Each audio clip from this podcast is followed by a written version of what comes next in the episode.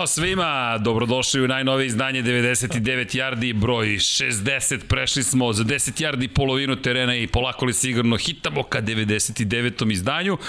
Ja sam u tradicionalnim zelenim bojama, ali bolje. pogrešnim bojama. Bolje, Ze, bolje ekipe. Da li ovoga puta bolje ekipe, nadam se da ste nam dobro.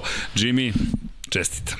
Pa, dakle, veliki, veličanstveni duel između New York Jetsa i Philadelphia Eagles se pripao Philadelphia Eaglesima čestitam. Vidimo se u Super Bowl. oh, I, ni, I nije bio baš veličan. U kom, u kom Super Bowlu? E, super A? realni Super Bowlu? Super Bowlu.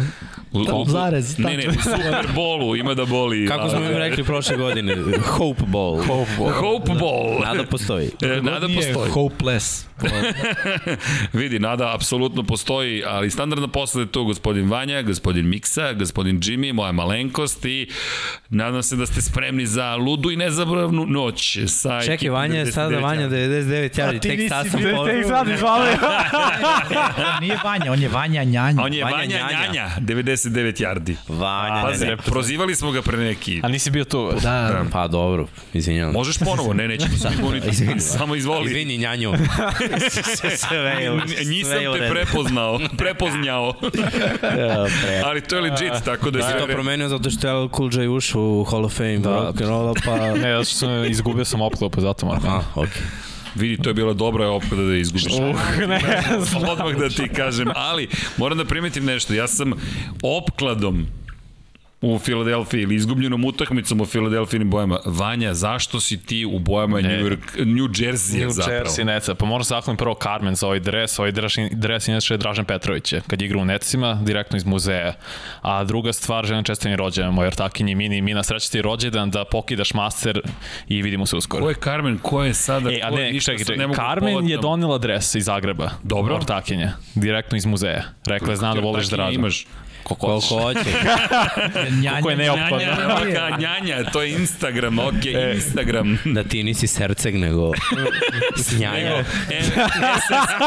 SL, SL Cool J, SL Cool E. Da, nešto tako. E, a mi na ortakinja, ako već Pošto nisam cool, kod mene samo muškarci, tako da je sve u redu. Šta ti kažeš? Carmen Dres, mini, srećan rođen to je to. Ja sam dobio Jimena Dresa, od Jimmy. Tvoj poklon je bolje. Da, moram i ovaj kački da nosim. Nisam znao kad smo pričali o kačketu da je ovoliko mali ili moja glava da je ovoliko velika, ali kako god. Evo, Dom Pablo se slaže za konstataciju da je kalota u pitanju, da nije to do, do samo kačketa. No, pre nego što krenemo na geografske pojmove, da vam poželimo još jedno dobro veče. Mazite se i pazite se i vodite računa jedni u drugima. Kao što vidite, imamo nežne ljude za ovim stolom ili jednu nežnu, dve, dve, dve nežne osobe, ok, Jimmy i Mix, naravno. I trolovanje je počelo. Ali, za šalnu stranu, Budite dobri jedni prema drugima. 917, 1178 na 3030 ili Human 917, Hud Human 1178 na 455. Ukoliko ste u Švajcarskoj, moramo da saznamo iz ostale države. Imamo Srbiju i Švajcarsku. Veza je samo to što to promovišu na sajtu zapravo Budi Human, ali moramo da nađemo Bosna i Hercegovina, Hrvatska, Crna Gora, Makedonija, sve kogod. Javite se koje brojeve da promovišemo za vašu državu, za neke dobrotvorne situacije. Stiže, praz, stižu praznici, doba praznika uveliko počelo, neke stvari se ponavljaju, dolaze pokloni, pa eto, molim vas, uradimo nešto lepo, mi ćemo malo da budemo Deda Mrazovi, ja se nadam i td. I ne znam zašto mi se smeje ovoliko Dom Pablo, ali mikrofon je u redu, sve je u redu. dobro stoji ta Midnight Mislim Green, da zelena. ne, možda Deda Mraz zbog crvene, znaš. Do, Miksa me potpuno šokirano gleda. Podsjećaš me, kako se zvao ovaj Stallone, najbolji ortak iz Rokija? Uh. Pit, je Pit. Pit? Nije Polo. Pit. Trener? Ne, ne, ne, ne bokser, nego ortak, bre. Is... Ortak? Pa nije Pit. Sestru oženio. Da, nije Pit, možda jeste nije, Poli. Gde sam tu završio? Poli. Na po, polija. Ajde kadar na Polija. Imam 1,60 m, imam previše kilograma i... To je zbog kačkete i ove kosice koje ti viri. Hvala ti. Srećan Poli I, I, I opet veza. Novo ime Pa, i veza sa Filadelfijom.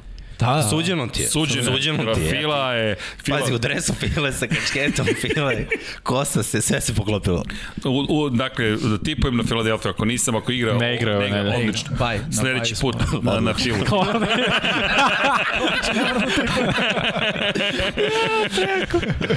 U svakom slučaju, nadam se da ste nam, da ste nam dobrodošli, da ste dobro raspoloženi. Iza nas je još jedno kolo NFL lige, znači lige američkog futbala i naslov je, možemo da krenemo od naslova ljudi, Ajde, nekako ajde. uvek to dođe na kraju, da ne budemo kao onaj loš magazin, kupim ga zbog naslovne strane, onda čekam 60 strana da pročitam glavnu temu. Obično ne pričamo o smrti, ali postoje neke te sigurne stvari u životu, jedno od njih je očigledno to da nas neće u jednom momentu više biti, ovako ili onako. Drugo je da ćemo platiti neki porez nekome negde, O, da. nekako, to je zagarantovano i New England Patriote postaju ponovo takve. Da, odnosno The Patriot Way. Jer uh, nije tu Tom Brady, ali je to i dalje Beliček. I on je, da kažemo, ono, u, u, utemeljivač The Patriot Way-a, definitivno. I eto, Mac Jones je quarterback, Patriote su broj 1 u AFC-u. Sedam pobjeda za redom. Da.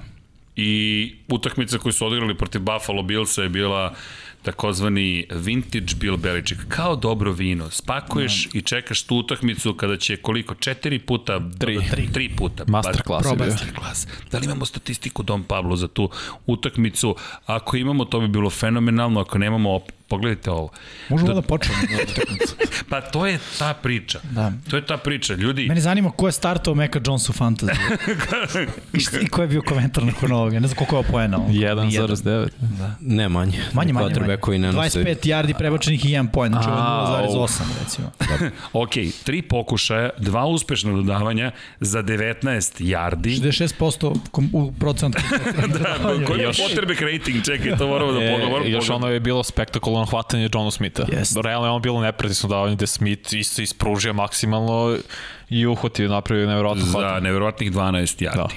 Da, bilo I- dobro. Ja, ali, jeste gledali utakmicu Ravensa i Billsa na stadionu Billsa u play-offu, sa što je bilo? Isti je vetar bio. Bilo nemoguće dodavati. Bili su pokušali uzal, jer ono, uh, udari vetra su bili 55 milja na sat. To je Bočni oko udari vetra. 80 km na Da, čas. ali zamisli, ba, Wow. wow. mislim, ova lopta, mislim, mi smo igrali ovde u nekim uslovima da je ono 30 km na sat i nemoguće, ništa duže od 15 yardi, to Znaš, ba, baš skrene lopta. Naročito koja mora da bude savršena spi, spirala i projektil. Znači, toliko oštra lopta sa savršenom spiralom. Ma, malo zakaže spirala, bukvalno da se lopta ovako okrene.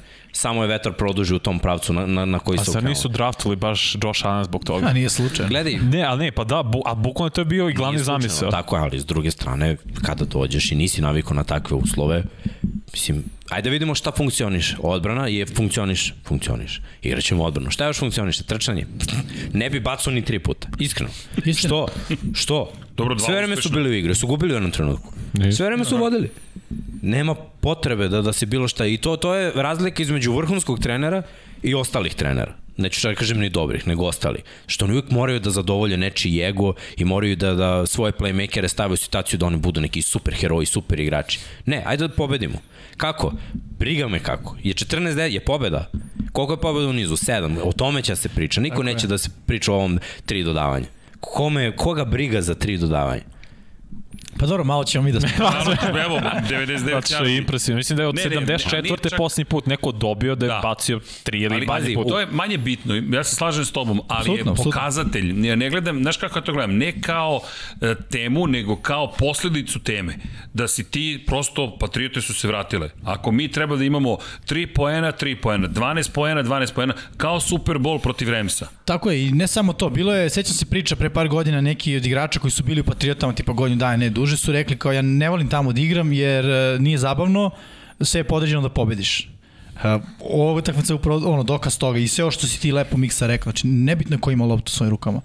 Ok, Harris je nosio, Stevenson je nosio loptu, Bolden je imao svoju ulogu, uh, imaš tri dobra trkača, imaš tri trkača na koje može da se osloniš, game plan je bio takav zbog uslova prosto da ono, i ko što kaže Miksa, trčanje radi, nema potrebe da, da divljaš ono. Da je Buffalo ušao u neku seriju, da su poveli, preposledno da bi Patriote krenule da, da jure. Ali ko što si rekao, nije bilo nijednog trenutka upitno, mislim jeste bilo upitno, Buffalo je imao šansu, ali Patriote su vodile sve vreme. E čekaj, da se vratim na tu baš akciju poslednju, da je četvrti za 14. Da li je prosto Josh Allen omašio, da li nije video Bizlija koji je bio otvoren i sad ne znam uh, koji je coverage radio taj DB, da li je on pročito Alena i stao prosto, jer nije bio zone, već je bio čovek. Pa igrao, igrao je malo na pamet, znaš. E pa to, ali, da li on znaš, pročito ili imaš, prosto ono kao, ok, pogrešio sam, ali se isplatilo. Kad imaš mirror rute, Mm -hmm. kako to deluje, moraš, pošto je duža ruta, malo ranije da doneseš odluku. Obično kad su dve iste, dva slenta ili dva posta, defanzivac ode za ovim unutra, a naročito ako nema safety-a, i iza svojih leđa ostavi, razumeš, prazan prostor, a hvatač će verovatno da skrene ispred defanzivnog beka koji čuva Dobro.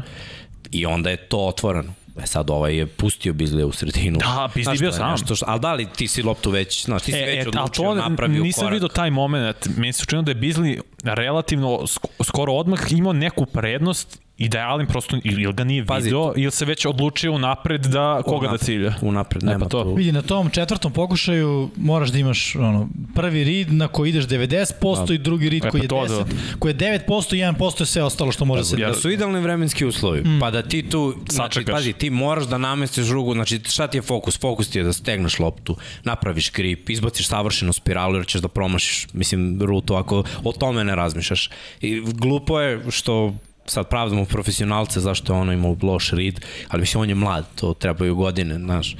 Redko koji quarterback bi imao snage da tipa napravi pump, za Kao to s polja da ga navuče i da vrati loptu u sredinu, to je dodavanje 14 yardi je bilo za prvi down, ali u end Da. zoni gde bi završila ta lopta to je 25 yardi prilikom udara vetra od 80 km na sat. Nije baš realno da to prođe. Nije mogo mislim. bolje, to, to je zato cela poenta. Ali oni su to znali, oni su igrali utakmicu ceo dan, ok, ajde, baci, baci vertikalno. Da vidim, znaš, da li možeš to, probajte da trčite cele godine, ajde, trčite protiv nas. Probajte bilo što da uradite protiv nas ofanzivno, stvarno je bilo teško. Na- Znači, Buffalo smo videli ove godine mnogo puta da se muči protiv nekih uzbiljnih timova i to kada nije bilo ovako vreme. Ne znam koliko je taj domaći teren njihov sad, njihova ide njima na ruku, ajde tako da kažem. Jer mnogo, znaš, njihov stil igre, sad kad nemaju trčanje i odbrana bez Tredeviju sa Vajta, može njima se obije u glavu to sneg, hladno, kada kada Ale ne može da baca, oni su postali ono, ekipa koja dodaje. Stvarno su postali to. Jesu. Jesu definitivno, baš sam te da kažem ono, šta sad što se Buffalo tiče u smislu kako će ova sezona da izgleda za njih, to jeste veliko pitanje. Možemo da imamo samo statistiku još jednom što se meča tiče. Allen je probao 30 puta. Znači, njihov game plan je bio brigana za vetar. Igramo protiv vetra. Mislim, koliko je pametno, 50% imao procenat uh, kompletiranih dodavanja, što je ispod Allenovog nekog proseka. Uh -huh. Svakako, 145 yardi, takođe, mali broj yardi za, za Allena ali sve ovo što si rekao, naravno uz vetar, ovo je i korektna statistika, nije bilo intersepšena, ali je problem trčanje. Josh Allen najbolji trkač. I ono, uz, uz šest nošenja, 39 yardi, to je onako, i da nisi gledao meč, pretpostaveš da nisu bila dizajnirana trčanja za njega, nego da je on to istrčavao kada je delovao da je, da je sve propalo. Singletary samo 10 nošenja.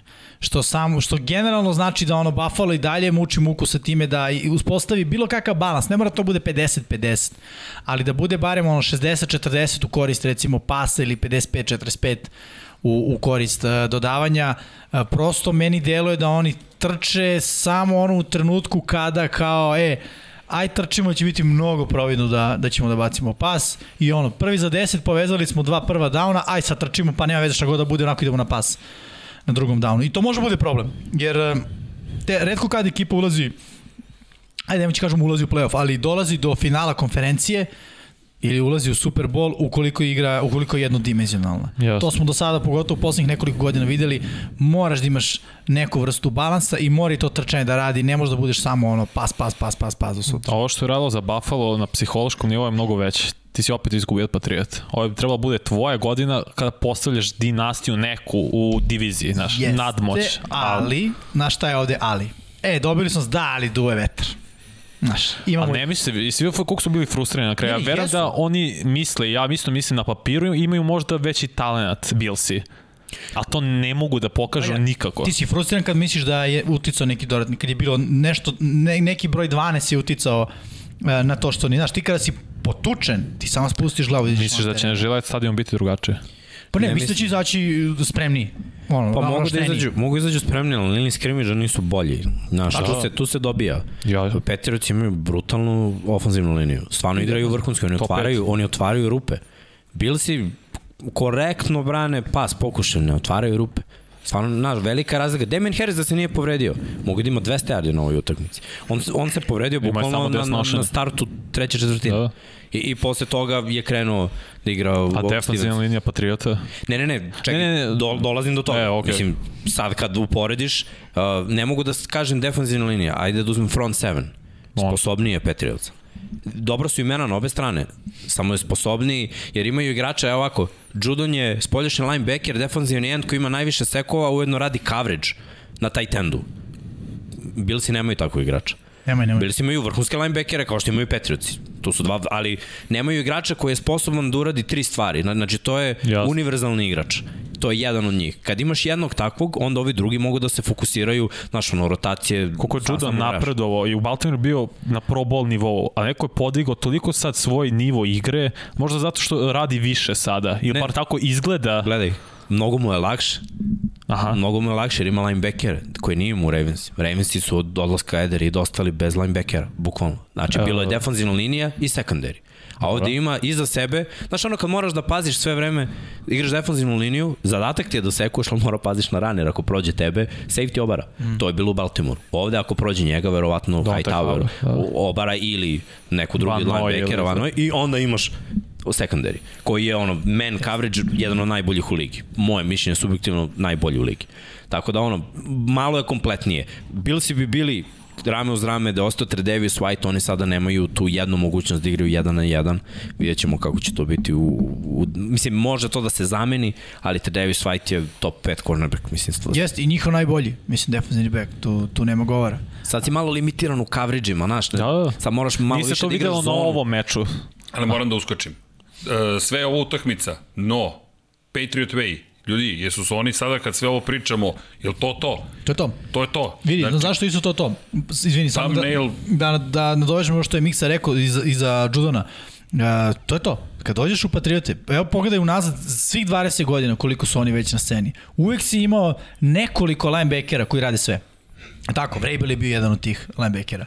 Uh, I Teddy Bruski jedno vreme, da kažem, bio linebacker. Van Noy, to je, da kažem, njihova, njihova škola. Pa čak i Collins kad je bio u New To je Englandu, njihova škola. Bio je, Pa tako da. je, bio je ono brutalno. Znači oni uvek su kadri da naprave to od linebackera, ovo što je Miksa rekao. Pass rush, run contain, tight end 1 na 1. Ili on underneath zona, šta god. Svaki njihov outside linebacker će to da radi ili će biti katovan pred početak sezone i reći će mu se hvala, nije to to, nije, nije ono što nama treba. Prosto to je Patriot way. Ali e, to, mislim da je Miksa savršeno to opisao. To, I to nije pitanje samo sujete, to je pitanje i snage trenera. Mnogi treneri nemaju snage da se sukobe sa svojim igračima, jer se plaše da će izgubiti zvezdanog igrača ili onakvog ili onakvog i dođeš u situaciju da, pa, da Bill Belichick sa tim nema problema. Ovde, tamo se zna moja je prva i Da, poslednja. ali njegov, on gleda igrače kao XOX, znaš, Tako ono, je. ili XY, kako god. Nije njemu ovaj igrač uh, Stefan Gilmore. On je prvi cornerback. Ali koliko trenera to ima sposobnost da učini? Pa, pazi, da bi trener imao sposobnost da to učini, on mora da ima zaleđenu. Prvo, on je trener i GM. On bira ko dolazi, ko odlazi. Uh, mislim, ispod predsednika je Bill. Mislim, postoje tu raznorazni ljudi koji su hijerarhijski i, i, ispod, Zvanično, ali- razumeš, ali, a ja se ne lažemo. Ne lažemo se. Predsednik, Bill. Bill. Tako je. Je tako? Da. Ko je najvažniji lic u toj franšizi? Bill. I kad imaš toliku slobodu, odrešene ruke, zbog, ali imaš je zbog uspešnosti, znaš, Izvini. onda možeš da, da vučeš poteze koje on vuče. Jeste lice franšize.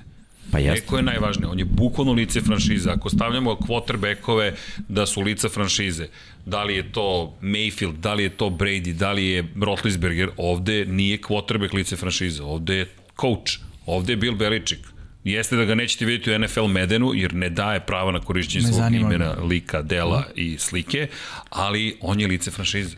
Pa jedno su pitali Patriota da budu na Hard Knocksu i on je rekao, mene zanima taj cirkus. Ozbiljne Da, ekipe, ja ej, sam ozbiljne došao da ekipe. posvojim titulu. Ne žele da pokažu šta rade. Vidi, ne samo to, nego ne trebam, znaš ono, ej ljudi, ja sam ovde, da, ja sam ovde da pobeđujem i da dižem trofeje. To što vi hoćete da me kačite na, kako on kaže, Insta, Insta Snap i ostale stvari, znaš, njega to stvarno ne zanima. Jer a on može se kaže Miksa da ima taj, e, taj stav jer ima rezultate. Ima ono osvojeno Ali što, vidi. što mnogi nikad Ali neće da li je imati. možda obrnuto? Da li zato ima rezultate? Jer seti se, Apsolutno da. on je bio spreman jednog druga Blecova sa kim su potpisali ogroman franšizni ugovor da pošalje na klupu i kaže naš startnik quarterback je Tom Brady. Pre prve titule Da, da. pa- Patriota. Kada je bio čovek koji je osvojio dve titule kao defazivni koordinator Giantsa i kao neko ko ima neuspešan eksperiment. Pričalo se o otkazu tada. Tako je sa, sa Brownsima. otkazu, da. On je, I on je dobio kao vođu Drua Bledsoa. I on je rekao, ne, Brady će biti naš startnik To je ono što quarterback. je Miksa rekao, on igrače posmatra samo kao, Ali, ali ja kao sam, zupčanik u automobilu. Ali meni je sad pitanje autoriteta, on tad nima ovaj autoritet. Nema veze, Ne, ne, ne, ali... ne, ne, ne, nemoj da me shvatiš pogrešno. On taj autoritet nije imao, jer mi sad ne preispitujemo njegove odluke. Ne. Za šire javno mnjenje on nije imao taj autoritet, ali u slačionici organizaciji on je imao, jer on, on je takav, to je, on, To je to. alfa dog mentalitet. Mislim, znaš, on, on ja se sećam, gledam, hard, gledam Football Life o Lawrence Tayloru gde je bil, znači je imao bez problema, Lawrence Taylor bio MVP, a bio On defanzivni je igrač. LT i dan danas spominje I kao... on kada spa, de, Lawrence Taylor spava na sastanku odbrane i Bill Belichick se izdere na njega i ono, izvređa ga ispred svih. Lawrence Taylor koji se ono budi, uzme marker i napiše mu ceo game plan za utakmicu protiv sledećeg protivnika. Bilo još nije pričao o tome, nego je samo uvodio. I ovaj gleda i kaže, ok, ti možeš da spavaš. A ostali, ostali moraju da slušaju. I on baš kaže, što je, to je neverovatno koliko je Lawrence Taylor bio inteligentan, nije bio samo ono instinktivan i ubica, ne, nego je imao u glavi bukvalno sve. E kaže, to ono sam video tri puta u, u svojoj karijeri. Jedan je ono Lawrence, jedan je Tom Brady. Kao, to su naše redki. Ko je treći? Randy Moss. Da. Da sad ste ja kažem Moss. Da. A znaš kako sam znao da je Moss? Iako nisam znao da je Moss. Randy Moss je jedini njegov ubedio da dođe na, Na Halloween. Halloween žurku. Znaš, to govori. Jer Beličik je taj, taj tip osobe koji će da te ceni. Čekaj, on je došao sa suprugom. Tako je. On, Ali, ne, znaš, on kad ceni nekog, on baš ceni. Upravo. Upravo. Eda Rida je toliko cenio da je teo da ga dovede po svaku cenu u New England, jer ono, bio je u fazonu, ovo je najbolje safety svih vremena. Znaš. Kaže, treba da uđe u Hall of Fame samo zbog blokiranja pantova, ono, ima 20 u karijeri. Ali dobro, mislim, svi znamo da je to Petri tvoj, znači trener koji zna da radi, gledaj, svako ko radi pod njim, mora da, da ima njegovu filozofiju i, i da zna uh, da, ono, postoji jedan određeni sistem I, I to je taj sistem. I veruj sistemu, možda rezultat neće doći odmah, ali će rezultat doći. Kako je krenula ova sezona? Stidljivo, polako. Ali baš tako i trebalo da bude, jer to je to. Ne, ne možeš ruke kvotrbeku da baciš ono playbook od hiljadu akcije kao ajmo. Znaš, aj polako. Istina. Ali uvek krenu sporije. Da, da, ali I, dobro. I sa Tomom uvek, ali uvek, da, bolje. uvek krenu sporije, ok, da probamo šta funkcioniše, šta ne, šta možemo, gde, smo limitirani i onda s kraja oktobra, početak novembra kreće polako sve se zagrada da bi bili u decembru, januaru najbolji zapravo. Čovjek je genije. Apsolutno. I on, meni je uvek fenomenalna njegova izjava za predsezonu. Kada kaže predsezon, šta predsezon, kakva vam je analiza predsezone? Bukvalno nema odgovora, o čemu vi pričate uopšte. A, to samo Baltimore zanima. I dalje smo neporaženi. Tako je! I Jetsi su imali dobru predstavu. Hvala vam. Hvala, to je, jer moraš, polivaš, ne razumem. Ne, ne, Ne, ne, ovo koji kačke ti izgleda kao da sam pobegao iz neke obdaništa kao mašinovođe koji je malo prerastao. To, Tako je, bre. Ajmo drugo, Ajmo ajmo dalje.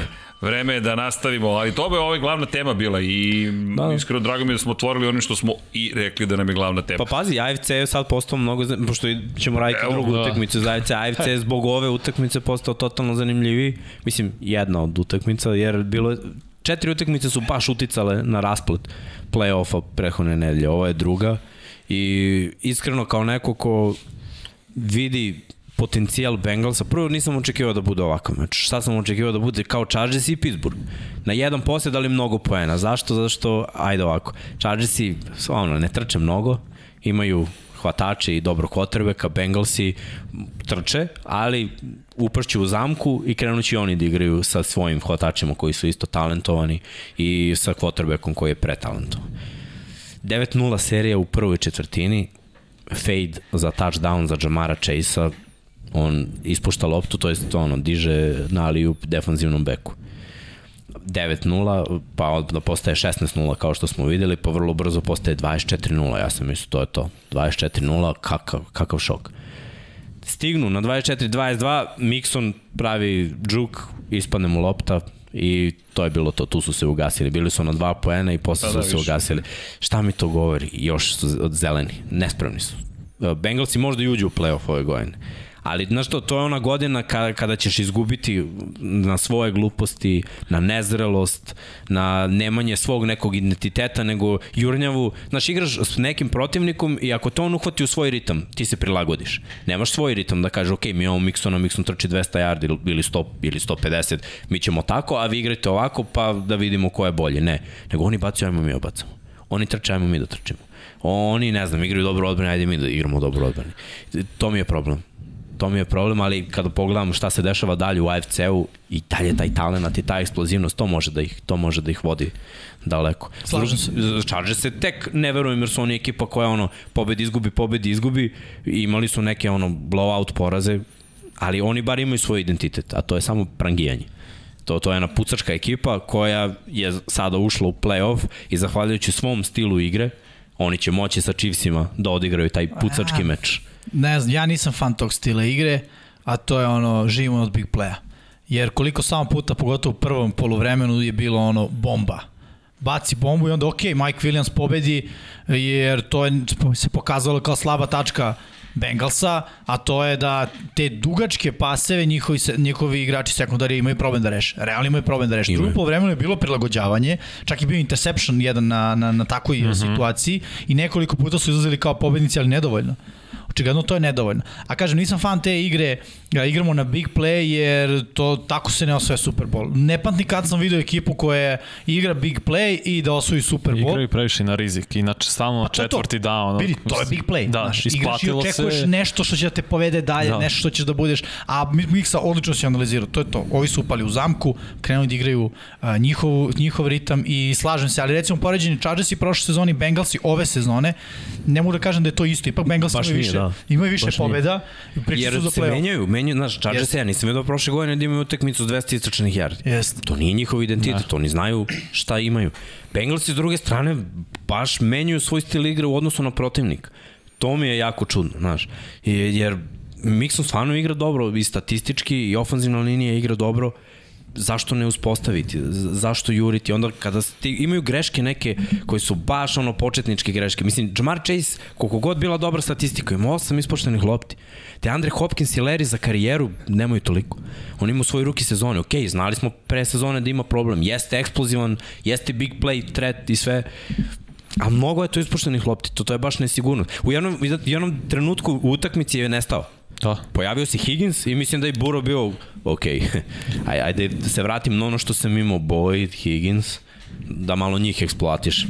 Moraju svi da iskoraču, ali opet, mladi su, klinci su, šta je Buro? Druga godina, ovi hvatači, druga, treća, četvrta, Chase, ruki. Je li obećava AFC kad je budućnost u pitanju? Apsolutno. Ali- Da, ne, ovo jeste Kao, budućnost. ovo- Pa Ovo ovo AFC, ovo Bill Belichick olakša sve, jer su svi treneri sem Andy Rida, mladi treneri sa mladim quarterbackovima.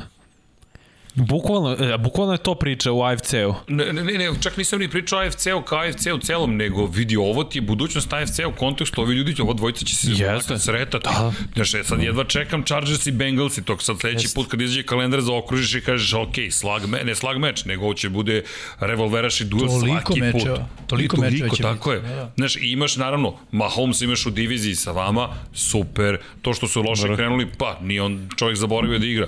Onda gledaš Lamar. Lamara, Lamar koji ti je u diviziji sa Pa Bengalsima. Josh Allen isto, mislim, Pa, imaju, i Josh da, Allen. ok, mislim, moram da kažem Watson, znači on pripada u toj klasi mlađih, ali AFC je generalno obrnuo taj krug, istina. Nema više starih quarterbackova, ko je najstariji Big Ben koji ide u penziju. Verovatno nakon ove godine. Ili ide iz Steelersa, vidiš. Da, nešto ta dva. Da, i- Ali nema imaš više Maca starijih. Jonesa, vidit ćemo da li će u Jetsima. Ko je najstariji quarterback sada? Pored Big Bena. preživeti. Možda Tannehill? U AFC-u? E, verovatno. Ja mislim da je Tannehill. Znači, nema, oni su obrnuli ta, taj krug i sa sve mladi quarterbackovi, to Beličiku najviše leži.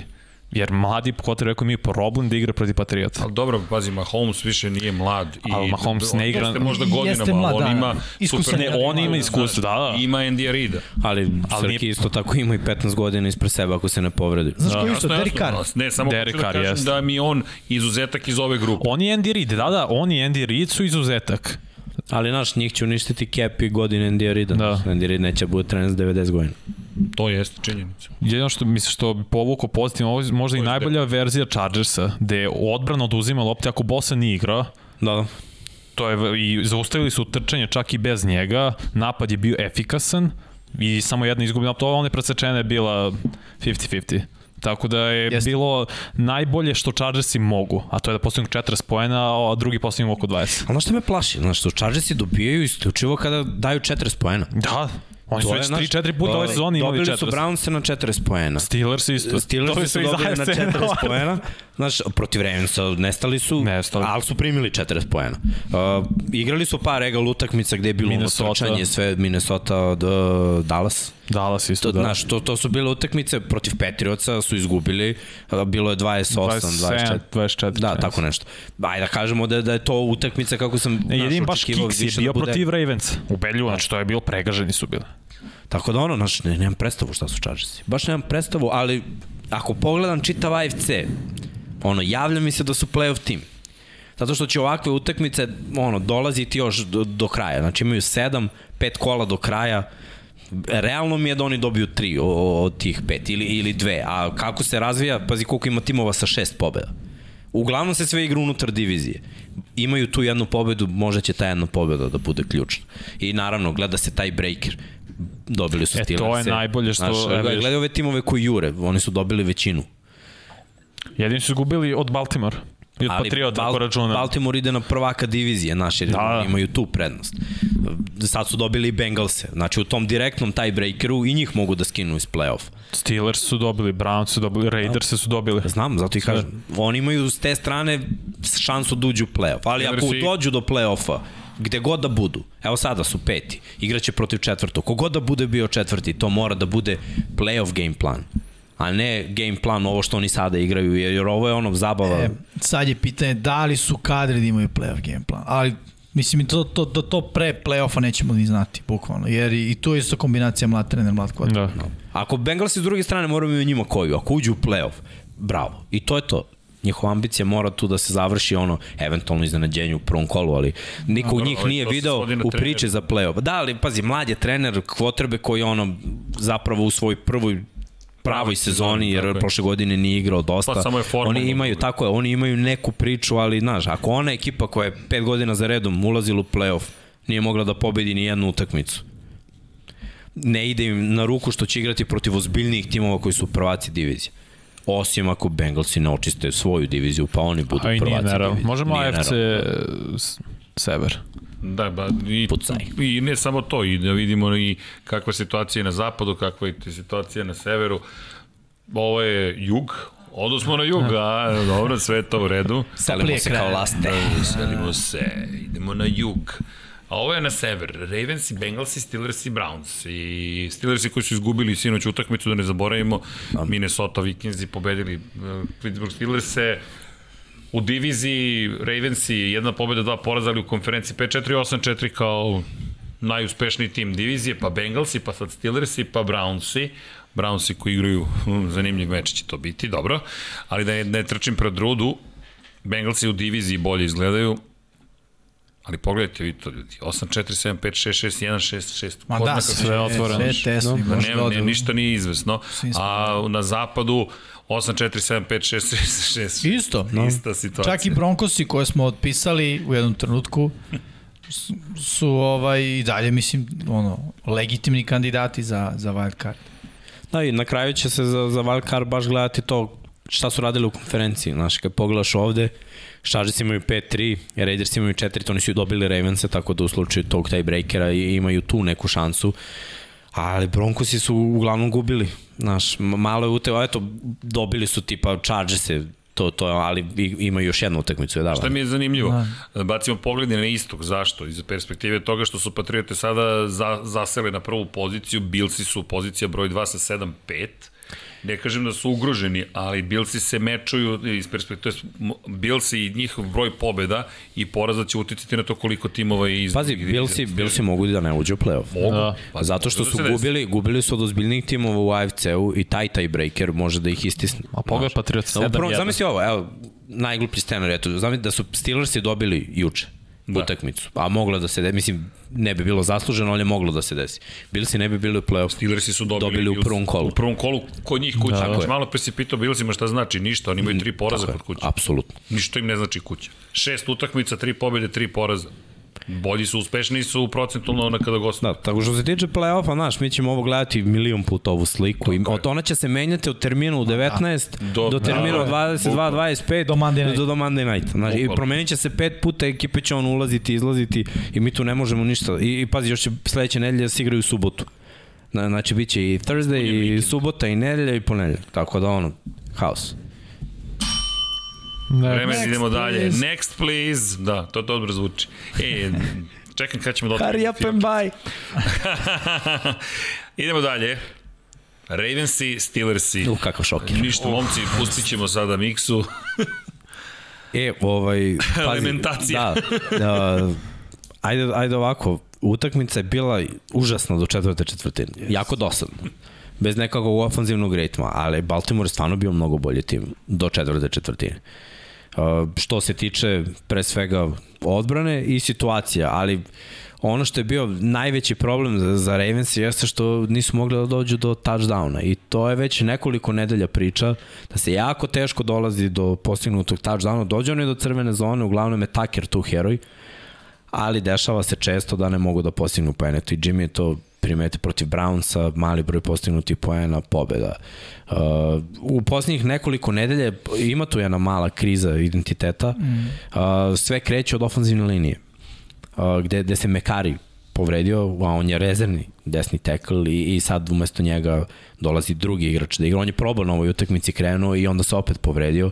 I problem je kad imaš talentovanu defanzivnu liniju, a teklovi su ti ono, rupa, ni gardovi baš ne igraju sjajno, taj ten da najbolje blokera nemaš, taj ten drugi mora ti hvata, jer baš ni, ni, ni s hvatačima nisi sjajan, trčanje ne ide ove godine, kao što je išlo. I, na primjer, Steelersi su anulirali to trčanje. Od trčanja je bilo u jednom onom napadu 99 yardi Devonte Freeman što istraču touchdown. Uglavnom Ravensima ove godine trči Lamar. I kao što kaže Jimmy, jesu ta neka trčanja njegova dizajnirana, ali uglavnom Ravensi probaju da, da rašire hvatače kako bi Lamar lažirao dodavanje, onda Trči. krene da trči, tako je. Onda ima veće šanse jer je manje igrača u boksu. Jer su svi manje više provalili i drže neki outside contain kad on proba da trči s polja. On je dalje, on je dalje uspešan, on ima skoro 800 yardi, mislim, deluje Pa da, da, ono, je mm, bio da, pristojan. tu je, on je uvek 55 koliko, da, između 50 i 80 je, je gotovo uvek na, na svakoj utakmici. I ovih 100 i kusur yardi koji su imali Ravensi, za neke timove super, ali Ravensi su ekipa koja mora da trči 150 yardi. Greg Roman stvarno u posljednje vreme ima diskutabilne odluke. Znači, ovo je već mesec dana kako on se ne snalazi na, na neke protivničke taktike. Kaži. Ne, ne, Da imamo Odela Beckhama. Da, Odela Nisi znao, prešao. Šanice. Ovaj, što, što se tiče... Ok, Da. da. tek sam se sad video. Da, što, što se tiče odbrane Ravensa, povreda uh, Humphreya je u jednom trenutku samo otvorila Steelersima šansu. Mislim i Humphrey dok je igrao, pustio je Deontay Johnsona ponovo je pukao jedan big play, Ravens ove godine dominiraju u tome, što, do, što dozvoljavaju big play, ali kada se Humphrey povredio, problem je nemaš drugog. To jest, nemaš trećeg. Malo je, četiri DB-a zapravo na Tako je, na Iaru. list. Da. Uh, I nije samo DB. Veliki broj startera je ni Iaru i ova sezona, pazi, kako je krenula, mi smo ono, nakon one uh, predsezone, samo rekli, ok, ovo neće biti taj tim, ali oni su dalje prvi u diviziji. Šta mi to govori? Biće ovakih utakmica. Mislim, gledao sam Harbo šta je rekao za ta dva poena na kraju što se išlo na pobedu. Nisu imali game plan za kornera da ga ubace i mislili su ako ne dobiju coin toss, izgubit će utakmicu. Nisu želeli da utakmica traje duže. Ne znam, meni je dalje delovalo bolje da je Taker odveo utakmicu produžetak, možda dobio još coin toss, kreneš u napad, dao si za minut touchdown, zašto ne bi u A produžetku? meni, ja složio sa odlukom iskreno Harbo da ide na dva. Ali znaš šta je problem? Znaš šta meni, Znaš šta je najveći akcije problem za tu akciju? problem. Kako je, zašto je, kako, kako su pustili TJ Vota? Nisu ga pustili. Ne znam, ali, mogu ali da to je ga loše. zaustave, ja razumeš? Ali on je, nikoga nije ni probao da ga, znaš, bampuje. Ne možeš da ga Ne, nisam pampuješ. razumeo dizajn akcije uopšte. Tako je. Dizajn akcije je takav da, da, def, da desni tackle mora da doradi sjajan posao. Znaš, mora ga čipa. Dobro. Ovako je dodavanje bilo, znaš, prvo TJ Watt na toj utakmici imao 3 po seka. Da, bio je dominantan. Brutalna utakmica. Ima za njega. 16 sekova I ti već. vidiš, ok, ne mogu ga zaustaviti. Zašto na njegovu stranu? Znaš, ono, zašto protiv uh, igrača, da Philips igra guard, on ne igra tekla, on je ušao prinudno da, da igra desnog tekla, znači baš im mismeč ne možeš da, da ideš tu. Andrews opet pokušava jednom rukom, ovaj dodaje neki side arm. Grozna akcija, Je grozna egzekucija, ali pazi, Ravensima se obilo u glavu što su šest utakmica dobijali protiv kolca. Tri touchdowna, tri pretvaranja za dva poena, sve prošlo. Pobedio Da. si. Protiv Detroita, četvrti za 25, 66 yardi field goal. Protiv Minnesota, iz, znaš, previše puta je prolazilo, statistički gledano mora da krene da ne prolazi. Desilo se sada protiv Pittsburgha, plus je Pittsburgh ta ekipa koja ono, uvek ima To što Ravens. kažeš, znaš šta me plaši, vidi, dve stvari. Prvo, mislim se Ravensi polako rasipaju zbog povreda. Da. Prvenstveno. Mislim da to kreće tek, da će tek krenuti zapravo da utiče na njih. A druga stvar jeste, gledam kako Lamar igra u poslednjih šest mečeva. On ima osam presečenih dodavanja. Ima Da, da, da. sedam ta, do, ta, ta, dodavanja za touchdown, ali nema ni Ima jedan istračen. E, u poslednjih pet. Znam, ali znaš da ima, nema ni jedan istračen Da, touchdown Nije dizajn. Uopšte. A, ima, druga- mislim da je sekon, izvini, fazom 24 Najviše puta. puta, da, u Znači, baš- NFL-u. Čitavom Lamare najviše ja ne znam puta kako sekao. pobeđuju, to mislim pobeđuju na neku ludilo Lamara, ali, ali sad već polako kreće to da ih sustiže. Don Pablo, možemo samo grafiku još jednu da, da vidimo. A, 37 puta je probao da ode. To je novo. Novo u smislu, to znači da ajde, ajde budemo ekipa koja će da ode. A i dalje taj talent hvatačkog korpusa je upitan s jedne strane, a sa druge strane a, Lamar, ja bih rekao da su ekipe, videli smo nekoliko različitih strategija kako da zaustaviš trčaja Lamara, koje su u, u, urodile plodom. Steelersi su jedna, jedan primer, a, Miami je drugi primer. Da. Drugačije su strategije, nije ono kao, e, kao Miami vrši pritisak i igre man-to-man coverage jer si dobar u, u, u sekundariju. Ne. Različiti načini, lagano se Lamar e, može zaustaviti i ekipe sada pozivaju Ravense, trčite sa Lamarom. Trčite sa Lamarom, nije problem. Ovo što kaže Miksa, gde je Lamar najopasniji? S polja. Zatvori s polja. Tere ga da uđe unutra. Kao svaki quarterback, on zna da je unutra najranjiviji. I unutra kada trči će i pre sam da se, da kažem, da, odnosno da padne pre nego što bi u autu možda probao da skoči, ispruži ruku ili bilo šta u sredini, to neće da radi. Jer možda ga košta bola, mislim, batina, ono, generalno, eventualno povrede. I samim tim ekipe onako su počele da igraju taj stil odbrane protiv Baltimora gde tr, neka trči Lamar, nije nikakav problem. Trči, kroz sredinu i mi ćemo kontrolišemo kako će Lamar da trči. E tu nastaje problem i onda se meni čini da Baltimore, kada to namiriše, hoće da proba da igra pas, malo više, da sačuva Lamar Jacksona, što je logično. Jer je realno on, ono, njihov, njihov on, go to guy, tu ne, ne, nema šta. Mislim, nema, nema te ekipe koja je toliko zavisna, evo sad i Tampi da se desi nešto Bradyu, čini mi se da bi i dalje bili konkurentni. Baltimoru videli smo šta kako izgleda napad kada kada ne igra Lamar na onoj jednoj utakmici. A, protiv ne Chicago. izgleda. Ali Užas. ovako je Lamar kao dodavač ove godine stagnirao.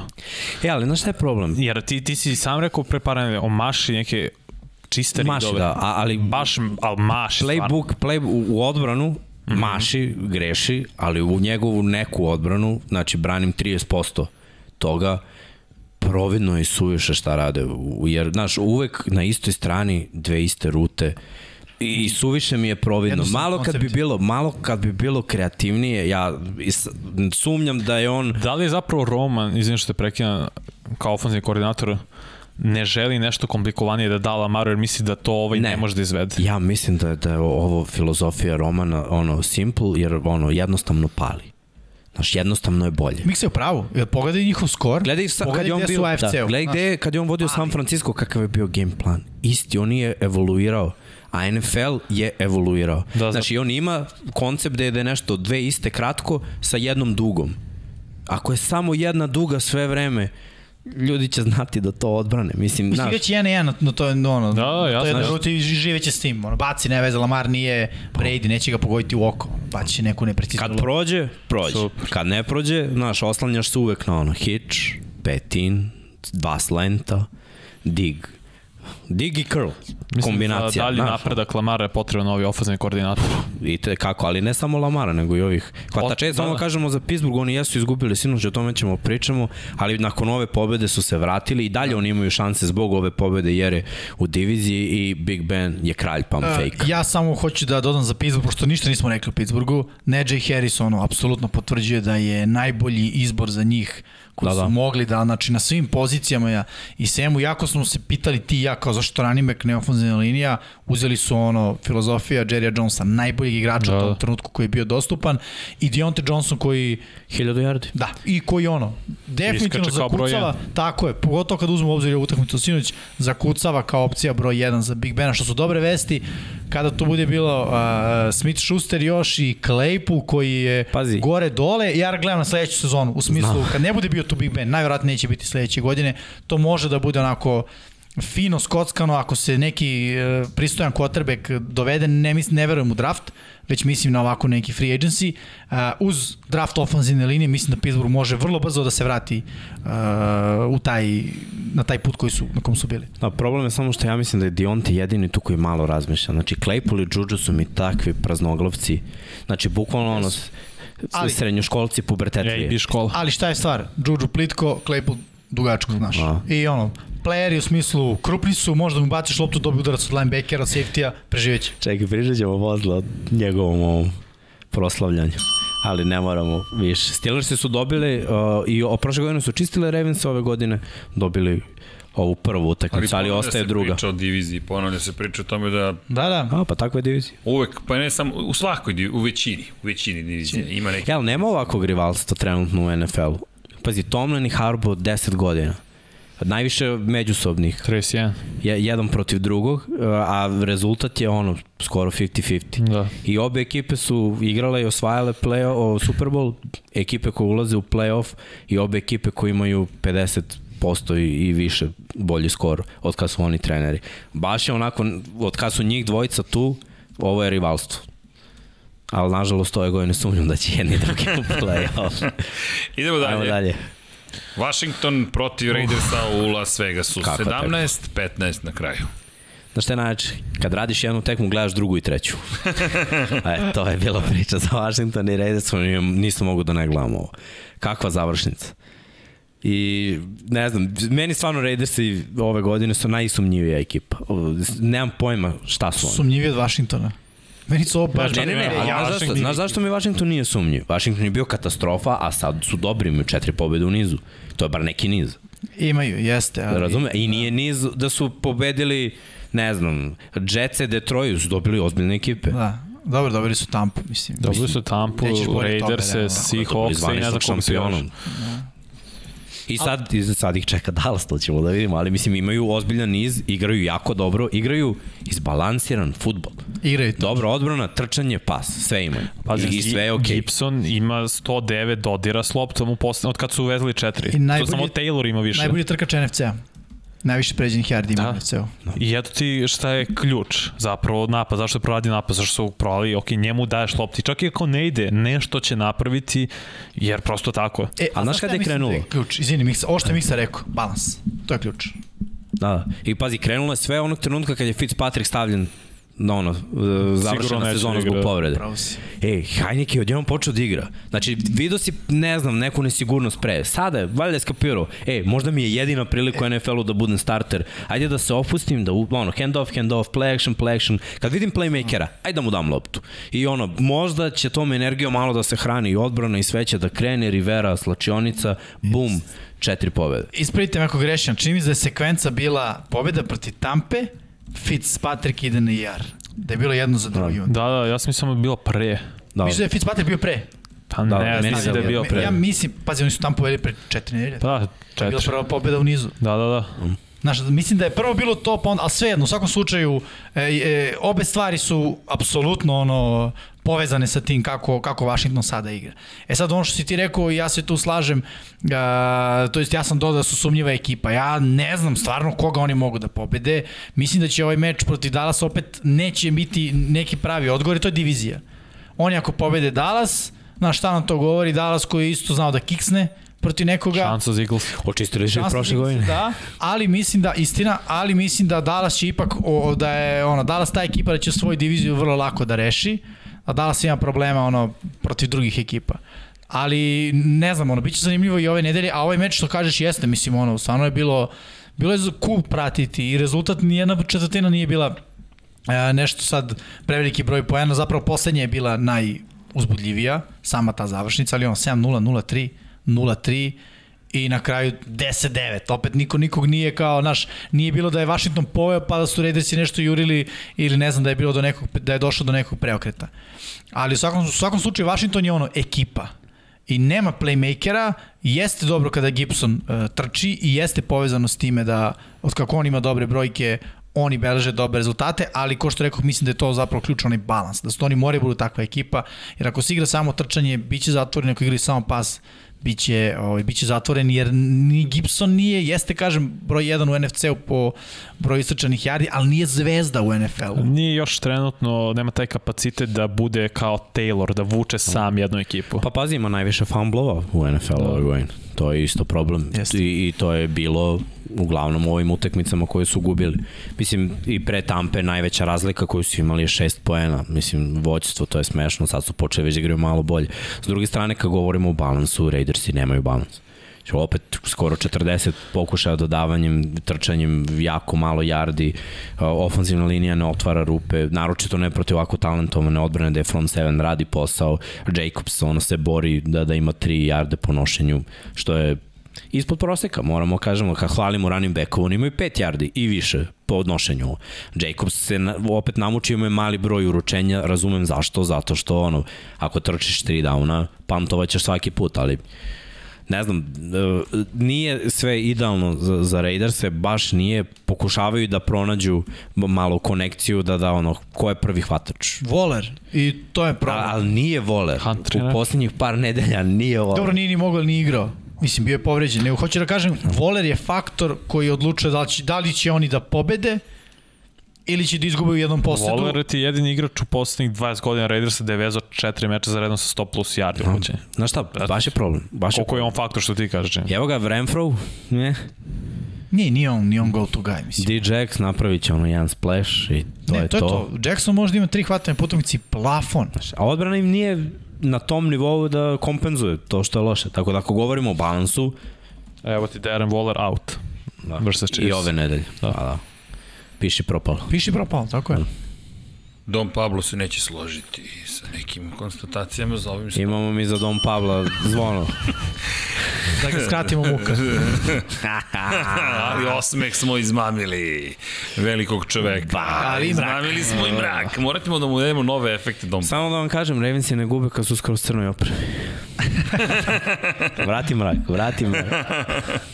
A, jel mogu da skinem moj kačak? O, skin. Slobodno. Hvala. Gde ti kamion? Tu je se parkira. Ne, koji Evo postavio ovako, kamion. da je bilo fair. Čekaj. Neću da padnem, obećavam. Okej. Evo. Pa, e, ne. čekaj ovako. E, hvala ti. Eto ga. Eto ga, rešili smo. Huh, izgore mi glava. Dobro.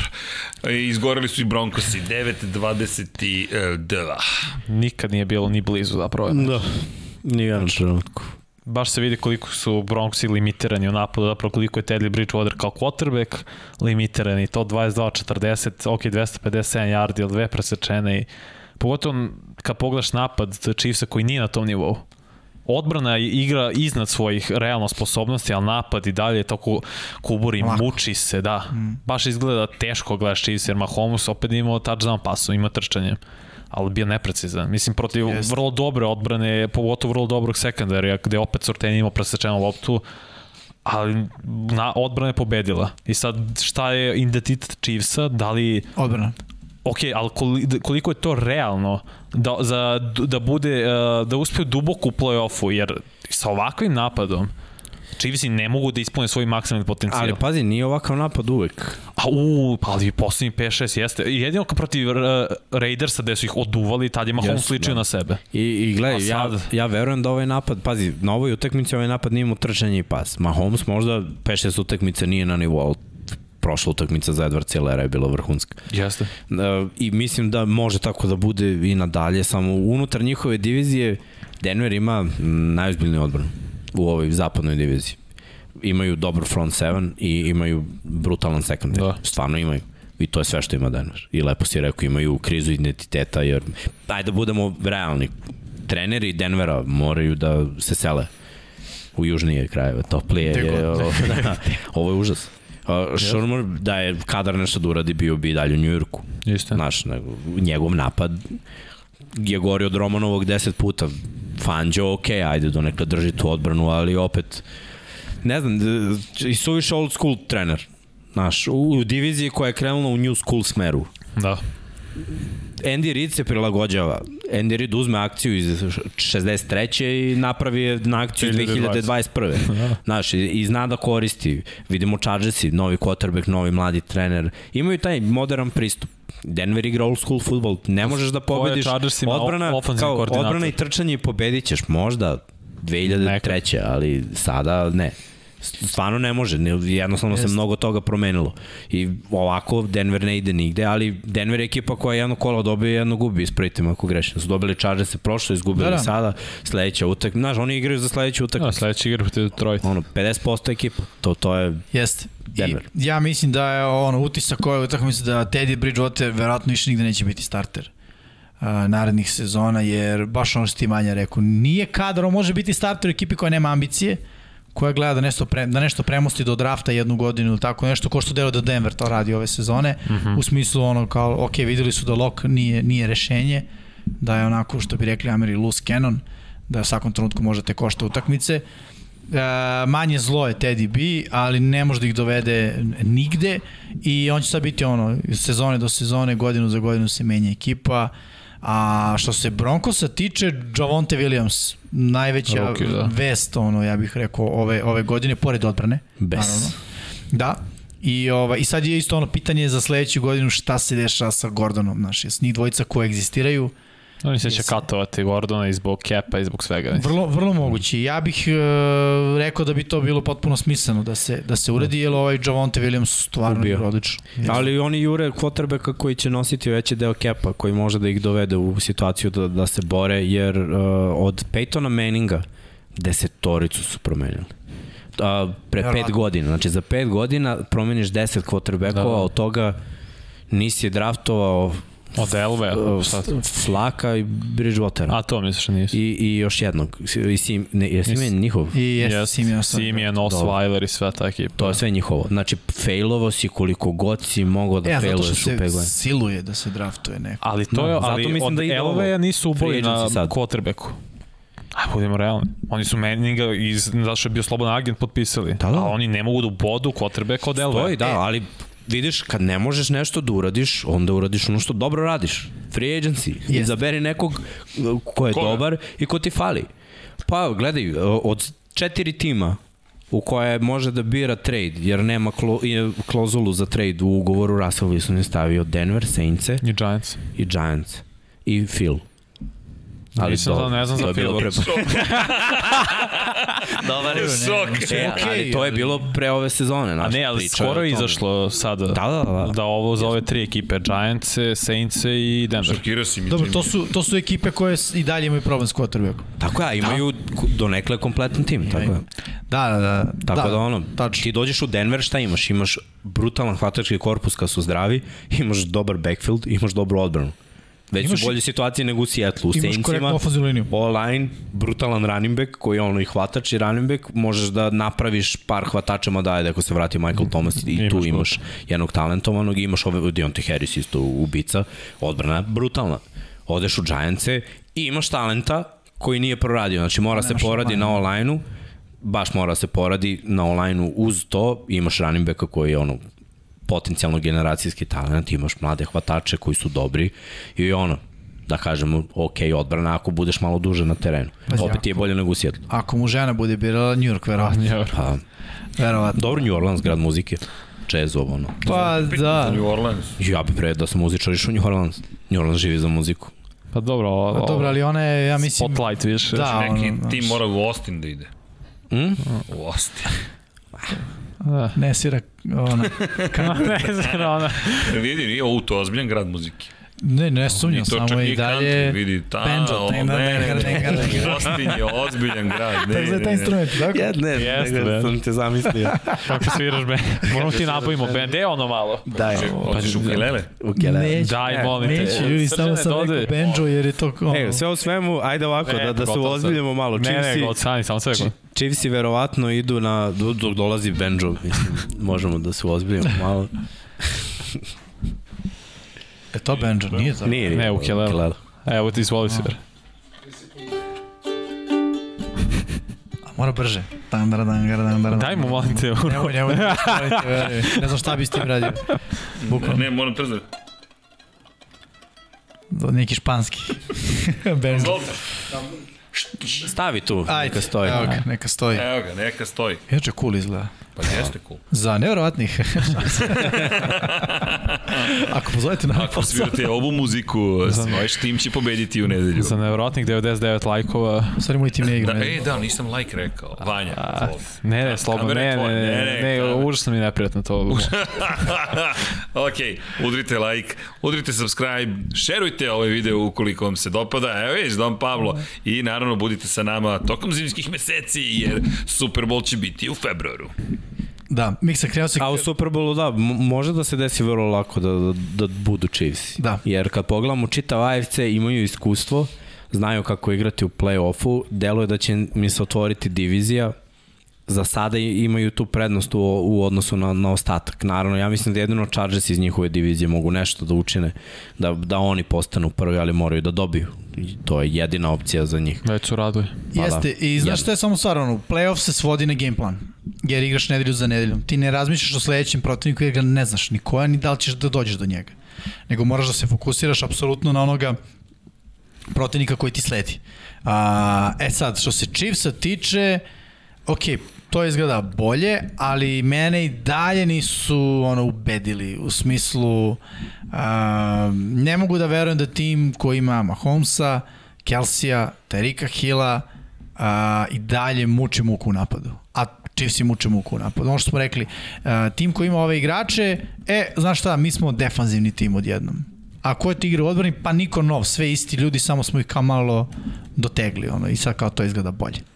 Tako da to je ono što meni neko ne uliva poverenje što se tiče Chiefsa i play-offa, ali istina da imaju iskustva, mislim, ono, dve godine back to back ulaziš u Super Bowl, Da, treća finala konferencije. mislim. treće finale konferencije upravo tako i to ekipa od kojih si izgubio ni malo nije sramota što si od njih izgubio. A, ono, može da bude faktor, ali ono, i dalje mislim da tu postoje određena doza problema koji se guraju ispod tepiha. Samo je nađen ono, veći tepih u ovom trenutku, pa se manje vidi brdo. Mislim, brežuljak.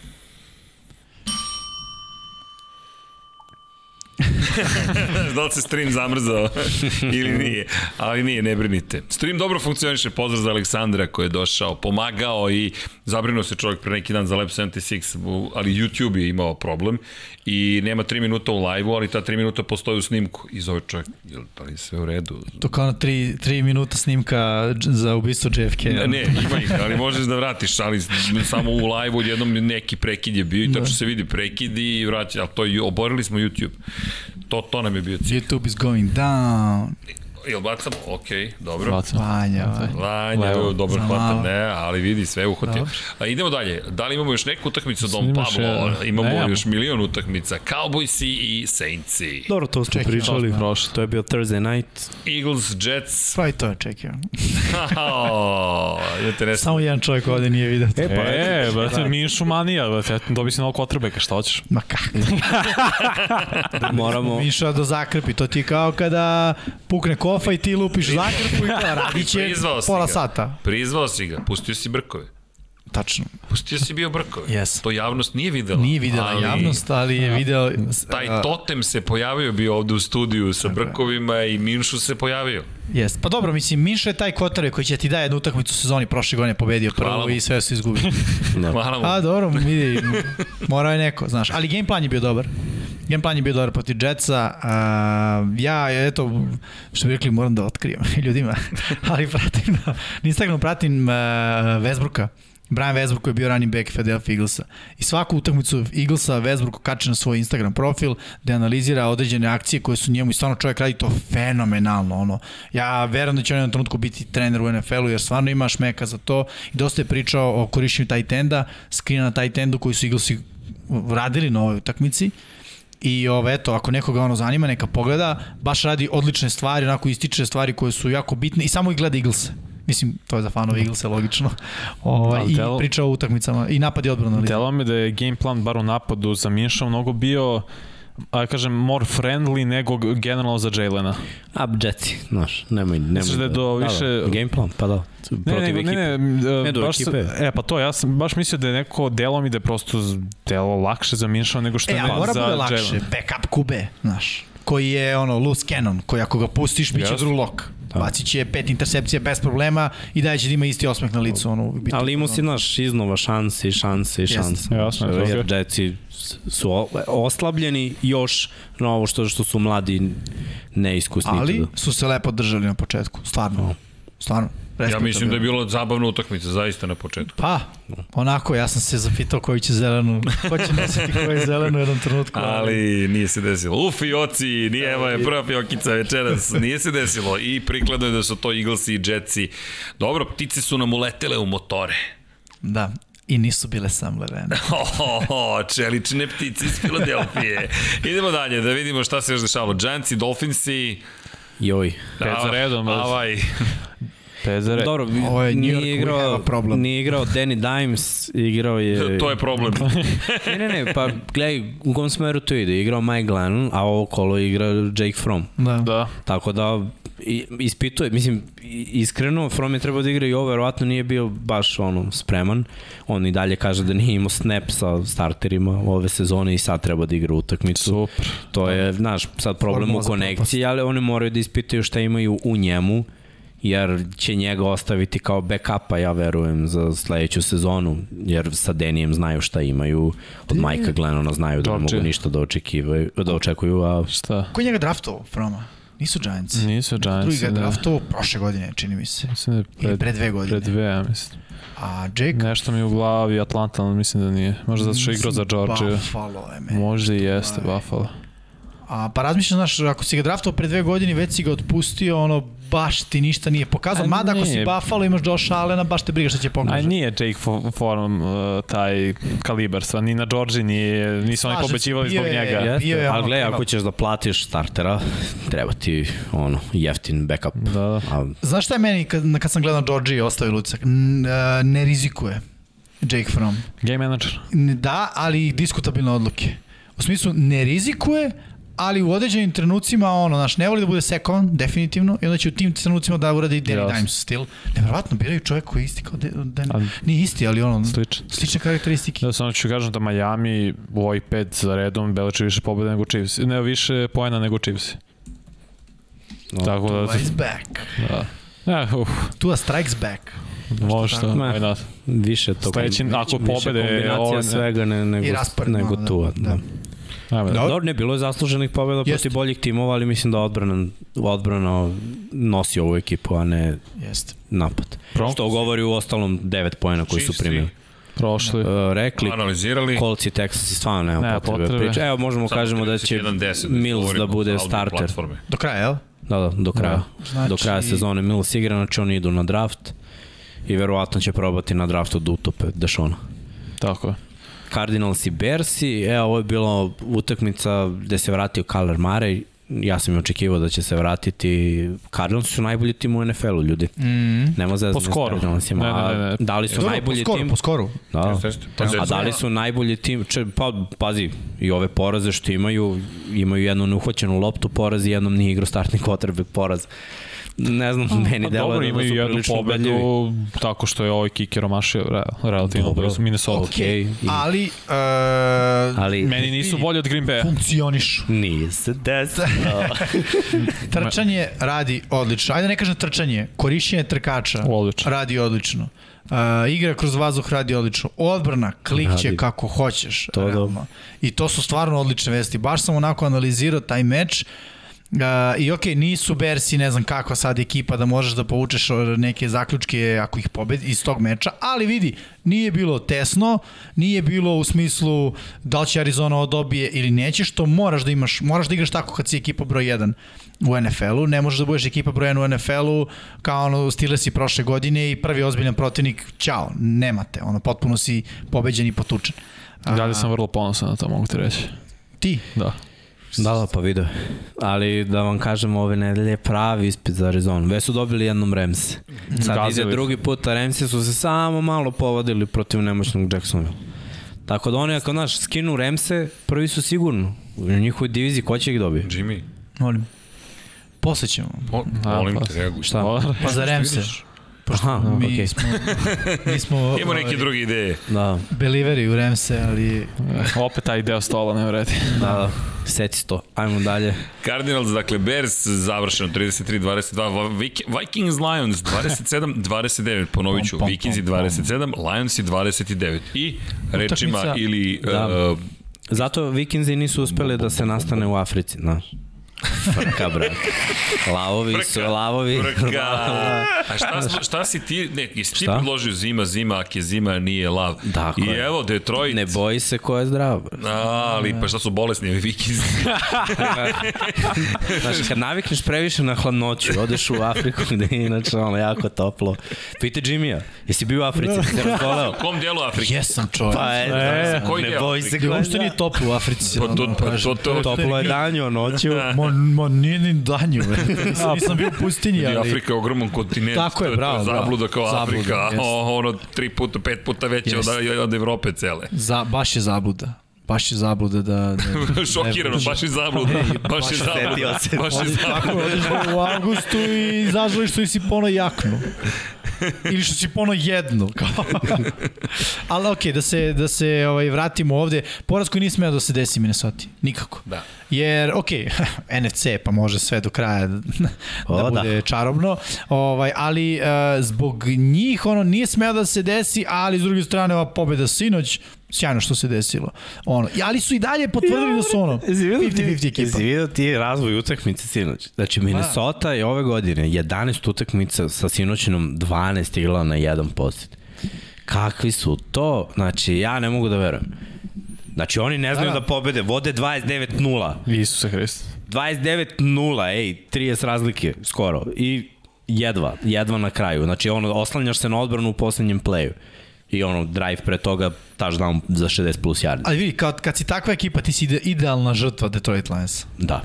Ja, to je to. dobro, Do, rešio se na posed. Možda dobije Detroit. Jeste, ali moramo da kažemo, puta. statistički gledano, mislim i ono, uzmeš i karmu i sve, mnogo su gubili utakmica Lionsi na jedan posed, na, na ono, Ravensi ih jedva dobili, Da, da, da. sa Steelersima nerešeni, Chicago ih jedva dobio, na naš, ono, Brownsi tri poena ih dobili. Mnogo. Sve vreme su tu i ne znaju da prevedu utakmicu kraju. U ovoj Zaslužili utakmici su pobedu. Minnesota nije znala, znači četiri puta, tri puta su bili Koliko u je grozan coverage gol bio u poslednjoj akciji. Ništa.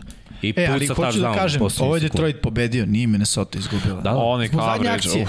Znam, gledaj, ali vidi. A znaš, gledaj, Minnesota je imala tri puta pokušaj za gol i tri field gola. Da. Mislim, znaš, mora bude, ako si playoff tim, mora daš touchdown. Nije Osim- igrao Dalvin Cook. Da. Okej. jeste. Ali, mislim, ostatak Ti ekipe. dao si 27 poena. Ali mora daš još. Ej, to, to je takva ekipa. Jeste. Koliko su dali sinoć? 36. Tako je, znači to je ekipa koja, koliko su dali protiv Ravensa kad su izgubili, koliko, znaš, oni moraju izgledati, to im Uvijek je je ono, 30. moraju daju tri- More- 30 plus ako hoće da 30, pobede. Da. da. Čestitamo Goffu prva pobjeda bez McVeja u karijeri. Lepo. Dobro. Ako ne računamo srednju školu. Ne, ko je NFL. I koler. Od kad je postao profesionalac. Chargers i Bengalsi analizirali 41-22, Buccaneers i Falconsi 30-17. Po, počelo vrlo zanimljivo, ali ono, Baxi pokazali da su Pa da. ipak oni I dalje Atlanta divizije. ne može da pobedi Brady. E, ali Atlanta je ono, delo je da imaju nešto sa Arturom Smithom i sa Cordelom Pattersonom. Da, 5-7 je okej okay za Atlantu, iskreno. posle Mi, svega jesmo to- brojali na početku, smo Jesmo. radili rankings. Jeste, 5 jeste. pobjeda smo videli, 5 do 7 max. Ali to je u najboljem scenariju koji postoji gde smo rekli ono, moraju da pobedu na svaku koja je ono 50-50. Sad su već na 5 pobjeda, mislim, mene to... Pristojno deluje. Da, da. Zaista izgleda Deluje. pristojno. Osim Idemo- poraza od File, gde sam isto video da, da će biti tu negde utakmica, ali ono je bio blowout. File ih je pregazilo. Znači, Prva to je jedini meč da se oni nisu pojavili. Ne, zapravo. prva nedelja, pa to je bila prva nedelja. Da, Da, bukvalno. prvo, prvo. I 49ers ovog i Seahawksi. Da, 49ers i Seahawksi. Ajme. Ja ovo nisam vidio. Ovo Za, zašto nisam vidio? Ok, Dibo je bio po znakom pitanja, da je Dibo igru, mislim da ne bi bilo ovako. vidio. Slažem se. Gledao sam utakmicu i bio sam u šoku. Šta se sve desilo na ovoj utakmici? Na, znači, u jednom trenutku smo imali Sviš kako je takmič- počela? Da, Počela odmah povredom. ma da, ali Nis, znaš, čove dolazi hitna pomoć na teren. Da, da. to nisam vidio, obično bude onaj Da, ono vozilo, da, da, da. Hitna pomoć. To je e, čak vatrogasci. Va- Vatrogasno vozilo dolazi po čoveka. I onda nakon toga serija ludačkih poteza i grešaka mm. do samog kraja. Na, znači, I I, bilo je, I bilo je neizvesno do samog kraja i moglo je da ode na obe strane do samog kraja. Uh, ono, šta znam, dva čoveka su se na kraju onako istakla po tim greškama s jedne strane Jimmy G, s druge strane G.E. Gerald Everett. E, ali opet nije to nekako uticalo mnogo, mnogo na, na rasplet utakmice na Opet kraju. Jer imali šansu da kažeš poništilo međusobno, ali San Francisco, ja sam verovao nekako u San Francisco da može unutar divizije Seattle, ono, slabija ekipa. Ne znam kako su. ne znam kako su rešili ovo. Neki inat, prkos, ono, po svaku bolji- cenu ćemo rešiti. Divizijski, nije, čak ne bih rekao ni to, znaš, nego mislim da je to ono divizijsko poznavanje svega i svačega i drugo ovde smo ono dobili i pečat da kad ne igra Dibo, Cisco je druga ekipa i to je to. Nisu totalno u autu, ali ono, mogu, može ovo da se desi. Ne, može ovo da se desi, znaš, mogu da izgubi od Detroita. Realno, kad ne igra Dibo Samuel. Da, da, Seattle, mislim, ništa ovo ne menja za Seattle, oni u playoff neće, a San Francisco je onako malo sapleten do tog playoffa ako se bude desilo. Washington Raiders i to smo komentarisali Tako je. 17-15, Patriots i Billsi 14-10 komentarisali, Jaguars i Ramsi A nema šta se kaže. 7-37, tu bih završio i Ravens i Steelers smo takođe posebno analizirali. Da. To bi bilo 13. kolo, mada ima tu još stvari, heroji, tragičari, džokeri, džokeri 13. kola. Da krenemo od džokera. Ko su bili džokeri? Vanja, Chris Godwin je bio Joker, imao je čovjek 15 hvatanja, to je rekord franšize na jednom meču, stvarno je bio dominant. Baš je bio neko, nije imao ta e utakmice ni blizu ove godine, sve nešto malo po malo i sad je eksplodirao. Protiv Falconca, ok, pobedili bi vrlo vratno svakako, neko se pokazao kao X faktor i on je moj Joker ove nedelje. Lepo. Pošto neki vodu, onda ću ja da budem sledeći. Josh McDaniels, um, ofanzivni koordinator New England Patriotsa, pa dosta je, rekao bih, jednostavno. Stavio sam ga kao džokera, mislim da je bio upotrebljen kao džoker, ne mislim da je samo dobila, mora i neko da pripremi plan napada, a taj neko je Josh McDaniels. I pokazali su Billsima kako može ili mora da se igra, da citiram mog dragog i cenjenog kolegu gospodina Mihajla Stefanovića, i to je to, zato sam ga i stavio kao džokera. Nije samo Bill Belichick, to, on je postavio tu strukturu. Josh McDaniels je vrlo maštovit ofanzivni koordinator koji decenijama već ovo uspešno radi. Nije se pokazao još kao glavni trener, ali kao ofanzivni koordinator, pogotovo uz Bila Beličika je fantastičan. Da nije glavni trener pozicija za svakog. Znaš. Tako ne je. može svaki ofanzivni koordinator da bude dobar glavni može, ne trener. može. Nekad, znaš, m- mora čovek da zna u čemu je dobar. E, McDaniel stvarno kida, mislim, ove godine Ovo- napredak Meka Jonesa je njegova zasluga. Ozbiljan plan. Između ostalog. Oni su zaista, ja sam uduševljen kako su, kako su postavili stvari. Bilo je dosta kritika da je uništio futbol. Bill Belichick nije uništio futbol, pokazuje kako se futbol zapravo igra.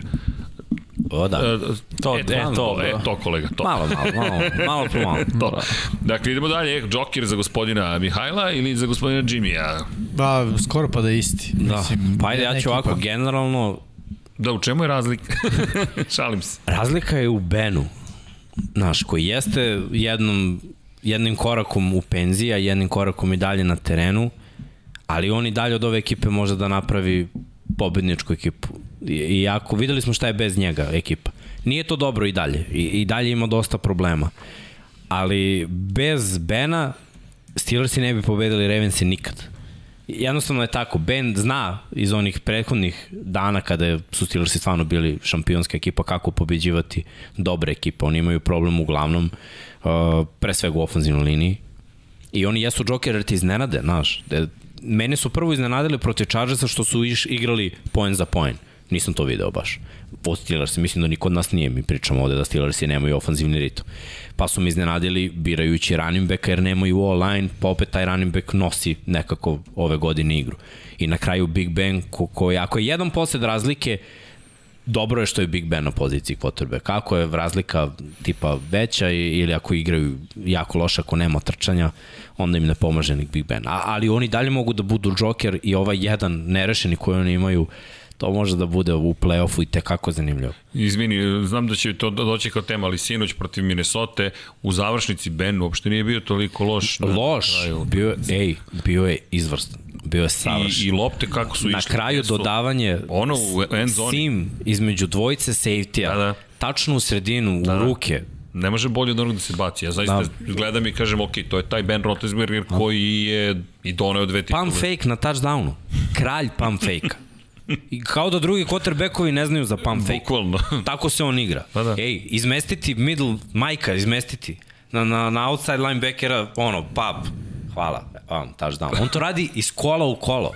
I bi, znaš šta, nedostaje će mi kad se završi njegova Ovakav- karijera. ovakav Niko da. ne radi pump fake danas, znaš. Ovakav da. Samo mi je ono zaboravljena finta. Kao u NBA-u finta šuta, znaš, to više niko ne radi. Što svi šutiraju preko ruke sa 7 metara, sa 7, čuj 7, sa Sedam, 10 devet. metara. Ra, razumeš? Znaš, gde je ono finta šuta, pa dribling, nema toga više. Sad je sve ono step back, dribbling step back, bam, preko ruke. I Da, ja, Odbrana. ja se slažem sa, ovo što, sa ovim što je Miksa rekao, ali Big Ben se uglavnom, i to posljednjih nekoliko godina pali na kraju. A ovde je odbrana bila to od početka. I zato sam ja izdvojio odbranu kao posebnu, da kažem, uh, jedinicu i zbog onoga što sam isto pričao u jednom trenutku, uh, pokazali su da postoji različiti način da se igra protiv Lamara Jacksona i da možeš da ga zaustaviš. Nije to više ono od pre dve godine kada bukvalno igraš protiv njih i razmišljaš samo ono čoveče kako, kako da ga zaustavimo. Uh, pokazali su da mogu i oni da ga zaustave i da igraju protiv njega. I zbog toga je meni, da kažem, pre svega odbrana Steelersa, a ne da kažem ceo tim kao ceo tim, iako jeste obio timski napor, mislim, pričamo o pobedi protiv Baltimora uh, i nešto zašto je zaslužan ceo tim. Ali kažem, ono, odbrana je bila tu od početka i od početka se postavio uh, ono, ton kako će sve to da, da, da deluje. hoće li ti biti tragičari za ovu nedelju? Uh, odbrana? da. Pa, ne Bile znam, su blizu. vidjet ćemo. Bile su Bile blizu. su. Od sjaja do očeva. Da, Jeste. bukvalno se 250 yardi kad daš trčanjem.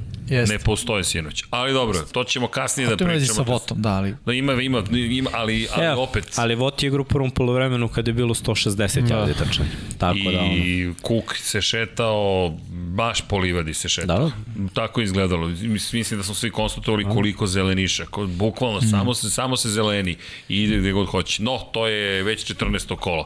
Jokeri 13. kola, iza nas tragičari 13. kola. Da vidimo ko su nam tragičari 13. Mogu ja da kola. Molim te.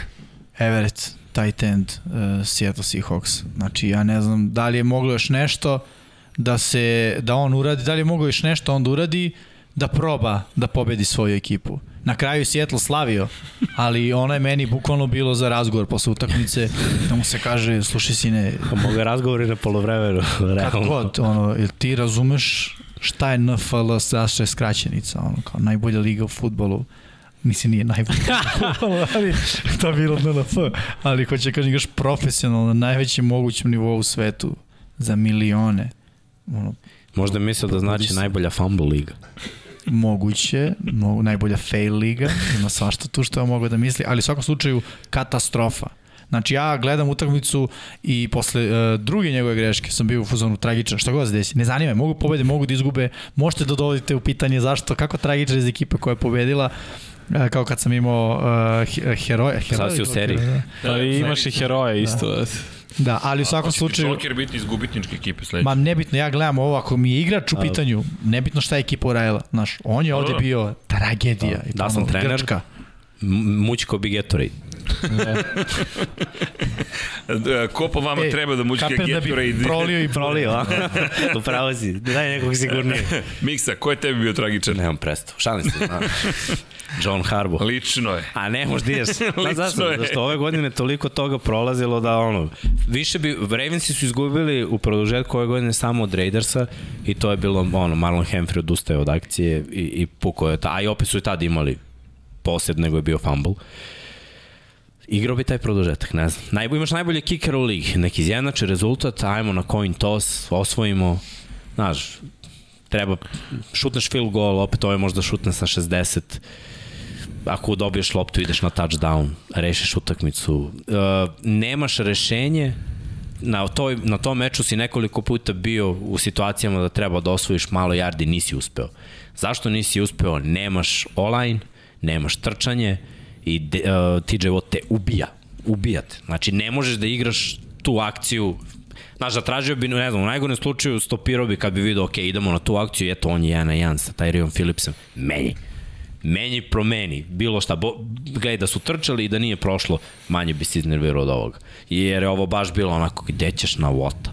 Znači, stvari, si vidio kako mu provuku tu Yes. loptu? Znači, užas. Između- I opet taj, te Harbo, Harbo, Harbo ima odluku pre dve, tri godine kad oni nisu ušli u playoff, kad su ih Bengalsi izbacili, pa su Billsi ušli ono, u poslednjim Pre, Lam, pre Lamara. Tako je, imao je tad je jednu diskutabilnu odluku isto da da ono ne troši vreme ne, nego ono pas pa ništa i onda su ovi imali taj tih 17 sekundi za posljednji napad pa imao fake field goal ono da Tucker naš ne znam, ima neke čudne odluke. On je čovek ono ko, koji se vodi tom nekom hrabrošću što poštujem jako, ali bio bi prvi u AFC-u da si dobio ovo. I očistio bi ono, dobio bi Steelers-e, imao bi 2-1 u diviziji, mnogo bi ti bio lakši put. Sad, sad si u problemu. Do, do kraja, znaš zašto je još tragičan? Kad pogledam uh, raspored do kraja, Packersi, Ramsi, Bengalsi, još jednom Steelersi. I Samo- Browns. Sam, da, ali Brownsi, ajde, to je lagano. Pa, Dobro, to, vi ne mislite da je lagano. Prošle godine ste buf, uf, pa je posle bilo, evo ruke, brad. Vidjet ćemo Ja, sledeće, ko će, ko, hoćeš opkladu? Ajde, Ajde, ili imamo nešto Brownsa ovde? imamo. Imamo. Mogu ja. Nosit ću. Ajde, a ja ću nešto Ravens. Nije problem. Sledeći. Deal. Ga. Tako je. Kakva je to emisija ako nema opklad? Dobro, e, Minnesota Vikings za mene.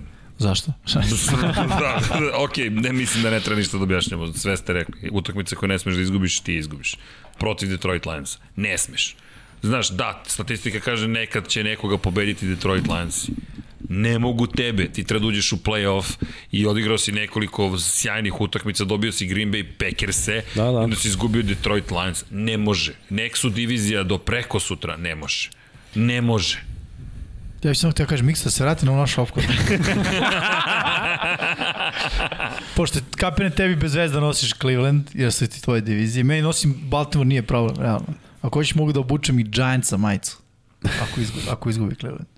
Je li Što ima da? nešto Giants? A imao dres te Ne zapravo. volim, ono, Aha, znači Koga nešto više ne voliš, Dallas ili New York? Dallas, ali... Ha, pa ne, čekaj. Nosit ćeš ne. kačke Dallas. čekaj. Ne, imamo dres. Nosit ćeš dres Giantsa, kapu. Dallas. Ravensa. Da. A, hoćeš to? Ma da, totalno da ga okitimo u diviziji. Ajde, Da. da. može, dobro. Čekaj. Giants i... Oh, oh, oh. Ok, Neće se desiti do Fjokica, samo ok, imaš kacigu Evo ga, vaš... Ne, skroz si Dallas. O, Dallas. I, lepo će ti stati. Pa dobro, to je to, u toj boji. Samo što... Korporativna. Neće. Nije se desilo. Nije se desilo još uvijek. Vanja, Zapamtimo ovaj trenutak. Vanja, Buffalo Bills stvarno. Ovo je bila idealna prilika da prevazićete to taj kompleks mlađeg brata, da neko postavite kao ekipa koja je najbolja zapravo u toj diviziji, vi ste ispali blago katastrofa. I mislim da u naredni periodu stvarno nećete imati priliku da prevazićete Patriote, će sad ovako biti narednih 10 godina. Idemo dalje. idemo dalje, idemo na Najbolji heroje. Pa trebaju nam heroji. heroji 13. kola. Ko su nam heroji 13. kola? Vanja, Gospodin Minšu, Manija. opa! Mora Gardner Mišu, donao pobedu, odigrao skoro savršen meč i na kraju posle sa Ćaletom kako je proslavio, mislim mora bude heroj. Stvarno je bilo veoma lepo gledati to. Lepo. Ja sam u kontri što se tiče tragičara, gospodin Goff, quarterback Detroit Lionsa, to je to. Pa da, pa dobro. Nema tu šta. Ok. Odigrao je. Ono odigrao što, je. što mu traže 11 nedelja, sad je... to, to Vanja, Sad je baš odigrao. pre, u momentu kada pišemo, dobro, ko je heroj i, i to Detroit Lions i pa kao golf, golf, Enough said. tačka, čk, golf. Da. E, gospodo, Pa Dobro, meni je to- Washington. Washington je meni u najboljem nizu trenutno u NFC-u. I kada govorimo o ekipi koja je baš sve promenila, kako igraju izbalansirano, ne treba uvek izdominirati protiv nekoga, a, ali način na koji oni dobiju, oni su Tampo dobili s driveom od 12 minuta gde, gde su pomerali lance i gde, gde, gde su sve smorili sad isto kada je bilo potrebno posljednji napad realizovan stvarno je bilo herojski i samim tim su u play-offu zbog toga. Imali su u jednom trenutku dve pobede i bili su jedan od najgorih timova u NFL-u, a ne u NFC-u. Evo ih sad u play-offu. Oni su, zbog toga su mi heroji. Oni su trenutno u wild cardu. Tako dobro, to je samo po sebi već prejako. gospodine Jimmy, Uh, jako je izgubio George Kittle. Uh, E, a sam, Najbolji taj čekaj, uvodi, čekaj, uvodi, sad- samo prema što nastavi. trendovi. Tvoj jo, uh, heroj je izgubio, da. Tragišar je pobedio, prošle nedelje Joker izgubio. dobro. Opet kažem, Obje- samo mi individualni objasni. kvalitet. evo, Evo, primetiš trend. Krenuo sam da sam se zale, čak sam i rekao, ali niste čuli. Ja sam čuo, Najbolji tight end u ligi. ali Ubedljivo. Ok, najbolji tight end u ligi. Moje subjektivno mišljenje. Ok, slažem se. Ali, Najbolje, znaš, realno najbolje ocene taj da je Kittle ove godine. George Kittle. Znači, pre je bilo Kittle Kelsey. Kelsey je se odstranio. Ili su ga odstranili Chiefs, šta god. George Kittle. Definitivno. I kako utakmici? Mislim da ima 190 yardi, 180 nešto yardi hvatanjem. Mislim, a, da su pobedili, onda bi svima nama bio on heroj. Možda. A ovako, pošto su izgubili, kao ne može da bude on e, kandidat za heroja. Kod mene može. Zato što stvarno je e, difference maker, blokira kao igrač ofenzivne linije, a, hvata kao hvatač, ono, jet sweep trči, apsolutno, ono, o, rekao sam Dibo Samuel da, ali i George Kittle što se tiče San Francisco. Znaš šta je najveći pomeraš te problem? granice. Kad je Dibu tu, on nema ovu ulogu. On ima ovu ulogu kada Dibu nije tu. E, Šenehe ne zna Zato što je, da ono- koegzistiraju. Istina, istina. Zato, znaš zašto? I, to je jedan. Drugi, često je povređen i suviše je često povređen. To je razlog zašto mi nije najbolji. Ali, da je najkompletniji, money. Lagano najkompletniji. Naj, Jeste. sve ima. Sve ko što on kaže. zato Blokira kao line, trči kao hvatač. U stvari, trči kao running back, ne kao hvatač. Hvata kao hvatač.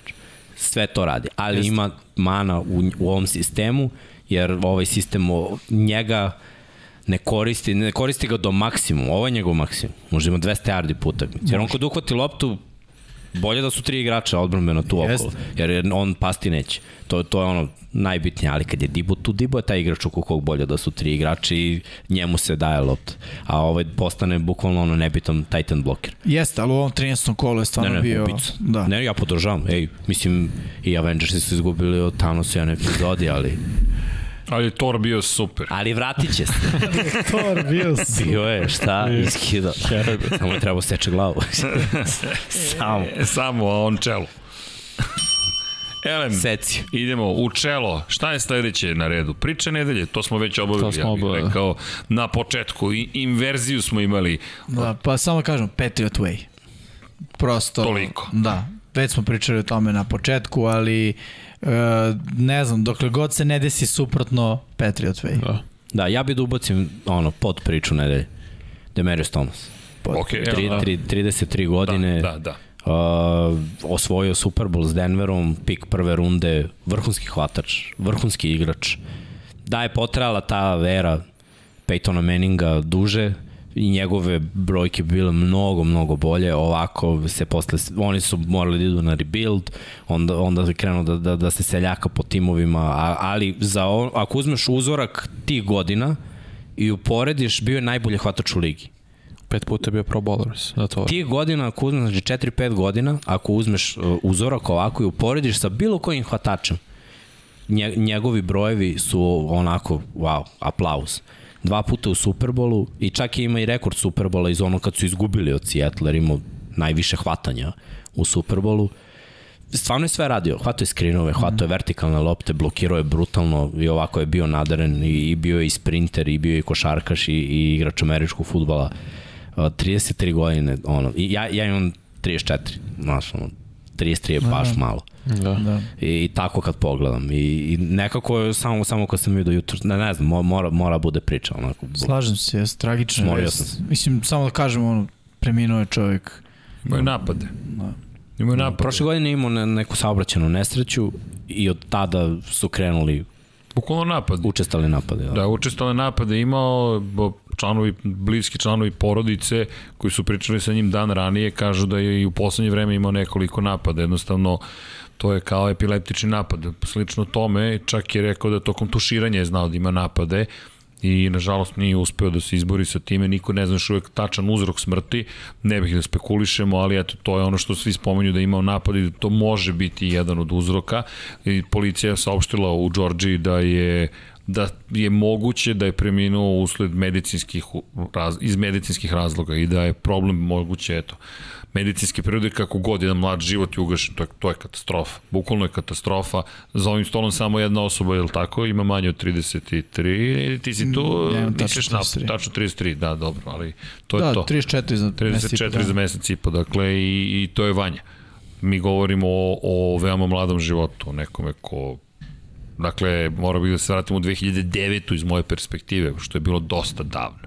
Tad još nismo radili ni, ni, ni Formulu 1 na sport klubu. Toliko davno, taj momak nije dobio priliku za neki drugačiji malo život. Tako to je baš tragična priča. Da, ali mislim, vredno pomena, stvarno, stvarno Mora vrhunski da se igrač. spomene, Da, da. apsolutno mora da se spomene. Znači nikad na- zaboraviti tim Tibov playoff.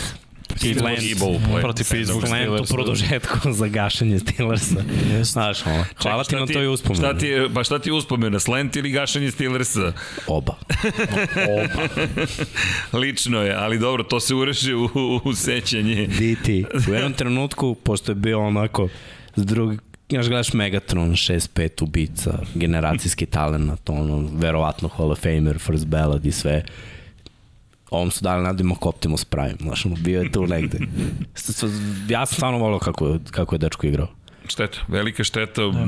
prenećemo informacije naravno i kada budemo znali pouzdani šta se dogodilo, ali neko koga treba zapamtiti naravno. I mislim da će se on još spominjati, i, verujem da će se spominjati još tokom godine. I ne samo tokom godine, već u godinama koje su pred nama, ali eto, ne možemo da ga vratimo, možemo samo da konstatujemo tragedija da se desila. U svakom slučaju, do, lepa dodatna priča nedelje Miksa, hvala ti na toj nežnosti, mislim da je potrebna i to vam je zapravo pravi Miksa iza jedne grube spolješnjosti, krije se reklama za energetsko piće, naš, na, na, naš kolega Dom Pablo, hvala vam na tome, ali dobro. Ja mu Ali ne veze, gledam, ja mu gledam glavu kako ovako.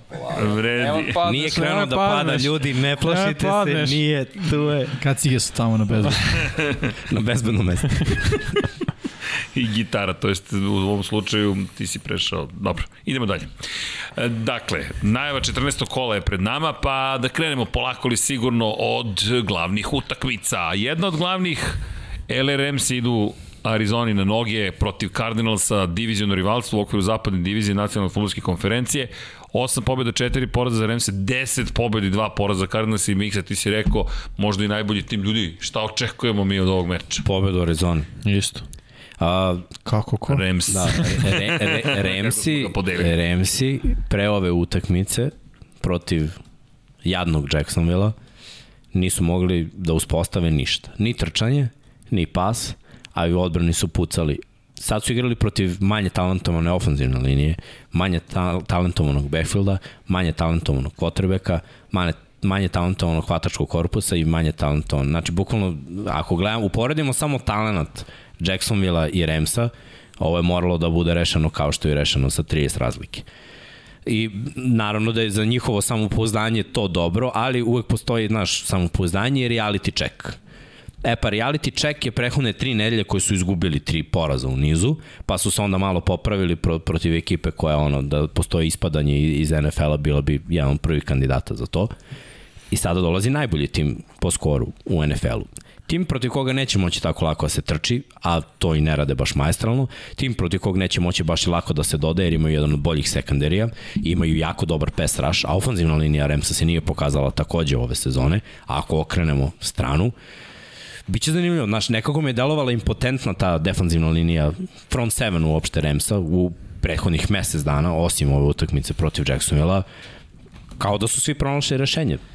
Ovo je mobilni quarterback, imaju uh, running backa koji je tekako sposoban da, da, da nosi igru, jedan od najefikasnijih i to treba reći u NFL-u, gotovo da ima touchdown po utakmici. Conor? Conor, tako Pa je. i Edmonds isto igra baš dobro. Tako je, ali, ja da zapravo. kažemo da imaju rešenja ako dođu u golan situacije. Da. A, I ono što sam ja vidio ove godine, Jalen Ramsey ne ide na najbolje hvatača. Ako je mogo Dibo Samuel da ima protiv Ramsa skoro 200 yardi, ne znam zašto ne bi mogo D-Hop ili bilo ko drugi. Zach Ertz igra jako važnu ulogu od kad je došao. Uh, probudio se kao bloker i ono što je on rekao u jednom intervju, a što sam siguran, apsolutno, poslednje godine u Fili, on je bio opcija broj 1 jer hvatači su bili mladi i nije bilo mnogo prostora. Sad ga niko ne gleda. Fokus je D-Hop, AJ Green, vertikalno Kirk i sredina ovo plitko što on najbolje hvata, što je u stvari njegov identitet, Otvoren. ostaje samo. I sad imaju check down tight end, da to nisu imali Cardinals i poslednje 3-4 godine. Tako da ofanzivno imaju šanse. Defanzivno, ja mislim da, da, da je ovo mismatch na strani Cardinals, ja ne znam. Nisam vidio od Ramsa ove godine dominaciju ofanzivnu u posljednjih ono, dva meseca. A- Sve što su dobili jedva je bilo. Ok, šta bih ja rekao u odbranu Remsa, Remsa kao, uh, kao advokati, znaš ti zasluš da, da. jednu stranu i ja drugu Ovo je stranu. bilo za porotu. Porota? To Čekaj, bilo ko je đavolji advokat? reč. Pa nema, vidjet ćemo da li su, ko, ko su Devilsi, da li, da li vrapci, da li ovnovi. Ali u svakom slučaju, što se Remsa tiče, a, po meni kad sam gledao njihove meče, uglavnom su gubili meče na kraće, kraće dodavanje. Cardinalsi uglavnom ne igraju kraće dodavanje. A, trčanje će biti problem, slažem se, i generalno neutralizacija trkača, što igra po zemlji, što skrinovi i ovaj, a, korišćenje u igri a, kroz vazduh od strane Cardinalsa. A, ja tu vidim šansu Remsa. Takođe, ovo je divizijski duel. Takođe, vidim da će a, Remsi ovde da ide na D-Hopka, na D-Hopa, iz prostog razloga što baš sve to što si rekao je apsolutno tačno. I sada Remsi treba da se vrate na nešto što je davalo rezultata, a to je to, stavi Remzija na najbolje hvatača, istina ovde ima još dobrih uh, igrača u napadu i kao što si rekao Erc ja ovde vidim da može bude velika utakmica recimo za Erca jer upravo on je ta opcija za, za te za te pliće za ta plića ovaj dodavanja ali Cardinalsi uglavnom igraju ono 10 plus uh, jarde ne bunare previše ima i takvih opcija ali ne bunare ali on DeAndre Hopkins je uglavnom taj da kažem tip hvatača koji voli duže rute Nije on sad neki lik koji će trči cross rute kao recimo, ma najdi Cooper Cup trči, trči sve, ali Cooper Cup jeste taj neki ili Robert Woods koji trči te rute e, do 10 yardi. E, zbog toga ja mislim da, da ovo može da bude a, meč iskupljenja za Rams.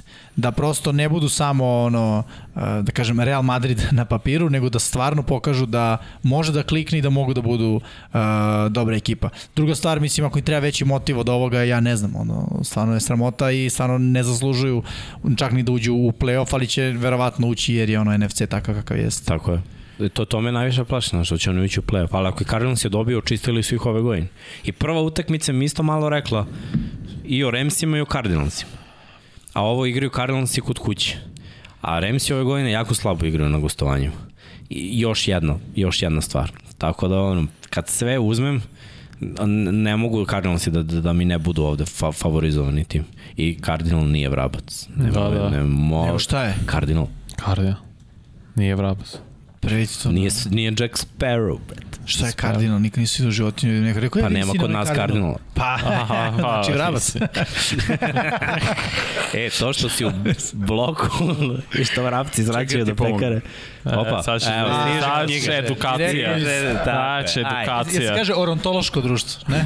Promašio sam. Ah, Kako se kaže društvo za, za Ornitologija. ornitologija? bio si blizu.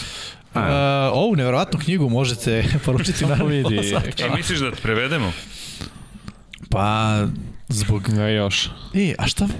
Don Pablo, može srđeno kadar? Pošto ima dres ptica, da li ima bolji? Bird Guide. Um, vodič i sad nađeš Cardinals u celoj ovoj priči. To je na engleskom, je tako? To je na engleskom. Ali dalje nećemo dobiti odgovor. Dok ti tražiš sliku. Da nećemo dobiti odgovor. kardinala, Pablo puci sledeću tekmu. Izvinjam se. Opa. uh, Imamo tu Šta? Ravens i Browns, opet mi na pticama, ne razumem. Sama, pa ne idealno. Ti dok, idealno. ti dok nađeš... Dobro, ali, ova, ova sad ptica je nastanjena i kod nas. Da. E, I to ozbiljno se nastanimo kod nas. Da. Možda izađi iz studije. dobra, dobra. Ali ne veze, zato mi imamo tu i avion, čekaj, vidi avion, vidi kakav je Vlasne. Stigao sa aerodroma, ali dobro, Cardinalsi, no, da mi najavimo ovu utakmicu, Tako ti ja ću da nađeš. pronađem Ajde. gde su Cardinalsi. Miksa mislim da bi bilo glupo da bilo ko nešto počne. Ma da imam naravno da ste... Da li neko sme da najavi osim Da, Miksa? Ne, što? Pa, Pazi, da budemo realni, prva utakmica je bila grozna. Jeste. I bila je na mali broj poena. I jedni i drugi se raspadaju. Ne mogu da kažem da jedni i drugi igraju. E, ali Brownsi su poprilično zdravi ako Ne igra ste- Njoku.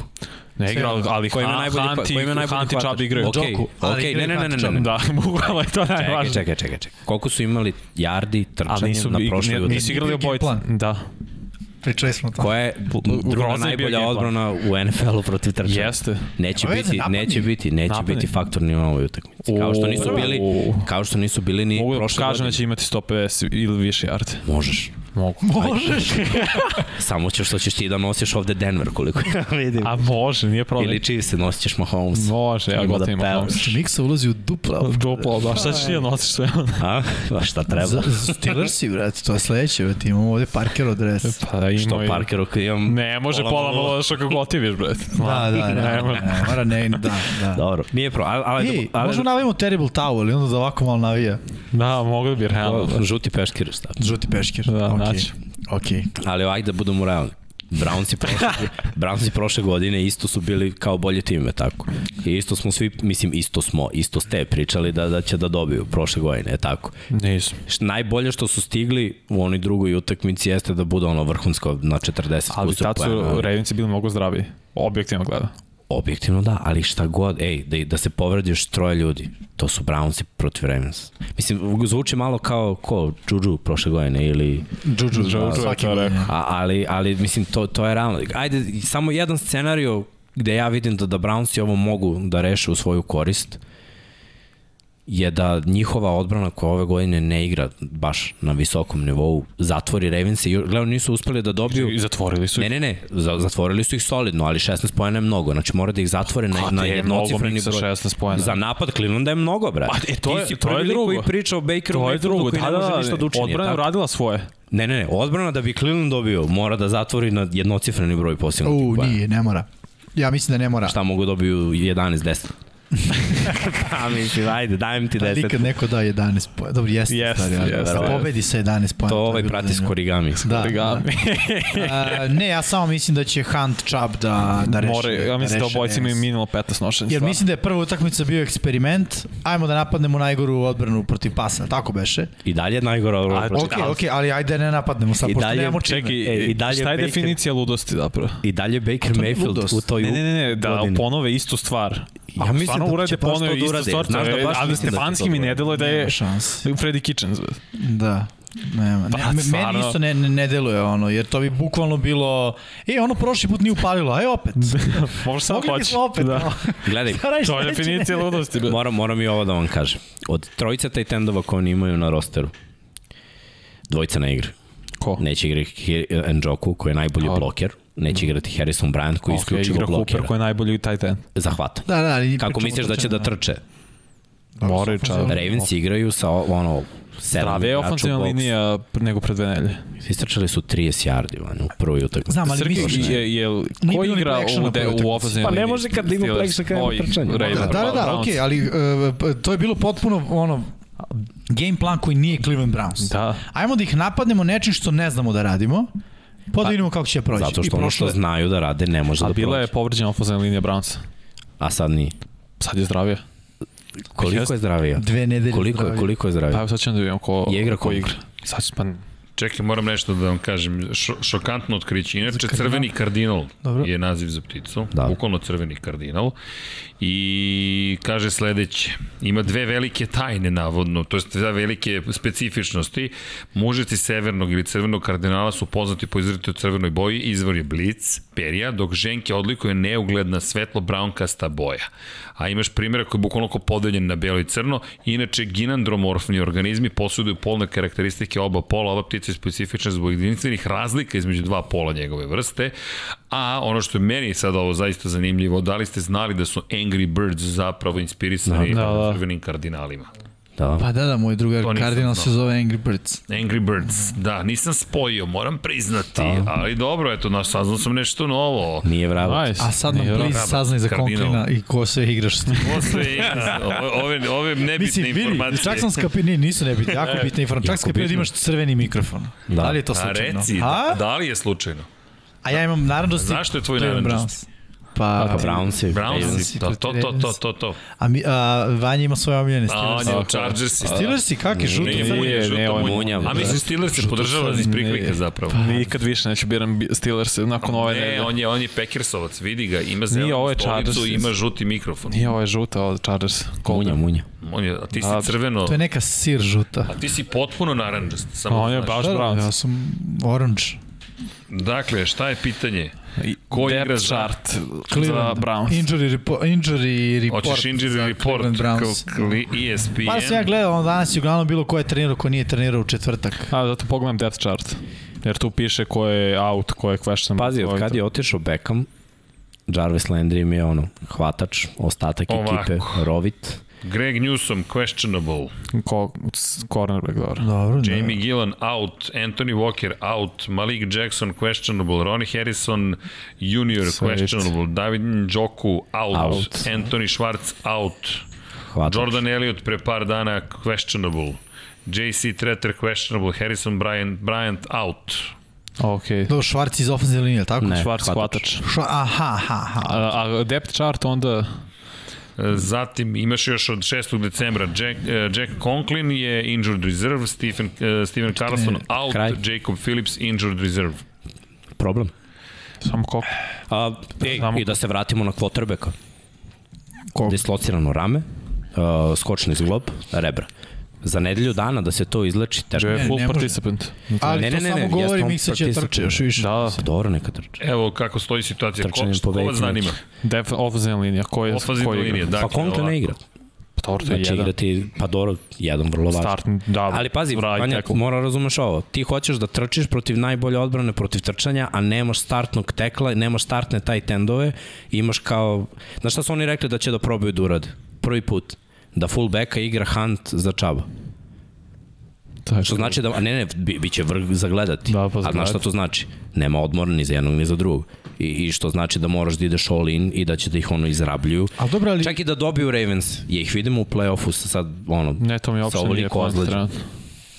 A, mislim, znaš, ko zna, on jako dobio Ravens to je dobar vetar u leđa. Znaš, Ravens idu na 8-5, oni idu na 7-6 i to je jedna pobeda razlike između njih. Pa ali Okej. već su očistili onda duel, znaš, to je jedan, da jedan podeljen. Zanima ovo Da. i da ovako, centar JC Treter, sa leve strane Joel Biton, Bitonio, Chadrick Willis Jr. je na teklu, na gardu je Joel Bitonio, zatim desni gard Wyatt Teller i Blake Hens je desni tekl. Znači, samo zapravo Coughlin koji je pro ball tackle ne igra, a ostali su svi tu koji su troje od njih je pro boy ili all pro. Jeste, ali njihove informacije zahtevaju dvojicu tight endova za trčanje. I fullback. Da, Joku Bryant, Ok. Znaš, veliki je, veliki je to hendikap. Plus hvatača nema. Znači, taj Anthony play action o kome Jimmy priča da bi funkcionišao, trčanje mora da ide, da bi neko pao uopšte na play action. Onda Baker mora da izađe iz džepa, a stvarno se vuče u posljednje vreme i onda treba da gađaš hvatača koji se ne zove Jarvis Landry, pošto on obično ne trči vertikalne rute nego ovi drugi. Najbolji hvatač je Njoku sa 400 yardi ove godine. Nema ni 400, ima 300 nešto stvarno ofanzivno imaju problem. Zato je- jedino vidim da ta odbrana njihova uradi ono što nije na prošloj utakmici, što Steelersi jesu. Da ima šest sekova minimum. Jer Lamar, kao što si rekao Vanja, najviše sekova nove sezone. I jedino tako možeš. Ako bude bilo ko na one prošle utakmice, ono jeste bio touchdown, Bože pomozi, ali ko je kriv za to? Defanzivna linija. Jadavion Clowney ove godine je opet ono, tu je, kao na terenu je. Miles Garrett jedini igra u defensivnoj liniji. Istina, Zapravo. istina, ali ono, okej, okay, ajde, vidjet ćemo. Next. next please. Mm. To Miksa, kod tebe je upravljač. E, Bilsi, Bili Bilsi. si Buccaneersi. A jao. Sa Patriota na Tom Brady ne ide baš Da, da, to dobro. su te kažem, Tomove stare mušterije. Buffalo Billsi. A i Buccaneers igraju brutalno kod kuće. Kod kuće su Da. baš nezgodni. Znam. Tam pa tvrđavu ima. Da, ne gube. Jest. Baš Ovi će sa vetrom od 80 km na sat da dođu na Floridicu. E, ajde da vam kažem sad jednu stvar, bez Tradeviusa Whitea i posle onakvog fijaska protiv New Englanda i onog trčanja, šta mi šta će Tampa da im uradi? Ono, biće Fournette i biće cepaj na, na, na ovaj Pa hvatač. da, zato što secondary Billsa je najbolji statistički u ligi. Imaju najviše pre, imaju tri, uh, najmanje dozvoljenih touchdown dodavanja, uh, najniži je passer rating protiv njih, samo su, imaju 16 Jeste. prestranih A pa i lopti. sad, treba će im svi na ovoj takmici, u smislu Da, treba čuvaš uh, Gadvina, treba čuvaš Evansa, treba čuvaš Gronka. zato i kažem, falit će White, taj, da, da. baš zbog toga. Jako igraju vrhunski, stvarno, safety su mi, uh, kako se zove. Boyer i Hyde, brutalno igraju.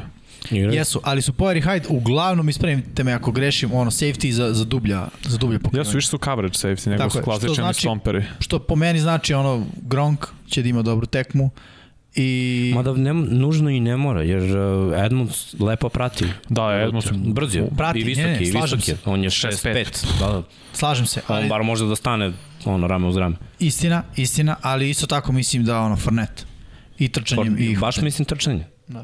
Jer ako je New England mogao da istrči u ovoliko yardi, a znalo se da se samo trči, mislim, ono, baš je bilo telefoniranje u nekim situacijama i Jeste. ti opet trče 150 plus. E, ali samo šta je razlika što Tampa nema fullbacka. Nema, stoji, ali imaju dvojicu taj tendova. Imaju da- Gronka i Brejta koji, mislim, Gronk odlično blokira. Pa Brejta može i Howard, mislim. Da, može Zapravo imaju trojicu, pa. Da. Mi, ali da se ne lažemo, i njihovi hvatači su ono 6-5. Da. Znaš, i Da. često sam vidio da, da ih stave ono, stave close bunch, Tako je. da je taj tent hvatač hvatač i, i svi su 1,95 i, i 100 kila, mislim. Ili ono. ono Gadvina pozove u motion, pa dođe Da. baš kod ofanzivne linije. Ono, I, znaš, wing. I onda je blokir. Tako da ima načina da, da se trči protiv Billsa. Ima. E sad, šta znači za Bilse ako izgube ovaj meč? Ono, da li to to? Nije, ali neće biti u play-offu nakon ove nedelje. Pa, To je ono haos u AFC-a. Što Billsi koje smo videli kao drugi tim u AFC-u, neće biti u play-offu ako izgube od Tampa.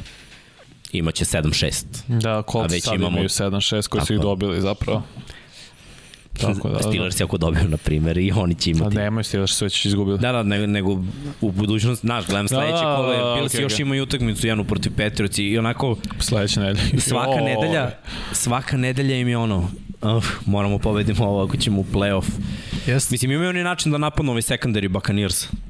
Secondary Buccaneers se šupalj, samo ozbiljno mora, šupalj. ofanzivna mora da, da da Allenu vreme, a Diggs, Diggs mora baš da i, i dominira. Sanders i Gabriel Davis moraju da odigraju onako brutalan meč. Tako, ali I ja tu bih pre mogao da vidim Sandersa, baš zato što kao i cele ove sezone, uh, dosta ga onako, dosta ne obraćaju pažnju na njega uh, odbrane, a Diggs nije u toj uh, formi kao prošle godine. Nije, nije ni Bizli. Nije ni Bizli, tako je. I rekao bi da se to i osjeća.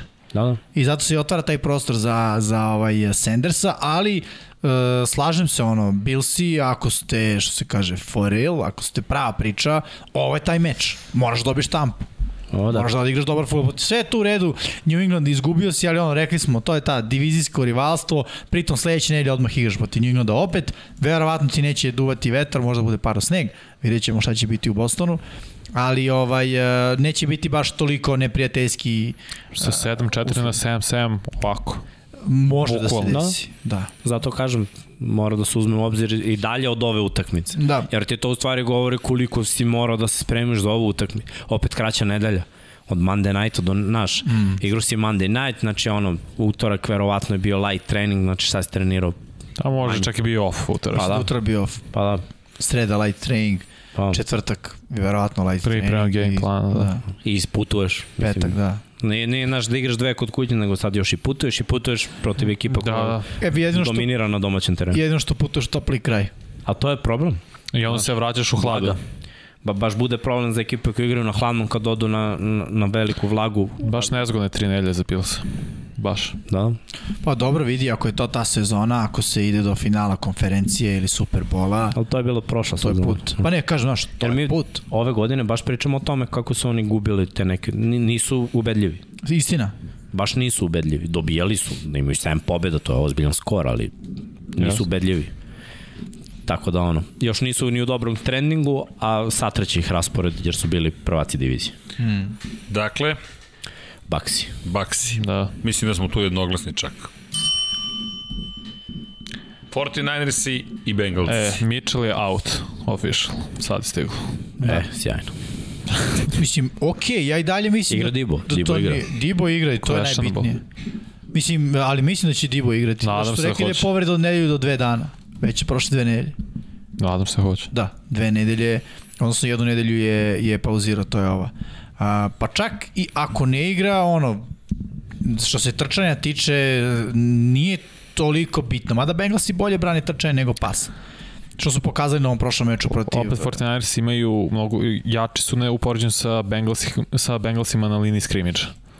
Jesu, imamo bolje online, I D-line isto. bolje D-line. Da. Ali Bengalsi su isto nepredvidiva ekipa mnogo. Jesu. Za, svaki put kad sam ih izabrao ove godine da verujem u njih protiv ono 50% ekipe, nisu pobedili. Prošlo koja je protiv Chargersa, isti skor, sve, bukvalno su bili oduvani, pravili su glupave greške. Jeste. Igraju kod kuće, prošle nedelje su igrali kod kuće, isto, ne, znaš, nije, nije ni to faktor, kao, ajde, dobar su u tim kod kuće, E, gube na Znaš šta je faktor? Faktor je što 49ersi nisu ekipa koja će njima da nametne tempo.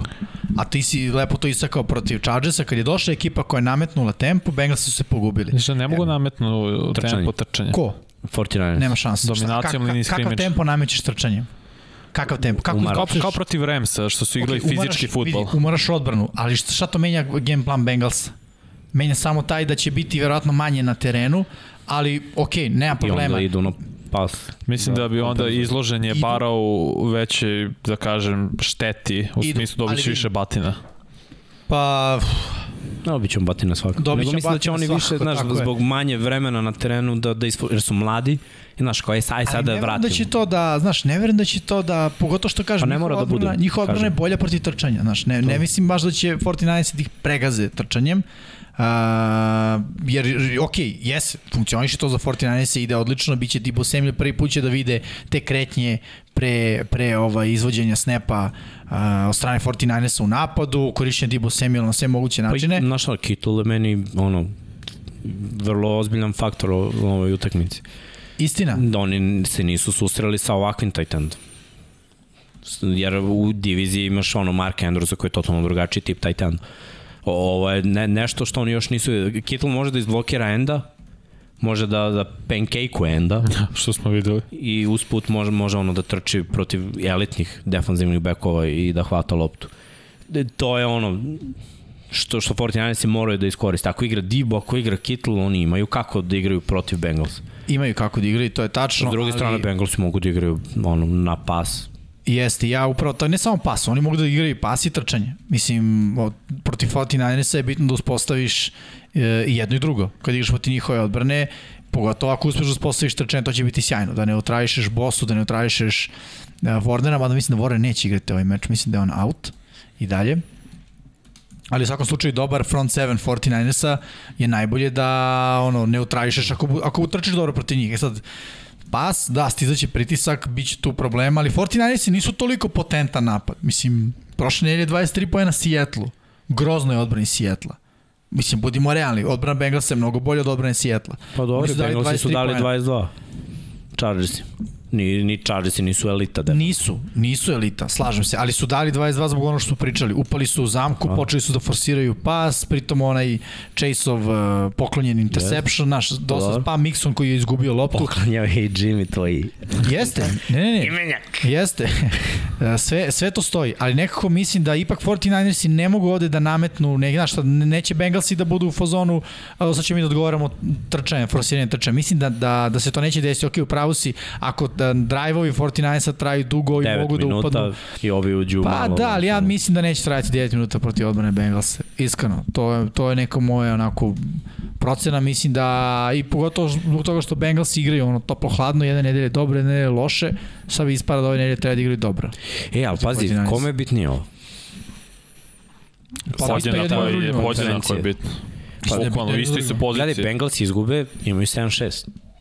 Nisu baš u istoj poziciji. 49 izgube, imaju 6-7. Da li se izjednači... Da, Možemo da vidimo AFC je bolji. NFC Don Pablo ako nije problem. AFC Playoff bolji slika. sa 7-6 i upitan možda i van playoff slike. Pa- sa 6-7 49 u NFC-u su i dalje živi i Sa legitimni. 7-6 ja mislim da si u play-offu i dalje, a s druge strane sa 6-7 Gleda nisam sad. siguran. Sa 6-7 49 u NFC-u, mislim da su on Žalja. play, playoff Da. slika, NFC playoff slika, Don Pablo, hvala. E, to. Pogledaj NFC. 5-7 su, Falconsi su u trci, Panthersi su u trci. Je, je, su, je Minnesota dobila... Eaglesi su u trci. Je Minnesota dobila San Francisco. Minnesota dalje dobro San Ne. Francisco. Su igrali? Ne znam zašto. Uh, mislim da su igrali i to pre dve nedelje. Mislim Da, da, da, je San. Francisco dobio. San- Dobio Francisco dobio. Dobio. Dobro, znači u tom matchupu mogu mogu dalje. A možemo sad AFC? Ali gledaj, ako Washington, znaš, sve zavisi da od File i od Pazi kako se drži, Jimmy ni Rego ni ne znam. Fila kako ako kako dobiju Fila u play-off sa 7-7. Pa nema šta dobio ove Čekaj, nedelje. Cowboys ne, ali vrati, Ali- molim te, Cowboys i Washington i Eagles imaju šansu. Da, ima šansu sve tri ekipe da uđu u play-off. E, to bi stvarno bilo hit. Šok. Koji bi to bio poklon za ostale ekipe? Pa to bi samo Da, da. značilo da su ostali mnogo grozni. koliko je jaka ta divizija. Ne, ne, Istočno. ne. Nije jak. Pre- Ja, ja mislim bi se ovi Packers i Tampa radovali najviše, bukvalno. Ne bi, ne, ne, Ma ne, ne. ne, ne bi, Ne. Ne bi, ja mislim da ne bi. ne bi, pogotovo Washington. Sjeti se prošle Pa godine. opet bi išli, ide na Što Tampa. on je dobio ba Bakse. Znaš, ako uđe Washington i opet igrali sa Mislim da bi stvarno isto bilo. Ja ne znam da bi bilo isto, ali Ja znam da su da izgubili ne. već jednom. A Eagles i Vidiš da Packersi. baja, da Eaglesi prođu nekako i... Kako? Prošle godine Eaglesi dobili Packersi, isto je bilo pitanje kako, ha, ha, ha, smešno, Packersi, Ne, gazimo, to ludilo, regularna ono. sezona. Bam! Zašto su trčali pet puta na, unutar pet jari? Ne znam, ali su dobili Eaglesi. Kao što su rešili Regularna Saints sezona. prošle godine rešili ove sezone. To je regularna sezona. Opet. Čekaj, šta ako Falcons zaista uđu? Ja. Ne mogu, Pa dobro. ne, ne mogu zbog raspada. Ajmo AFC, AFC Ajmo, AFC. AFC. Znaš, isto je. Bukvalno su istom uh, čamcu. Isto, Ali isto. Bengalsi su u play-offu sa 7-6. Pa, ne znam. Kako nisu, ajde, recite mi kako nisu. Možda gre, možda, možda ne razmišljam dobro. Pa možda, i- evo ne znam. Možda su sedmi. Kolci igraju ove nedelje. Ne igra. Kolci su na baj. Znači oni imaju 7-6, pa Dobro, imaju u, u 7-6. play-offu su Kao nakon sedmi. nove nedelje, ali, znaš, šta A mislim da bi da se dešava? 49ersi bili u play-offu isto. Hm?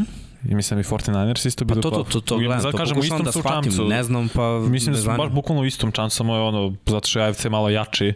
Da. Tako Da, da, na, na, nekako mi u glavi ovi već imaju 50%, ovi imaju dve pobede više, Iznad, znaš, da, pa mi je u glavu Da, ali zašto je AFC uh, trenutno, ono, vidiš, in the hands, Brownci, niko nije negativan. Ne, ne, Denver u koji ima NFC-u. 6-6, koji je 12. bi bio 6. u NFC-u. Ne. Bukvalno. Ništa, ajmo idemo. Dalje. Biće zanimljiva utakmica svakako. Da. Moramo da vidimo. Znaš šta naj, najjače što, što je Evo, nepoznanica. upravo. E, nepoznanica. E, Washington Cowboys. Pa ovde imamo jednu nepoznanicu, a to je ono, da li da verujemo talentu ili skoru u trenutnom nizu. Uh, Šta tebi kaže stomak? Stomak. Dallas, Dallas. lagani Dallas. Lagano. Ali, ali pazi, lagani Dallas je sa game planom koji ja vidim koji ne mora da bude prozvan. Game plan vrlo lako može da bude 60 dodavanja za Daka Prescott i da on izgube ovu utakmicu. A game plan koji je pobednički game plan bi bio da Zeke i Pollard sa ovom ofanzivnom linijom mu ga daju ozbiljno po nošenjima, znači da bude 30 nošenja timski i da Dak ima manje od toga dodavanja. Jer se niko dodavanjima proslavio nije protiv Washingtona, ne znam kako, malo su izmiksali nešto oni u odbrani i sad stvarno to funkcioniš. Mm. Bili su 31. odbrana u prvih osam utakmica kad su imali 2-6, a od tada su top 4 odbrana. Stvarno su podigli nivo defanzivno na višem nivou, a već smo pričali ofanzivno šta se sve tu desilo. Da li mogu da igraju protiv napada Cowboysa, što ne bi mogli ako Micah Parsons ne bude igrao, eto šansa, eto prilika, on je isto pod znakom pitanja. Da, i Gibson je prošle godine protiv Dallasa izdominirao, imao je 130 yardi Jeste. u proseku i, po, Očistili i su dva touchdowna. Da. Dobro, ali odbrana Dallasa prošle godine i ove godine isto. Nije isto, Isto. tako je. Nije isto, Mada si upravo, Majka Parsons je Je li igra? 50% razloga zašto nije isto. Bukvalno. Baš tako. Lorenz je tek vratio. Znači još je ono u procesu rehabilitacije i vraćanju u igračku formu, nije igrao 10 nedelja, to je dva i po meseca. Nije ono kao, e, sad će onda bude glavni igrač na ovoj utakmici. Sumnjam. Baš sumnjam. Uh, I opet mora da veruje malo u taj niz, uh, igraju kod kuće Cowboysi, to je isto važno. Znači, znak pitanja veliki iznad glave Kelena Mura, to je, to je jedino što, što mene zanima, jer sam ja vidio ove godine, tamo kad sam pomislio, ok, evo ga, razmišlja kako treba, krenuli su da dobijaju utakmice, ozbiljan su tim, pam, pojavila se utakmica sa 50 dodavanja, da ono, running backovi nisu faktor. Što predstavu nemam, stvarno nemam predstavu, ali i to čak bi bila utakmica gde, gde hvatači nisu ni igrali svi.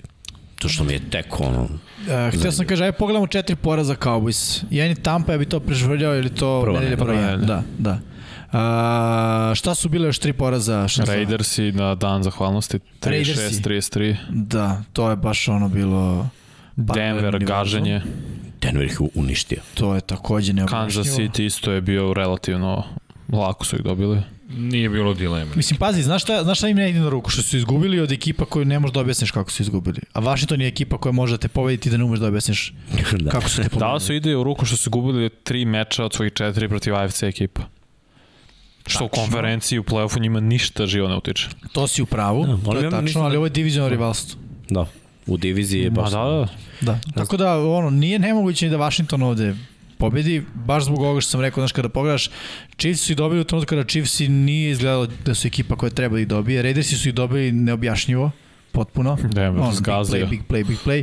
Denver ih je zgazio takođe neobjašnjivo. Tako da Washington spada u tu zonu neobjašnjivih ekipa i mogao bi da ih, da ih pobedi. Ali ko što kažeš, ono, prvi, prva, prva pomisao je ono, Dallas. Igraju dva puta u naredne tri nedelje sa Washington. Ja mislim da Washington možda pobedi jednu od te dve, a Kod kuće. Da, a Ali- mislim da ne mogu opet. Prilog onome što Miksa govori, to bi trebalo bude ova. Da. Zbog zaleta. Da, niz. Logan Thomas ne igra, to, je, to Da. mi je mali problem. On je ne jarab, Vidjet to je to za njega od ove sezone. Da. Tako da, ono, Scary Terry i, i, i Gibson pro, protiv da, da, ako gledamo talent, Dallas stvarno ima mnogo više talenta. Tako da bi trebalo da bude na strani Dallasa. I opet, oni ako dobiju ovo, Manje više su osigurani. manje više su Da, da. osigurali prvo mesto u diviziji. To je samo trka za mesto broj 2 i potencijalni playoff. Mislim što se tiče istoka NFC-a posle. A opet ako dobiju Jure i eventualno prvo mesto u konferenciji, ako se Ako- desi da, da, da se Green Bay, Tampa Arizona. i i sapletu. Pobedom Washingtona 7-6, 8 Pet. Peton, jedna pobeda razlike između njih. I to bukvalno postaje trka Washington ili, da, ili Dallas, da. Da. ko će biti broj 1 u diviziji broj 2, mislim. Onda već ono, Eaglesi se lagano gube iz te slike. Next. Apropo, Raiders i Chiefs. Ali da li ovde vidimo nešto poput Ja- ja, ja prošle ne, Ne, ne, Raidersa? ne. Ja, Nakon što je Mahomes ne, uradio. Raiders imalo prethodno da imao 400 yardi, 5 touchdowna, ja stvarno ne vidim. Da, da. I ovo, ova, pazi, to je bilo na gostovanju. Da. Ne, ne, ja mislim da će Chiefs ovo lako dobiti, Isto, iskreno. isto. Da je ovo samo A- sada rutina već, ulazak Da. u play-off. Ovo je, od, ovo je ovde ne veruju u Čise. Ne, ne, ali ove nedelje... Ali verujem- izabro, ali Da, izabro izabrao Chiefs. sam zato što ne igra voler. I onda Da. kada ne igra voler, sve, a mislim video sam Raidersi kad ne igra voler i baš je... ono- Teško i trčati protiv Chiefsa sada kad je tu Da. Melvin Ingram. Pa kako, ko da zaustaviš, trči? kako zaustaviš Kelsija sad, kada realno nemaš Kelsey protiv Raidersa dominira. I mislim ovo odlična utakmica da se vrati na neki, da kažem, u neku staru formu. Znači ti misliš da će ovo biti ofanzivna utakmica Chiefs? Da. Pa petaš davno je bilo prošlo. I 400 yardi. Znam, ali ja mislim Mahomesa. da to nema šanse. Mislim, to je jako teško ponoviti diviziji, pogotovo protiv Raidersa koji nemaju skoro ono 3-9, nego 6-6. Ali nemaju oni ni odbranu za, za, za Chiefs. Znaš, baš nemaju. Istina, istina, ali jednostavno mislim samo da je, da je jako teško i da Chiefsi nemaju tu vrstu zaleta i ritma. E sad, može da se desi da ovo bude utakmica da ih dva puta stvarno zgaze u toku jedne sezone, Tako mi delo. ali ja mislim Isto. da Chiefsi nisu sposobni da to urade, mislim da ih zgaze, mislim da će da pobede, ali ne vidim da će baš ovo da im bude ono... Chiefs ako dobiju ovo idu u vrh HFC. Sa Pa, 9-4. Šta Da. kada smo rekli? Mogli, hoće li da nađe vatru ili ne? Pa, našli su nešto. Našli su nešto, polako ali sigurno raste plamen. I više to nije samo neko preneseno značenje. Ovo su Chiefs. Ja mislim da su sada najopasniji, jer uopšte nisu glavna tema. Niko se njima ne bavi. Bavimo se Patriotama, bavimo se Ravensima, bavimo se Cincinnatijem, bavimo se Chargersima. Ne, ne bavi se niko u suštinski. znam. Složio bi se. Srki da napad Chiefsa liči na nešto, ali problem je što ne liči ni na šta. I što liči jednom u pet mečeva. Kako Pa se to jest, stavio isto rečenicu? Hmm? Ne, naliči na nešto, naliči na Ne, što, pa da, bukvalno. Treba da liči na nešto, ok, ali stvarno u Ha, poslednjih... ja ste razumeo da... Ne, ne, da, a, da liči na nešto, Aha. ali stvarno ne liči ni na što, jer poslednjih pet meča jedino su Raiders oduvali. Ne, ja samo kažem, znaš, jako mi je sumnjivo da, pazi, ne pričamo kao, e, ovo je sad nova sezona i od početka sezone oni su defan. Znači, kako smo, kako smo mi prešli od tome, da, uh, pre, prešli preko toga da su Chiefsi iz ekstremno ofanzivne ekipe postali da. defanzivna ekipa. Ne u, F, u off-seasonu, u toku jedne Koga sezone. su dobili sve sad kad su vezali pet pobjeda? Dobili Koji su napade to? to Dallas, je tako? Dobro, da. Green Bay sa Jordanom. Lavom. Tako je. Dobili su Loš Denver. napad. Loš napad. Dobro, Raidersi nisu spektakularan napad kad nema volera. Istina. Svakako nisu spektakularan napad, ali će da igraju na big play. Mislim, to je ono, mislim da će game plan Raidersa bude kao Ho- protiv Dallas. Hoću da kažem, odbrana se pokazala, ali nisu, nije imala adekvatno... reper dobar. Da. Imala je realno prosečne napade u najbolju ruku. Jedini reper je bio napad Dallas. Green Bay-a bez Dallas. Rodgersa, gde su ono, malo primili poena, ali kao Jordan Love. dobro, Dallas je dobar napad. Dallas je jedini Dallas to. dobar. To su Da. dobili. Znaš, zato mi nisu još zato i ne pričamo o njih, ne mogu još da ih vidim dok stvarno ne pobede nekog ozbiljno da bude na obe strane lopta. Pa jeste, ali Raidersi su tek prosečan napad. Pa znam. Sad Jacobs na prošloj utakmici imao 50 yardi trčanjem, online radi slab posao, sad imaju još problema sa ovim blicevima i sa defanzivnom linijom Chiefsa koja je bolja, nemaju prvog hvatača, nemaju prvog tight enda, Derek Carr znamo svi da da ono Šta predstavlja? kako on igra, šta od njega dočekujemo mislim šta on treba bude ovde Superman da, da bi oni dobili. Odbrana im nije ništa posebno, stvarno nije. Mislim stvarno su 50-50 ekipa to govori skor Jeste.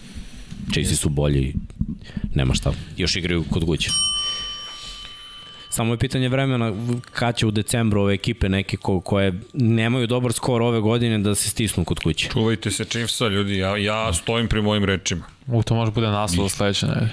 Na Aeroheadu može da bude ono ozbiljna ledara sad. Ja stojim je uz ono što smo još onda pričali, eto, hladno, vatra, jedini koji tamo imaju oganje, lepo, on, i, i mislim da će biti mnogo opasni. Ja vidim Patriota i Chiefs, iskreno. Meni su to dve ekipe AFC-a. Da, da. Bukvalno, Okej, to su te dve isto. ekipe. Ali saznaćemo, ej ljudi, polako se približavamo kraju regularnog dela sezone, još malo pa polovina decembra, tu smo, tu smo ljudi, playoff je tu. Ovo je sada prava zabava i, i dalje je sve moguće. Ko zna ko će uhvatiti zad, ko zna ko će se okliznuti, ko zna ko će iznenaditi. Jel, jesmo sigurni da je, da je završena luda sezona u smislu O, da ne, neko ne, neće. tek E, počinje. Ko zna ko će da pobedi koga. Znaš kada ćemo biti sigurni da je završena sezona? Kad se završi sezona. Tako, tako je, nema, Tek se ubrzava Ringiš pa polako. Da, bukvalno se ubrzava ringišpil. E da, možemo, može jedan promo, u stvari dva, tri proma, nismo onaj video ubacili šteta. Promoa. Da, da, da, pa knjige sam hteo da spomenem neke. Jao, nismo ubacili ni Kimija ni Rosija. To treba da ubacimo Ček. za sledeći put. Znaš zašto? Hteo sam da citiram Kimira i Konera. Znaš, kada su ga sad pitali ko će da osvoji titulu u šampionatu sveta Formula 1, pa ko bude imao više pojena na kraju godine. Da, da, to je, ja volim te odgovore. To je jednostavno, što me pitate? Miksa, ti ćeš znati ko je to igrač možda na Oregonu kad je bio košarkaš i kada ga je novinar pitao Ja, a, Oregon. kako komentarišeš to što su protivnička ekipa večeras imala više skokova od vas i on kaže, evo ga Kimi. Evo ga Kimi. Za one koji vole Kimira i Konena, u izdanju ovo će biti treća knjiga Infinity Lighthouse-a, mada će verovatno biti završen pre druge naše knjige, pošto je nestašica papira inače ozbiljna. Da, ne znam da li znate, potpuno ludilo sa papirom o, i... Kad je bila korona, si kupali papir za ne? Ne, ne, ne, ne možeš da veruješ. Znači, ne stvarno je frka s papirom, ali i to se trudimo da završimo što je brže moguće. Izvinjam se svima koji čekaju, ali znali smo da ćemo do polovine decembra sigurno čekati, bliže se taj datum za knjigu Valentina Rosija, ali prevedena je knjiga Neotkriveni Kimira i Konen, kupljena prava legalno. Ljudi, sada možemo da se lepo pohvalimo. Infinity Lighthouse, to je krenulo kao ideja, zahvaljujući svim ovim divnim ljudima ovde, to je sada kuća medija, tako sad već zovemo Infinity Lighthouse, bukvalno, i knjige su tu, i stiže nam jedna knjiga iz Sjedinjenih američkih država, neću još da imenujem ništa, ali stiže knjiga da vidimo da li vredi kupiti prava o NFL-u.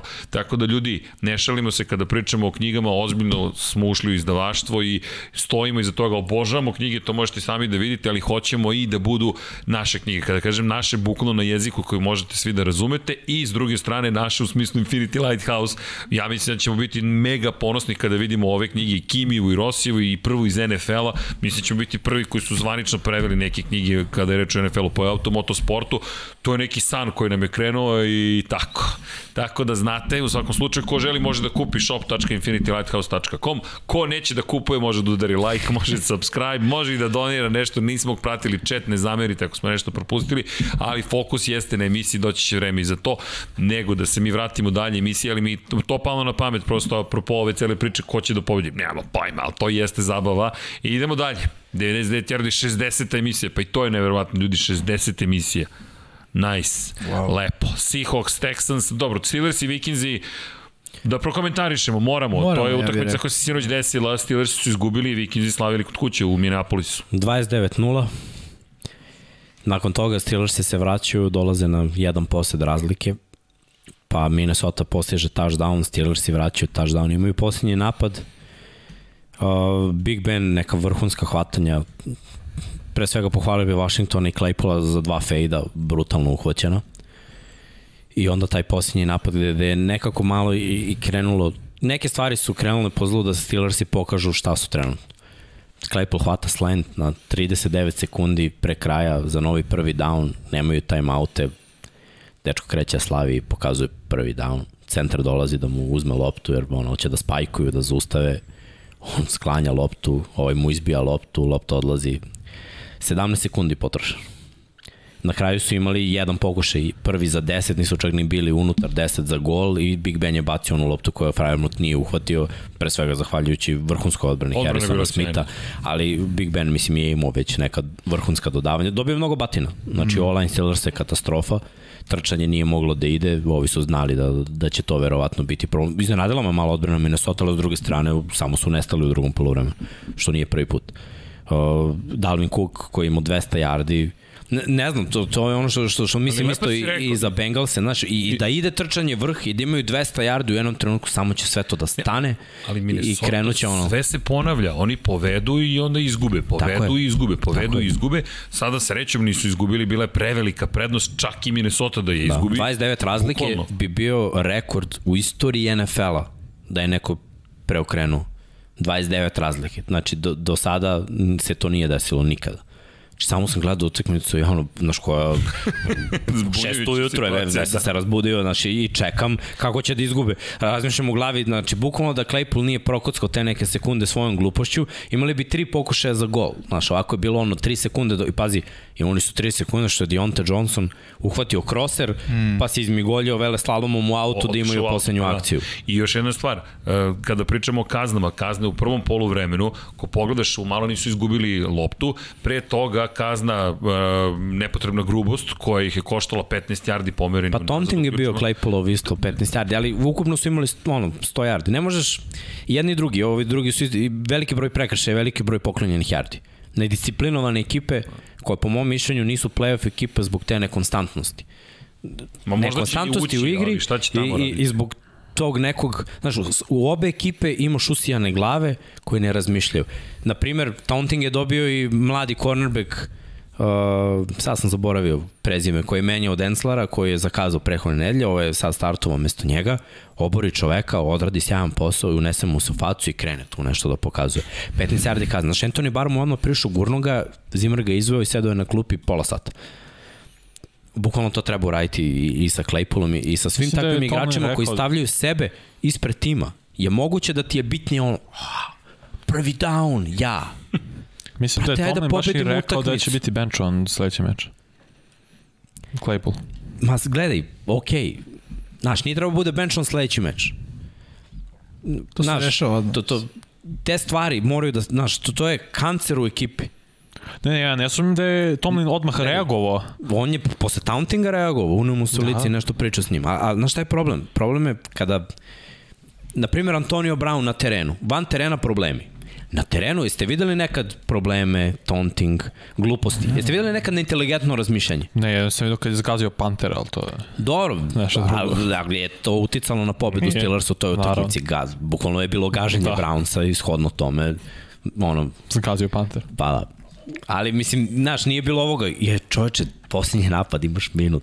Ne možeš da budeš toliko neinteligentan, toliko da ne razmišljaš da ono, prvi down odmah bi trčao da stavim loptu, da dam centru u stvari, ne bi ni stavio loptu da je odbrana ne pomeri. E, ali to je razlika između odličnog i dobrog hvatača. Znači, uhvatio stva, stvarno brutalan fade i nakon toga i ovo bio je ono, mogao da bude igrač odluke. Ali svoje ekipe je oduzeo bar dva pokušaja, znači da je 10 sekundi, to su dva downa u NFL-u.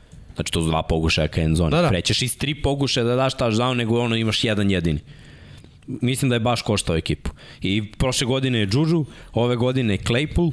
Znaš, mi sve nekako, ja, Benja, Mator, ovo, ono, i Steelers, ovo, ono, nije, nije mi okej okay da gledam, a, a sve je više useni glavu u NFL-u. Sve više počinje da me nervira nerazmišljanje igrača. Zato cenim ove redke, koji igraju na vrhunskom nivou i ono, malo uključe mozak. Znači, Mora se uključi mozak. Da. Ko će da uključi mozak? Pa taj koji uključi mozak, znaš, ta- taj će na kraju da dobije ugovor da, da, da igra duže i taj može da, da pomogne da ekipa ode. Jer ovo je timski sport. Ne može, pogrešno si izabrao sport, a ako želiš da budeš, da bude ja, onda bolje da se otiš u NBA i da šutiraš 20 trojki, vremenom bi naučio da ih pogađaš, a onda bi bilo ti. To je pet igrača na terenu. Ovde je 11 igrača. I e, hvatač je najnebitniji, evo on će ti potvrditi Jimmy. U, u celom napadu sve kreće ono online quarterback, running back, pa onda hvatači su poslednja rupa nasvirali. Iako se to ono, ako si najbolji hvatač u ligi, može da se priča i da se poštuje pozicija, ali generalno gledano naš slačionicu i sve, hvatači nisu ono centar pažnje. Zato imaju taj diva sindrom. Znaš, to, to ti ono, oko toliko nisi u centru pažnje u slačionici da moraš u javnosti da budeš u centru pažnje. Neko će da me primeti danas. Tako je, kao kad te ne vole kod kuće. Šalim se. Seahawks Texans. Pa, mislim, uh. Texans i ono... Mada u stvari jedni i drugi su prilično loši, ali Dobro Houstonu. Seattle mora pobedi, otkud znam. Cowboys Texans, Washington. To smo već To smo rekli. rekli. Čekaj, je li u Dallasu ili u Washingtonu? A, to je sada pitanje. Ne, Ajde proverimo. Ovde je bilo, ovde je obrnuto u odnosu na ono što smo najavili. Washington. Mislim da je u Jerry Worldu, da sam obrnuo. Da vidimo samo da, ne, da vam ne damo pogrešnu informaciju gde se zapravo igra. Čini se da se igra u Washingtonu. A pa da. Da, Da. Washington. Ok. Eto šala, eto zabave. To je Niz je onda još, Da, još zanimljiviji. Da. Da. da, u Vašingtonu se igra utakmica, ovde je preciznije. Izvinjavamo se za malu greškicu, ponekad se potkradu, ali Cowboys i Washington, ok, ovo može da bude ako promere, ako se igra u Washingtonu, idemo dalje. Raiders i Chiefsi, kod kuće Kansas City, ovo smo već Da. spomenjali, 49ers i Bengalsi, Isto. ad acta, Saints i Jetsi, Čak, mo stvari kamera se vraća. Da, mislim da je out i dalje. Da je out i dalje. Ako se vraća baš izabro nedelju kada će da se vrati. ne, tiče ne mora. Dobar si, Može i da ostane malo, da odmori. Mislim, da. pazi, ako kamera ne igra, Jetsio mogu da iznenade. Nije da ih biraš? Da iznenada. Legit, ne, ne biram. mogu da iznenade. Mogu da iznenade. Dok šta je iznenađenje, ne razumem. Da pobede. I, I tu i dalje Mark Ingram. Da, da, ali dobro, ja, ja se nadam, nadam se uspehu, treba nam još neka pobedica malo, da steknemo samo pouzdanja, da, da, Treba, Sada bolji jedan. Da. pa i na- po, to će nam pomoći nevjerovatno, neviđeno, to kao E, Jackson. hoće. Spasa, hoće, hoće. Topiš defensivnog enda, jedno brutalno. Dobro, to može, Pa to si to mislim. može, to može. Idemo dalje, mi ako još izaberemo tako nešto, ako budemo u prilici. Ali dobro, Jaguarsi idu u posetu Titansima, ali sa Jaguarsima se nikad ne zna, oni izaberu uvek najgoru ekipu da ih pobedi. I neki tako osjećaj će pobede tenisi, ne znam zašto. Ga, vraća se Julio. Dobro je. Jer sam birao tenisi. Vraća se. Ne, Da, ne, smo ne birali može, tenis, pa Mislim je, da niko nije pitao. Ne može. A, to Tenis se je tako dobro. i desilo proti Buffalo, tako da.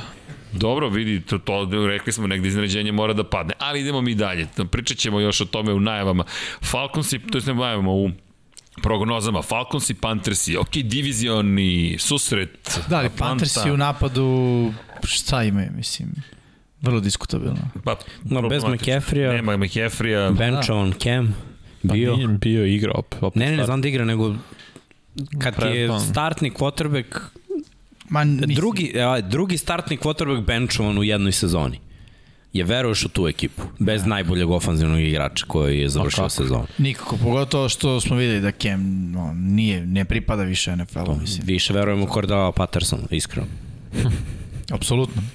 Apsolutno. I u tu neku hemiju, da nazovemo, koja postoji u Atlanti. Mislim, de facto postoji, igrali su prvo polovreme sa Tampom, mislim, bio je meč.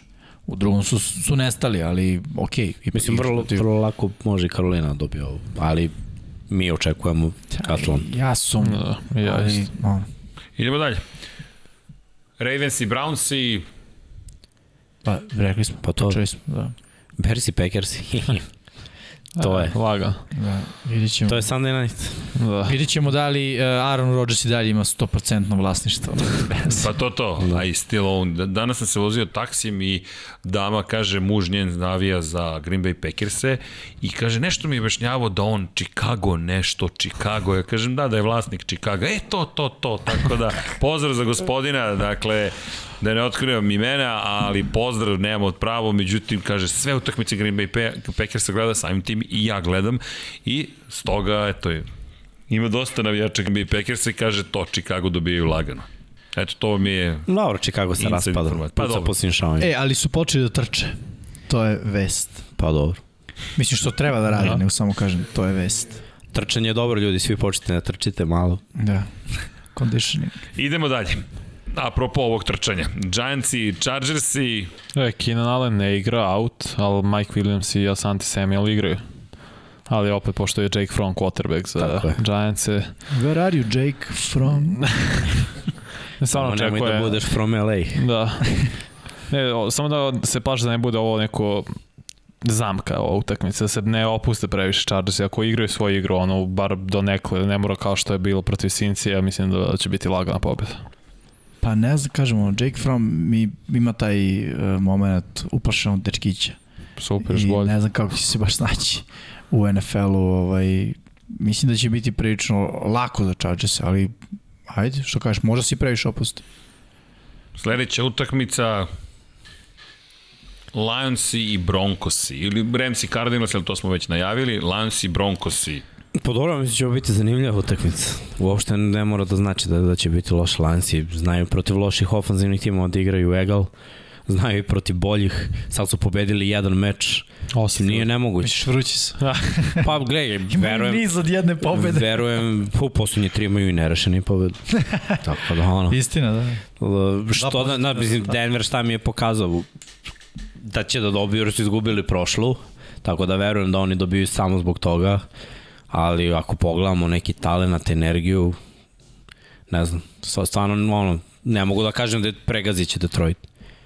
Ove godine da. i ekipe za koje sam mislio da će pregaziti Detroit nisu pregazile, nego su ono, pobedili su ih, okej, ali mnoge timove, na- naročito AFC, ne znam zašto ono, Detroit igra dobro protiv AFC-a, bolje nego protiv NFC-a. Mm. Što ono, sve ukupno od Ravensa, Steelersa i, i Brownsa od čitavog severa gotovo nisu primili 40 pojena. Sve zajedno. Kad Da. se spoji. I znaš šta mi je isto zanimljivo, što a, Broncosi ove meče, mislim, ove mečeve sa manjim brojem pojena uglavnom gube. Čini mi se. A, a ovde nekako ono, ne verujem da će baš biti nekog raspucavanja. Modu Detroit se raspuca prošle nedelje. Detroit ume se Ko zna, ma ne znam, znaš da ne, nemam predstav. Da, baš- Idem baš na. Denver jer su izgubili prošlo kolo. Ne? Da, ono, kao plus minus. Sad, sad dobijaju. Jeste. I još jedna je ostala. Da Tampa i... Da. Bills i Buccaneers i to smo Da. isto pričali. Izanalizirali. Dobro, pa ono, nije, prošle nedelje smo bili okej, okay, a ove nedelje vi isto delo ima par derbija gde, gde može da bude baš neizvesno. Ali u, uglavnom se neke stvari malo raščišćavaju. Naravno to. NFC-u gde se vide koje, koje su ekipe sad ono baš bolje i ove ekipe koje se kolju za playoff. Tu, tu je baš veliki jaz ono, između. Mm. S druge strane u AFC-u je, je tanka linija između tih ekipa koje su prvi u diviziji i ovih ekipa koje pretenduju da, da im otmu prvo mesto. Baš ono, na pobedu su razlike.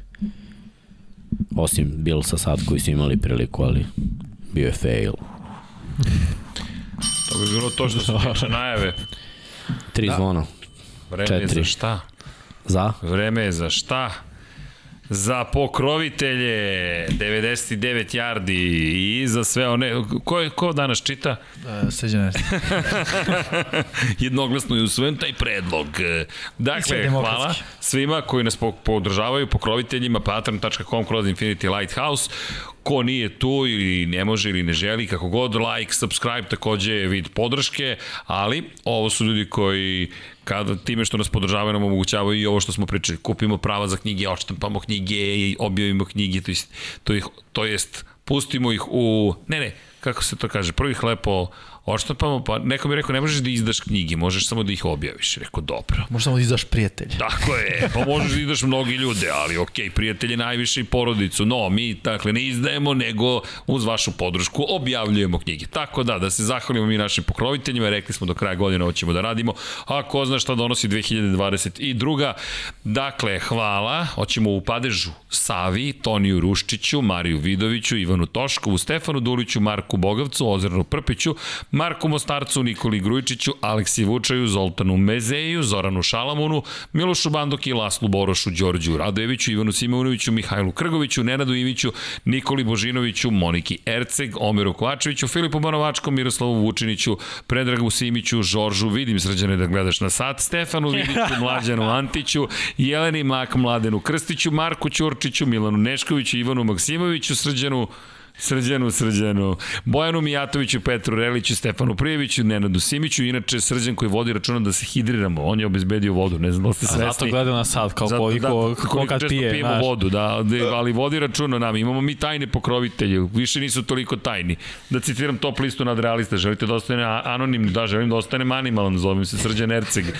Tako da, hvala i Luki Savoviću, i Andreju Božu, i Borisu Gvozdinu, Borisu Golubaru, Zoranu, Zorani Vidić, Luki Manitaševiću, Ljubi Đuroviću, Borku Božunoviću, Đorđu Andriću, Aleksandri, Aleksandru Gošiću, Mirjani Živković, Nemanji Miloradoviću, Milošu Vuletiću, Danielu Kolobariću, Vukašinu Vučenoviću, Ognjenu Marinkoviću, Miroslavu Cvetiću, Marini Mihajlović, Jeleni Jeremić, Antoniju Novaku, Stefanu Miloševiću, Nikoli Stojanoviću, Jasenku Samarđiću, Mihovilu Stamičaru, Stefanu Nedeljkoviću, Zoranu Majdu, Josipu Kovačiću, Lazaru Pejoviću, Benjaminu A, Nemanji Jeremić, da ženi ne sazna, to je da žena, kako to ide u padežu? E, da to ženi sam te ne čekao. sazna. Tu sam te čekao.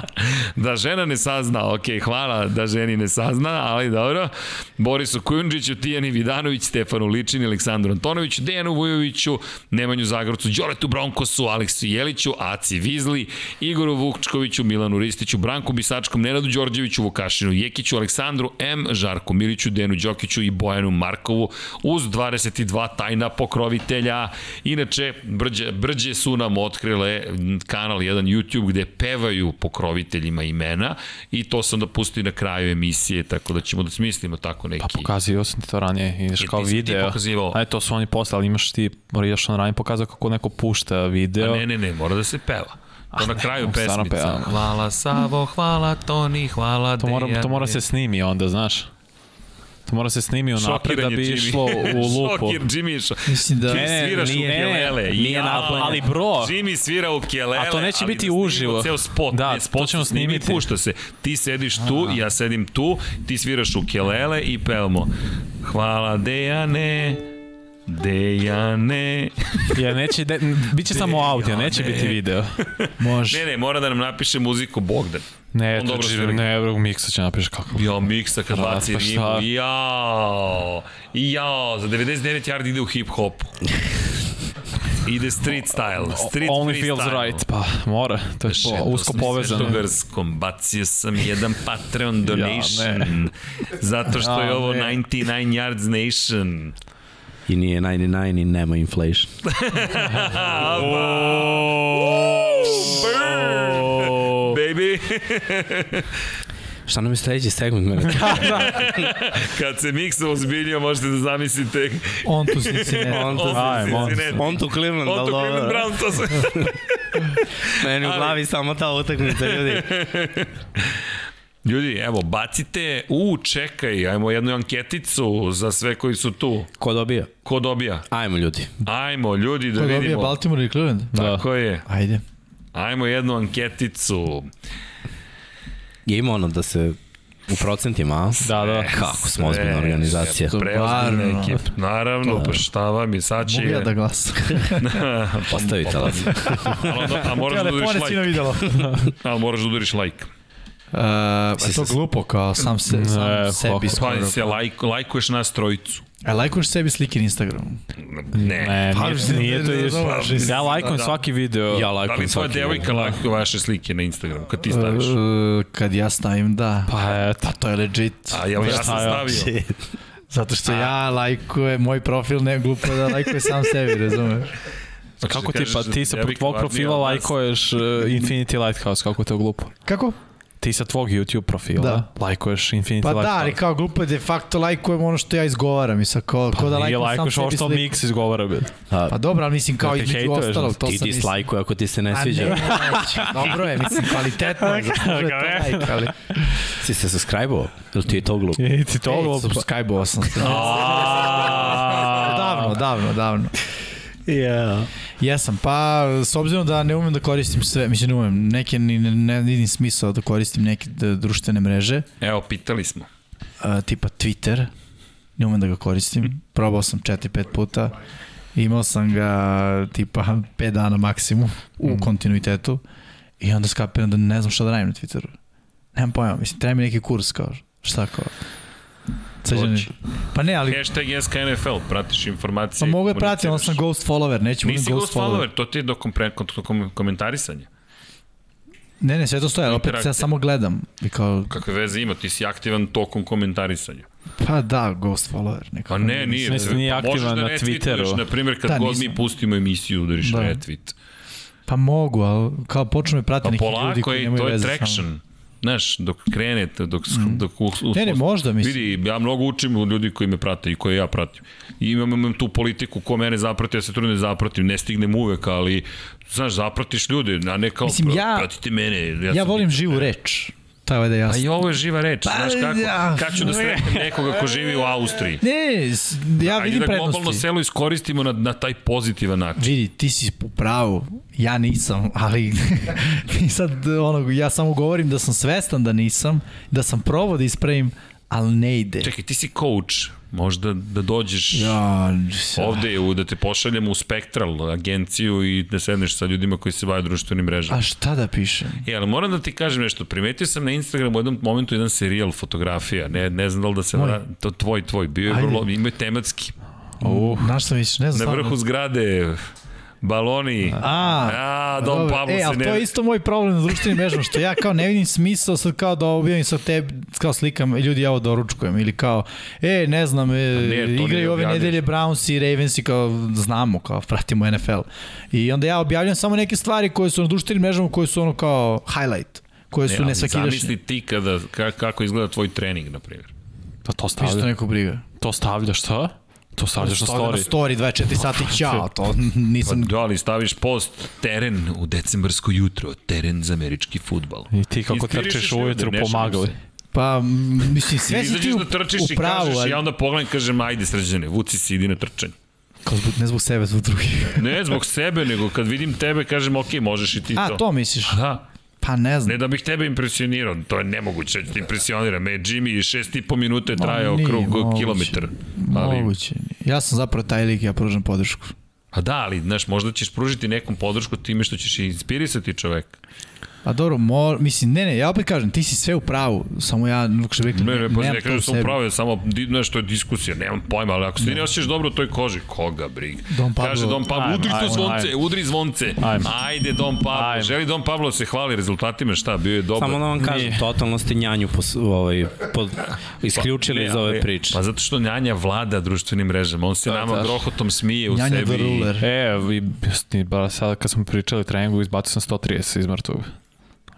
Misliš podigo? Čekaj, Podio, kako pa se Što bi rekao moj profesor, mrežama? a, kojem rukom? Čekaj, jesi stavio na Instagram? Niste, stavio sam se kako guram. Dobro, Nije stavit ću, evo sutra ću Vi nije na snimiti. Instagramu, to se nije desilo. Svanja, koeficijenti su bitni za, za te vežbe. Pa dobro, ja imam 80 kila. Sve jedno, dvojka, mora se gađati dvojka. Nije, jedan i po je dovoljno. Za šta? Pre, jedan i po je Za dovoljno. Instagram.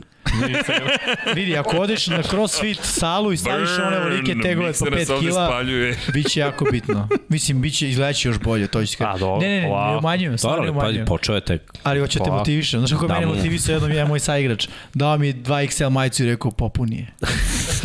to je to, bre. Daj mi džemper neki. Evo, malo. mogu ja da ti kažem, e, evo, društvene mreže, šta se nama desilo? Ja sad sam bez reči, bukvalno. E, Don Pablo na aparatima. Ne, ne, bukvalno, evo, evo ti primjer društvenih mreža. Znači, ovo je potpuni, e, pot, pot, potpuni šok, moram da ti kažem, ali pre pozitivan šok. Miodrag Kotor nam je bio gost preko Zuma u utorak i sredu. To je čovjek koji je bivši direktor Ferrarija, logistike, čovjek koji je držao Schumacheru tablu na zidu do, no, za svaki njegov krug u Ferrariju jedan gospodin, čovjek koji sada je šef ekipe Leopard Racinga u Moto3 klasi, jedno ih njihove monografije tamo. Dakle, govorimo o čoveku koji je pobeđivao sa Ferrarijem, osvajao titule sa Schumacherom, pobeđivao na reliju Dakar, pobeđivao na 24 časa Le Mana, vodio tim do titule šampiona sveta u svetskom prvenstvu, bio nam je gost, evo, on je, on je postavio na društvene mreže proslavu prosto Leopard Racinga i hashtag je između ostalog priča o Leopard Racingu, Joanu Miru, Moto3, MotoGP, B Leopard, njihov hashtag, Lab 76 i at Infinity Lighthouse. Respekt. A, I Joana Mira i Infinity Lighthouse je tagovao. I sad šta, znaš, društvene mreže u tom kontekstu, sad je neko tamo negde video neki Infinity Rich. Light. Pa da, ali znaš kako, ja to gledam, ja zaista ljude tu gledam, ne gledam brojeve, svi hoće brojeve. Znaš, koliki su vam brojevi? Ne pričam broja, nego baš o ljudima. Do, to znaš, neki novi ljudi će moći da vide nešto. Zato ti kažem, znaš, to me, to, to, to ja nisam u početku razumio, šta će sad sad s hashtagovima, stavim hashtag i šta. Dok ne shvatiš koliko, znaš koliko sam ja naučio od ljudi na društvenim mrežama. Stvari koje mi ne vidimo, neko ti pošalji kao srđane, vidio sam dobru knjigu, pročitao sam dobar članak, uh, čuo sam dobru priču, Ja sreo sam slažem. nekoga, razumeš? Jest. Ali ti moraš da daš deo sebe. Znaš ko je to super rekao? Valentino Rossi. Znaš, pitamo, jedno od pitanja nam je bilo kak, znaš, već koliko godina potpisuješ autograme, fotografiše se i to je deo priče koja je tebi svakodnevnica, ali većini ljudi nije. Ti kad uđeš u kabinu, 99,999% ljudi nikad nije videlo komentatorsku kabinu.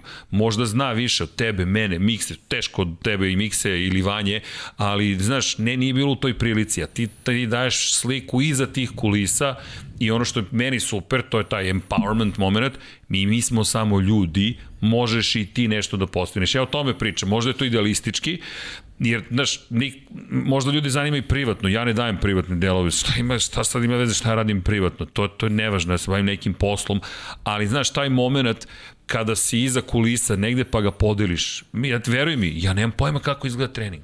Ja nikad nisam vidio trening američkog futbola. Ja, te, a znamo se koliko godina.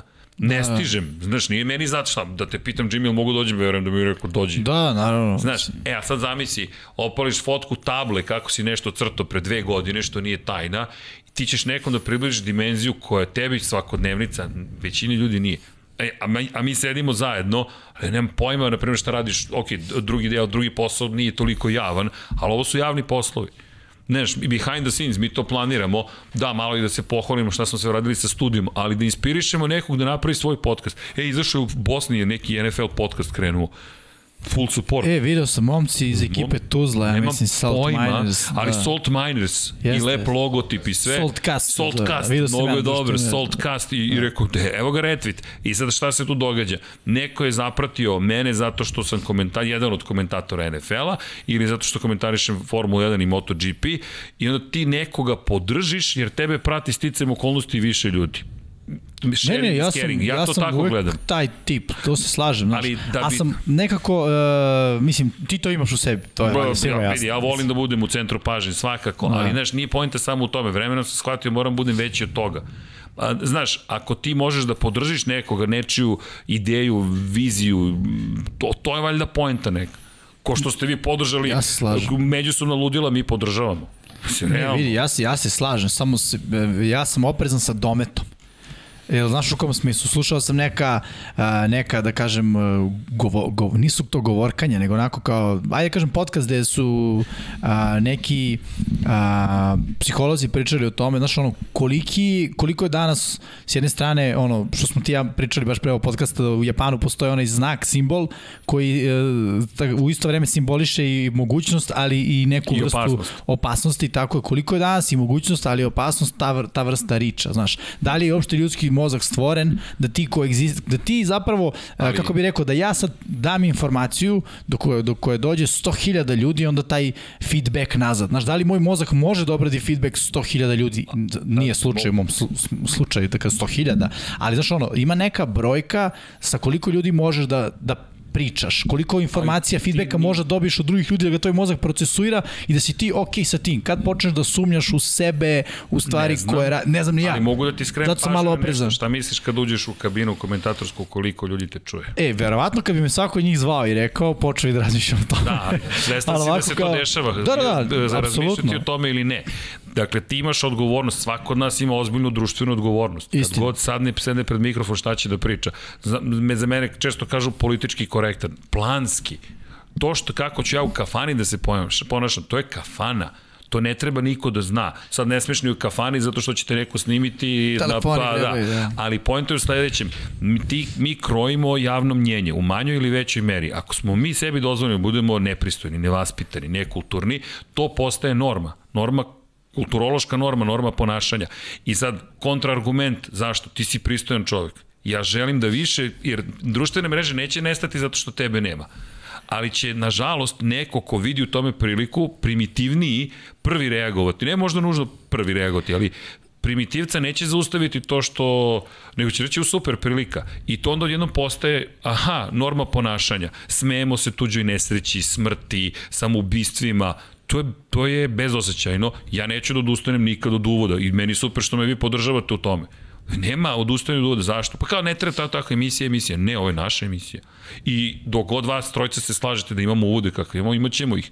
Zašto? Moramo da podignemo svesti o tome. Da, američki futbol je naš fokus u 99 yardi, ali ako mi ne kažemo nešto lepo, ne kažemo da smo, smo mi ljudi, imamo teške dane, stresove, proživljamo, ko zna. Zato bih ja više volao tebe da čujem.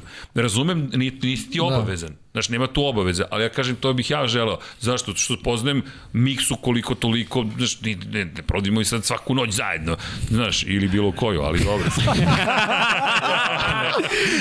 Te nađe noć, čovjek, šta Pa da vidi, znam? pa šta Pa kad se mi sretnemo u Ja, dva ne, ujutro je da Monday nije, Night Football. da nije. Spasovskog, ja bi bio kralj treće smene. Oto mi je krunu. Bukvalno. Ali šta hoću da kažem, znaš, niko vas ne poznaje. Ali ako vi podelite vašu kulturu, onda se ta kultura širi.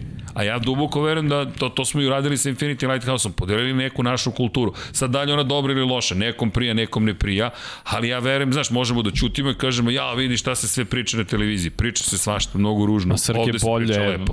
kulturnije od 99%, odmah da ti kažem čega. Nažalost nije teško, ali ja smatram i da je teško da mi to treba da se držimo tog nivoa komunikacije. Onda ja kad tebe vidim na društvenim mrežama, se. verujem iz balonima, ja se oduševim. Hoćeš da, da znaš zašto?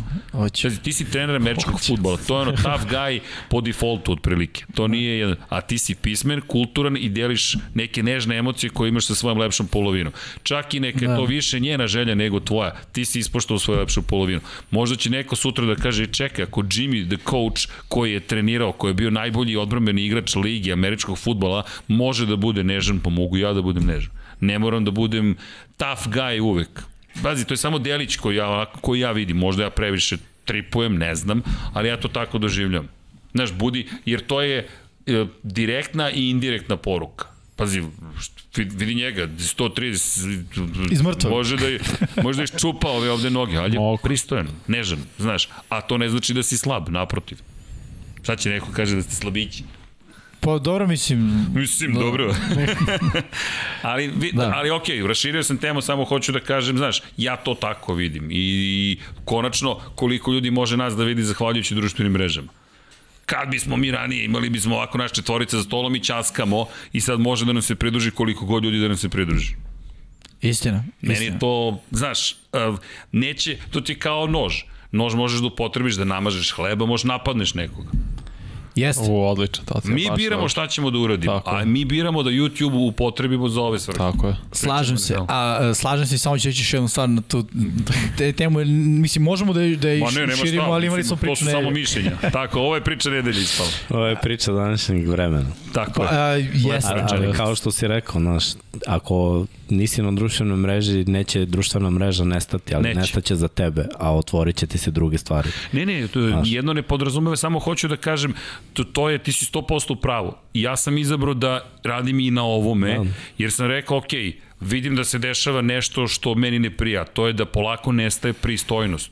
Razumem? I mogu da kukam, ili uveli mogu smo da kažem ovo. Pristojni pet, tako? Da. Uveli smo da... Dan ljubaznosti. Dan ljubaznosti. ljubaznosti. Poslednji, poslednji Dan petak u novembru. bre. Ti Black, Da, Black ali evo miksa, ali miksa ti si isto u pravu. Ili ti, rečima Red Hot Chili Peppersa, bacite televizor kroz prozor. Throw away your television. Paliti YouTube. Palite YouTube. Pa da. Palite Evo, vaš- zezam me, zezam me Pavlo da nemam pravo da kažem nešto jer ne postoji mi. Vidiš dokle smo došli u današnjem satu. Ako nemaš, Jest. da ako nemaš društvene mreže, Da, da, da, ne postojiš, znaš. A To je to, je, to je jako smešno. To je loše Znaš, je jer u stvari ja kad pogledam oko sebe, gde god da odem, zapravo sam jedini koji postoji. Jer su ljudi u ovom. Tako je. Gde god da odem, ljudi su u ovom. Ljudi sednu da, da se vide posle dužeg vremena i ovde su kontakt, brate, očima, ono, ljud, znaš, ono, toga, toga nema. Uh, to, to iščezava polako. Zato ga razumem s jedne strane, znaš, zašto... Zato smo se ti, podelili. ti si druga priča, znaš, ti si druga priča, jer ti, ti se stvarno baviš ovim poslom, novinarskim poslom i u medijima si i uh, radiš prljav posao za nas. Istina, bravo. I, I za ovo radiš prljav, ja cenim Bravo. to, ti to, to stvarno radiš, razumeš? Znači, Wow. ne bi bilo ovog studija, ne bi bilo podcasta, ne, neko je to morao, ti si dao ideju, to što smo se mi složili i rekli, ok, ajde, ajde da realizujemo, znaš kad bi mi dali ideju? Mi bi na treningu i to, to bi mi radili. Da, I u teretani. i podržali. Jer- Tako je, I I jer, jer smo, imamo petka. viziju, razumeš, i, i hoćemo da radimo nešto ne samo zbog nas, nego zbog ljudi, jer volimo ovaj sport i hoćemo da ljudi razumeju i vide, znaš, hoću da prenesem svoju ljubav prema nečemu, ali ne treba mi društvena mreža za to. Ne, ne. I, ja ja, razumeš. ti- ali to zato je timski rad. Da. Znaš, ja ću budem na društvenim mrežama, Da. da. Vanja će da bude na društvenim mrežama, Infinity Lighthouse kao koncept će biti na, biti na društvenim mrežama i nikog ne treba terati, ja samo objašnjam zašto, ali vidi, kroz 99 yardi vas dvojica ste se tu pojavili kao ljudi eksperti, ka, i to kakvi eksperti. Meni je zadovoljstvo, ja, ja, ja, ja, ja čutim, slušam vas trojicu i šta, ja treba da uradim moj deo posla, ali e, znaš, a meni je to ba- fenomenalno. Baš to što si rekao, ja onda se, znaš, gledam to iz druge perspektive u smislu, e, ja znam o ovome da pričam i mogu pričam o tome. Kao, kao čovek, da, kao što je nedavno i Novak rekao, on, ja, ja sam pre svega čovek i naravno da imam mišljenje i stavove po različitim temama, ali moje mišljenje moje, tvoje, bilo koga, nas, bilo koga koja recimo na internetu ima neku vrstu gledanosti, može da dobije onako jednu vrstu zamaha, zamajca, razumeš, i, i zaleta, što mene nekad zna onako da s jedne strane uplaši, kada je meni jednom jedan prijatelj rekao, ej čoveče, ti razumeš da ti bukvalno utičeš na mišljenje da. 7000 ljudi koji, koji gledaju vaš podcast ili koliko je to 10, u zavisno od epizode, epizode, kreiraš, ne mora se složi s tom, a si ga podstakao da razmišlja na temu koju si ti rekao i nekad stvarno ono, shvatim to što ti govoriš i osetim ono veliku dozu odgovornosti i svega i onda kažem, ok, ja znam da pričam o ovome i mogu pričam o tome i to me jako zanima. A sad ako i počeo da pričam o svemu, Ali ne, mi Pitam se, nismo, znaš, ali znaš, ono- znaš šta je meni, šta je, šta je meni tu poenta? Ko, koliko god ja volim neke druge teme i stvari. To mi se zove 99 yardi. Mi smo o nekom rekli, nema clickbaita, mi smo rekli pričat ćemo o patriotama, o porezu, o smrti pričat ćemo o, o američkom futbolu. Cirkus. Ako, pa da, ali nema, nema laži, nema prevere. A ne, rekli smo ti dođi zbog 99 yardi pa ćemo ti guramo neku svoju, neki koncept. Došli smo do, ne do kraja, ali do, pred, tu smo pred, jel te, prognozama, ali ovo je neka tema koja jeste, lepo si rekao, je, de, tema prosto Vremena. vremena u kojem mi živimo, sign of times. razdoblja, da, da. Znaš, i to je prosto sad trenutak, za 20 godina ko zna. Smejem se, juče izašla nova epizoda Seksi grad i svi imaju podcast i rekao, ali mačko, kasniš. Tako da, kakva Kerry Bradshaw, pobedili smo je. ali da, to je, ali mi, ovo nama nije podcast, ovo je nama neki koncept, sećate se, nismo ni pričali jasno, Pod, podcast je krenuo još sa miksom koji nas je dovlačio na, na, na, u, u dvorištance, da ne Kaži ukažem slobodno, molio. Moli. Molio da dođete. Ajde ljudi, dolazite. Ajde bre, ajde bre. Ali, ali dobro, pomirili smo ga. E, krenulo je negde. Tako je. A sad treba da čast. krene. A sad treba krene? Vaš prognoz. Prognoze. Like. A i tako. Da vidimo, Dallas, New Orleans, ok, makar jedna pogođena za mene. Jimmy, šta bio? Pa no. Lepo kaže No pa grafik. seran, dobro. Ja sam biro Giantse protiv Majamija, greška, greška, greška. Indianapolis smo svi birali protiv Houstona, Minnesota smo svi birali protiv Detroita i svi smo pogrešili. Ali dobro, zatim prognoze, ekran broj 2, Filadelfija, Dom Pablo, hvala za podršku, hvala, cenim, cenim ovo, hvala, pad zajednički, Arizonu, svi smo izabrali protiv Čikaga, to rekao bih da nije bilo tako teško, većina je birala Cincinnati, ali Vanja i Hvala Dom Pablo. Dom Pablo za podršku. Pavlo je podrška bio ove nedelje, proslav stvari. Da, da, da. Support player. Lepo, lepo. Tampa Bay smo svi birali i to se desilo. Zatim, Ray, Ray, protiv Remse, protiv Jacksonville, ok, suviše jednostavno. Dom Pablo ostao veran svojoj ekipi, poštujemo Las Vegas Raidersima, Washington ipak pobedio, ali bili ste blizu, pazi, moglo je to i drugačije se završi. Ali, Moglo je i Fioka, ovo sledeće. ali Fioka, ovo je Baltimore, Pittsburgh, da, svi smo tipovali da Baltimore, nije se desilo, San Francisco, svi smo tipovali San Francisco protiv Sjetla, nije se desilo, Fioka škripi, Kansas City, Denver, Jimmy, birao si Denver. Ba da, nisam verovao Kansas City. Dobro, isto pitanje za Dom Pablo i mene, New England protiv Buffalo, izabrali smo Buffalo. Pa dobro, mislim da nije bilo vetra, ko zna. Ko zna, da, ali opet Fioka radi svoje. Fioka je učinila svoje i kada sve saberemo i oduzmemo gde smo. Jao, jao, jao, jao, jao, jao, ali dobro. Mi smo 60%. Pazi, Miksa i Vanja, 121 pogođen, 120. To je duel Miksa, prošle šta je godine, ovo? šta? Smena generacije, šta? Koja? Nije Ko, još. Ko je prvi? Ko je prvi? Ne, ne, samo pitam, jel te juri to? Pa je prošle godine bilo ovako isto. Vanja te ganja. Nema Vanja te ganja. Nja, nja, nja. Nja, njanja, nja, njanja te ganja. Njanja te ganja. E, Vanja me ganja, ali na kraju će da bude njanja, njanja, njanja. E, ali stavimo Vanja ganja. Biće njanja. Šteta što to Dom Pablo nema da uradi tamo. Jao, kakva je ovo prozivka bila. Nemoj sad da padne animirani u 3D, renderovan dok mi pričamo. Ja bih volao to da... E, ali moram da kažemo, uh, osim mene, svi ste se istumbali. Znači, Vanja i Jimmy su Pa nisi ti bili... bio uvek prvi, ba. Bio je Dom Pablo prvi jedno dobro, yes, dve, tri da, nedelje. Pre mesec dana. Pa se jeste. Pa jeste. jeste, jeste. Na jeste, početku. Na kratko. I ovaj, a Pablo i Srđan su bili drugi i treći, a ti Vanja i Jimmy ste bili uh, četvrti i peti i sa, sad se ponovo sve to pretumbalo. Znači Pablo je bio od prvog do poslednjeg, ti Srki isto si se šetao. Znači, znaš, opet nije ovo velika razlika. Nismo konzistentni. Dobro, Pa, pet, Dobro, ti si, ti si udario jedne nedelje sa, sa ono Baš da lucidnim se- prognozama i tu si se zakupao, ali do, to je Jimmy imao par nedelja da je ono bilo. Imao je, da. nema veze. to je taj stav. Ali dobro, mi smo sad ispod 60% ljudi, moramo makar to da, da, da, da sredimo.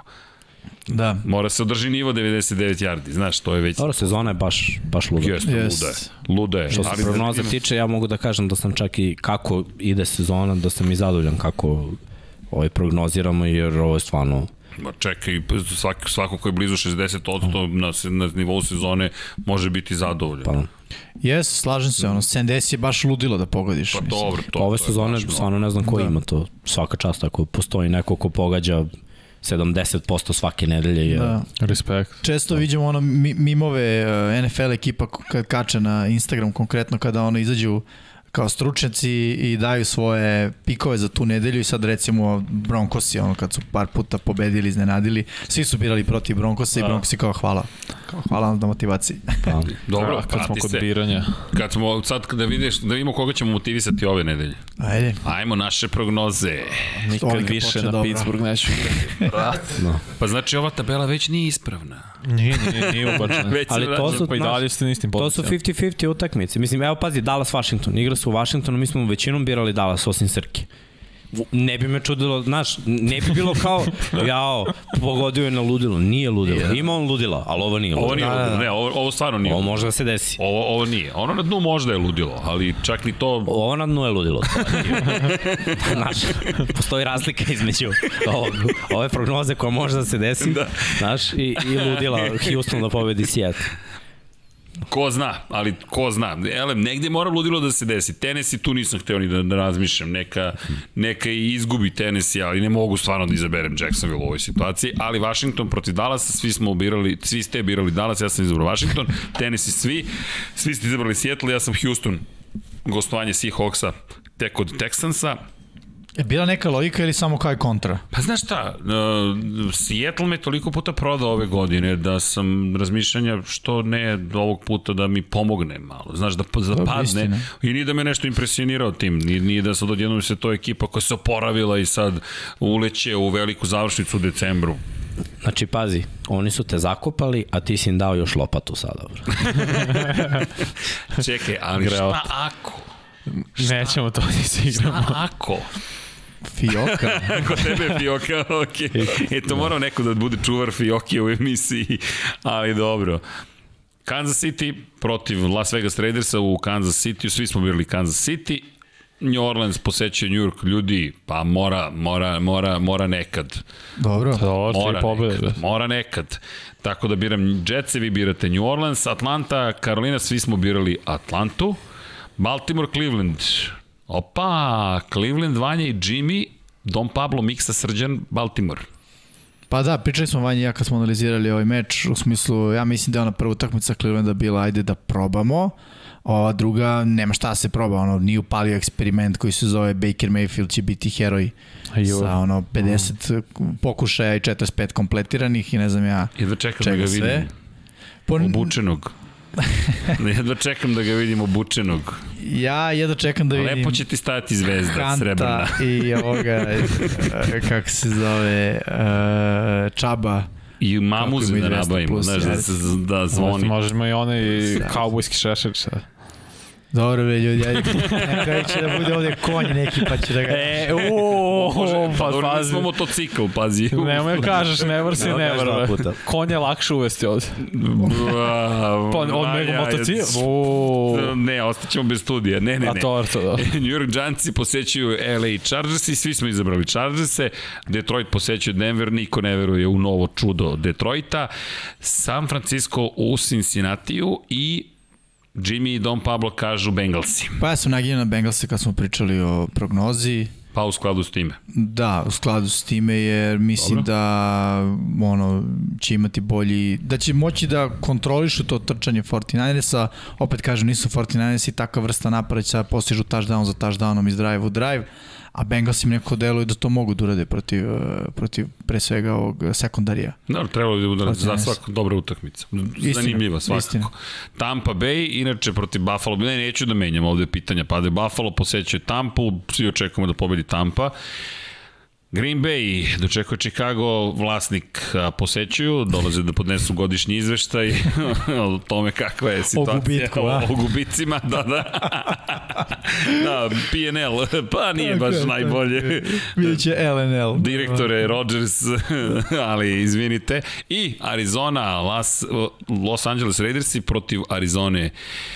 I Ja nas dvojica čekamo Remsi da na prirodi iznenađenje. Pa da, pa kapiram ovan jači od kardinala. o, pa, da li može da ga stigne, to je pitanje. Ili će samo kardinal da, da samo dođe na ovna i kaže vozi, Ne znam, vozi. ja mislim da će biti ovo priča boj se ovna.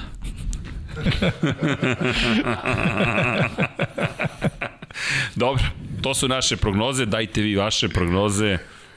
Ne zamerite što još nismo pokrenuli servis koji će time da se bavi, Servis. ali evo, prolazi polako sezona Formula 1, pa ćemo neke resurse da oslobodimo i za te stvari.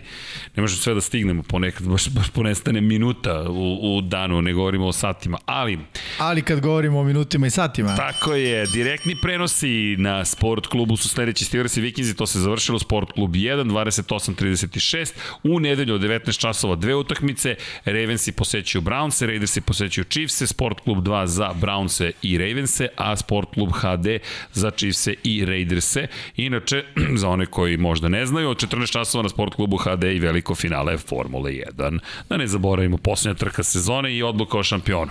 Zatim, 49ers je posećuju Bengalse, Sport klub 3, nedelje 22.05 i u 22.25 Sport klub 2, Billsi u poseti Baksima.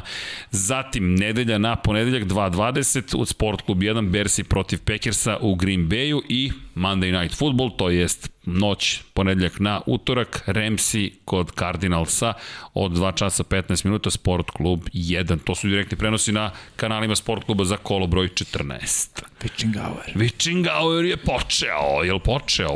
Minuta. Pre 7 sada već minuta, jeste, šta ti je Vanja? Pa samo 4 sata, šta? Ne, Ne. Kako četiri? ne, Trenutno je tri. molim Pa, te. počeo A, plus četvrti. pitanja, pa, da, da. tako, Pa, tek su sada pitanje i odgovori.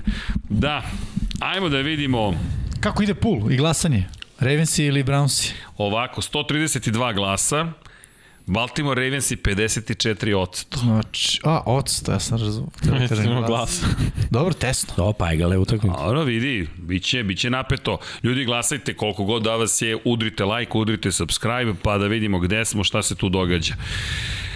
Gde su komentari? Samo da ih nađem, ne zamerite. I evo ih komentari, pa eto, ukoliko imate neka pitanja, tu smo. Samo 4 sata, kaže Ivan Lukić. Da, to je, to je laki petting sa nedeljom takmičenja. Da. Mislim sad, uh, eto dokle stižu pitanja, ono kao priča oko podcasta, da li kraći, da li duži, Vi, vi, mislim mi ne znamo ono... pog- ne znamo. Da pa ne znamo. idemo pa kako bude. Ne, mislim. uspećemo. Jednog dana ćemo uspeti. A šta? Ne znam. To, e, to ti kažem. to dok mi shvatimo šta želimo zapravo, ali vidi, znate sami koliko ideja imamo, ja mislim da sad to treba da realizujemo i da onda da do kraja sezone ove da, da dobijemo ono što smo negde hm, sku, osmislili da skuvamo. Recept je tu još samo da kuhinja proradi. Dobro da. malo dok. Dobro, Sad je predjelo. tako je. To, to, to. Hladno. Hladno, Hladno, hladno. hladno. I pitanje za vas, ali u Formuli 1 ko pobeđuje? Za Luis. koga?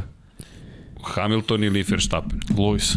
Ja, Osvaja titul. Evo, Verstappen kaže, ne, Hamilton kaže Vanja, Nemam predstavu. Nemaju Mogu da predstavu. ABCD? Pa imaš dva, Hamilton ili Verstappen. Još lakše. Verstappen. Eto, Taman imaš te boje. ok. Nemanja, e, to je Branislav Dević pitao. Nemanja Međedović, Jimmy, šta reče košarkaš iz Oregona? A, da, da, da, to je bila priča. Kad ga je novinar pitao e, na kraju utakmice kako komentarišeš to što je protivnička ekipa imala više skokova, a on kaže e, pa kada, svaki, kad neko šutne loptu i lopta udari u tablu ili u obruč i kad se odbije, prvi ko uhvati loptu, to se smatra skok. E pa oni su imali više toga nego mi. To je bio muk na konferenciji, ono, fazon glupo pitanje kako komentariš su imali više skokova, imali su više skokova, mislim. Pa kako komentarišem? Pa, Šta da kažem na to? Imali su ih više. Da. To je da. to. D dobar odgovor. Inače, eto Igore, m, dobili ste, mada, pazi, Nemanja je pitao, Igor je to pitao. O, wow, ovo je zanimljivo, dakle, ovo je bilo važno Da. odgovoriti na ovo pitanje. Favela QB 4, pozdrav za Favelu, pozdrav za Igora na Nemanju, Branislav i tako dalje. Favela kaže, da li ste znali da je Bill rekao da neće šutirati šut za 3 poena, niti ekstra poena stranog gde duva vetar i to nisu uradili. Bilci su to radili, promašili su, pa su morali da idu na touchdown na kraju, vaše mišljenje. Patriot Way. Apsolutno genij. Videlo se da vetar duva, tačno se znalo. I išlo je Petriocima da u četvrtoj četvrtini napadaju niz vetar. To su greške, mislim, treba da se zna. Prošle godine u play-offu tri promašana field gola, a bio je slabiji vetar od ovoga. Znači udari su bili 55 milja na sat. Ozbiljna brzina. Uh, čak je šut od 20-30 yardi, lopta mora da ode visoko, i spirala nije savršena, tako da može da bude skrenuta u svaku... Stative su se tresle, znači meni je delo da će padne onaj gor na, na publiku u jednom trenutku. Zamislite onda loptica, šta je loptica Jasno. bez stativa se Da, tresla. da. E, izvini, Jimmy, sam te prekinuo pola rečenice za košarkaša iz Oregona. Ne, to je to. Ne, ne, ne, ranije, valjda sam te prekinuo. Ja ne znam, ne mogu se Ja, nemam setiti. pojma. To je bilo pre Ali Witching Hour. primetila je publika, svi mi tra traže izvinjenje. Izvini, Da, malo gan. izvini. Molim vas, pričamo... Non-taken, što bi. Pa to bi oni, ja, ja, sam, ja nisam ni ispratio taj Mislim, moment. priča je bila šaljiva, samo Pa, da. ne mogu setiti zašto je bila vezana. Nemam pojma, ali evo, kao što smo i rekli, pristojno i ljubazno. E da, šta je rekao taj za skokove? Purposeful pita takođe. Ko je to miksa košarkaš? Igra čovjek u NBA-u sada. Pa ne znam baš da... Sa Oregona? Da, bre, neki, ima neki Ayrton, Ayrton, ne. E, Ajde, probat ću da Ne. nađem. Ima ovde zanimljivih pitanja. E, Dino, Ne JD, hoće li biti 99 yardi 31. decembra? Uh, do pada u petak, ja sam to zaboravio, taš. Ta-na-na. Nema šta, pitanje je vrlo lako. Zarad mira u kući neće. Možda napravimo, možda snimimo, pa emitujemo. Kao novogodišnji program, fake novogodišnji program. Snimimo je u trećem satu, tačno je proslava nove godine. I onda se mi radujemo kao da smo ovde. Baylor je u Da, pitanju. da, Baylor. da, da. Koji igrač? Torrent Da, Prince. Inače, Torren Prince. A, dobro, Torren Prince, okej. Okay. inače... Izvinjam se, Baylor je u pitanju. e, Ne, Zeleni vam... dres, zeleni beli dres. Dve stvari, Marko Hector, uh, izvinjam se, šta kažeš? Ne, Baylor je u Baylor. pitanju, da. Mik se rekao i ime čoveka. Torren Prince. Torren Prince igra i NBA. Pitanje, to je Marko Hector, pitanje i konstataciju. Evo pitanje, igram važno kolo u fantaziju za playoff. Šta mislite, koji kiker? 49ersa ili Cardinalsa? Toliko je gusto da je spalo na kikere. Muk. 49ersi, 49ersi igraju na otvorenom. Šta je rekao drugi? Cardinals. Cardinals igraju u zatvoru. Cardinals igraju u zatvorenom. Hvala. Eto, Cardinals i Marko. Inače, Marko kaže, nama nije problem ako je podugačak, to ako je dugačak podcast. Ko ne može da gleda, nek pauzira nama koji volimo, ovo je super. Hvala. Hvala. Šta mislite da Bilsima, da li mislite Bilsima izmiče playoff? Đole pita. Komentari Mogao sad. bi. Vidjet ćemo nakon one tamo nedelje. Da.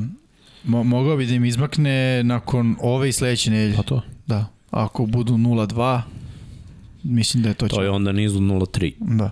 To u- ne sme da se napravi u decembru. 0-3 niz. Nikako. Istina. Evo pitanje, Branislav Dević pita da li se vratila zla imperija i Nije zla. pitanje, da, zgradi se novi stadion. Da, pa dobro, nije baš novi u potpunosti koliko su Rekonstrukcija. rekonstrukcija je postojećeg Postojećeg. život stadiona. Da, pa dobro, davno su ga i, i pravili tako da je vreme za, Da. za unapređenje. Ali da, nisu, nisu zla imperija. Imperija jesu svakako. Inače, Jimmy Franco ima pitanje za Miksu. Kako Miksa spava noćima znajući da je dao tipove koji su pali? Kao beba. Pa, Kao gledaj, Batman. još gore je spavati noćima kada znaš da, da si dao pare kladionici. ja me shvatiš pogrešno, ali to je lična tragedija. Tako da, ono, ne, nema ove godine stvarno, stvarno nezahvalno. Znači, eto, prošle nedelje smo imali dvocifreni broj pogođeni.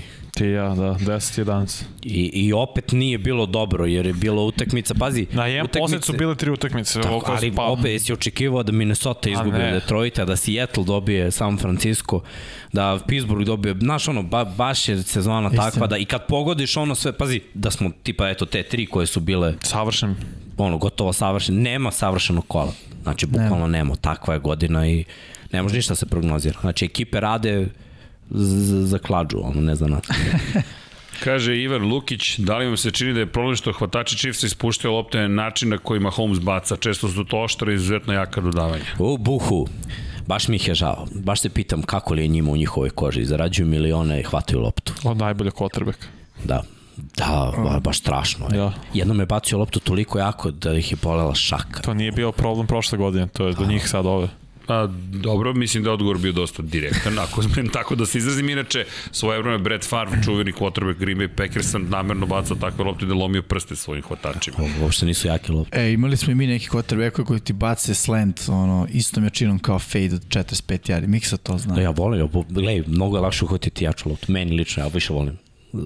Ok, uzevši obzir da imam velike šake. Ali na šelo je baš razumeš? neprijatno. Da, gledaj, jeste neprijatno, zadnje jeste, rame. jeste. Ne, ima ruta koja je ono, volao bih da, da, da ono, malo mekša, ali nije to problem. Znači, stvarno nije. To da bude razlog zašto sam ja ispustio loptu, što je lo- lopta oštra. Znaš, da je loša spirala u pitanju. Znaš, da, da se ono, da ide ko pant. Onda možeš da malo kažeš, znaš, jer, jer opet ti ka- kada gledaš, gledaš vrh lopte, kako ćeš da pozicioniraš za vrh lopte šake. I onda kad se ona okreće, znaš, i ona Teže. ne, ne ide precizno. Što je veći, što je manje savršena spirala, lo, lopta ne završi na mestu gde, jer ti vidiš loptu kad je kotreo i baci i oceniš gde će ona da bude na kraju iz nekog iskustva koje imaš. Otprilike već zna, i znaš i rutu koju trčeš i znaš otprilike gde ste vežbali na treningu, pa tako to. je. On kad ti baci ono neku odvratnu loptu, tu Još možeš, to, to može da se razume. Lopta u zemlju, to je 50-50 lopta, može da se uhvati da se ispusti lopta koja ide u ruke, u šake, sa, sa pristojnom spiralom, nema opravdanja. Ako pipne obe šake, nema opravdanja.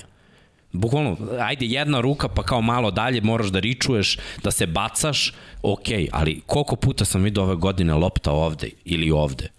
Mnogo puta vidim hvatače Chiefsa da loptu ko mogu da pokupe ovako, oni hvataju na najdaljem momentu ovde.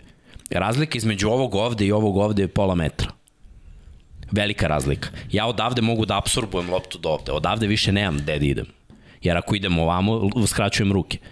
Oni Ko je to rade. odgovoran za tu tehniku? Je- Ko radi sa njima da kaže, ok, ljudi, možda Big možemo... play.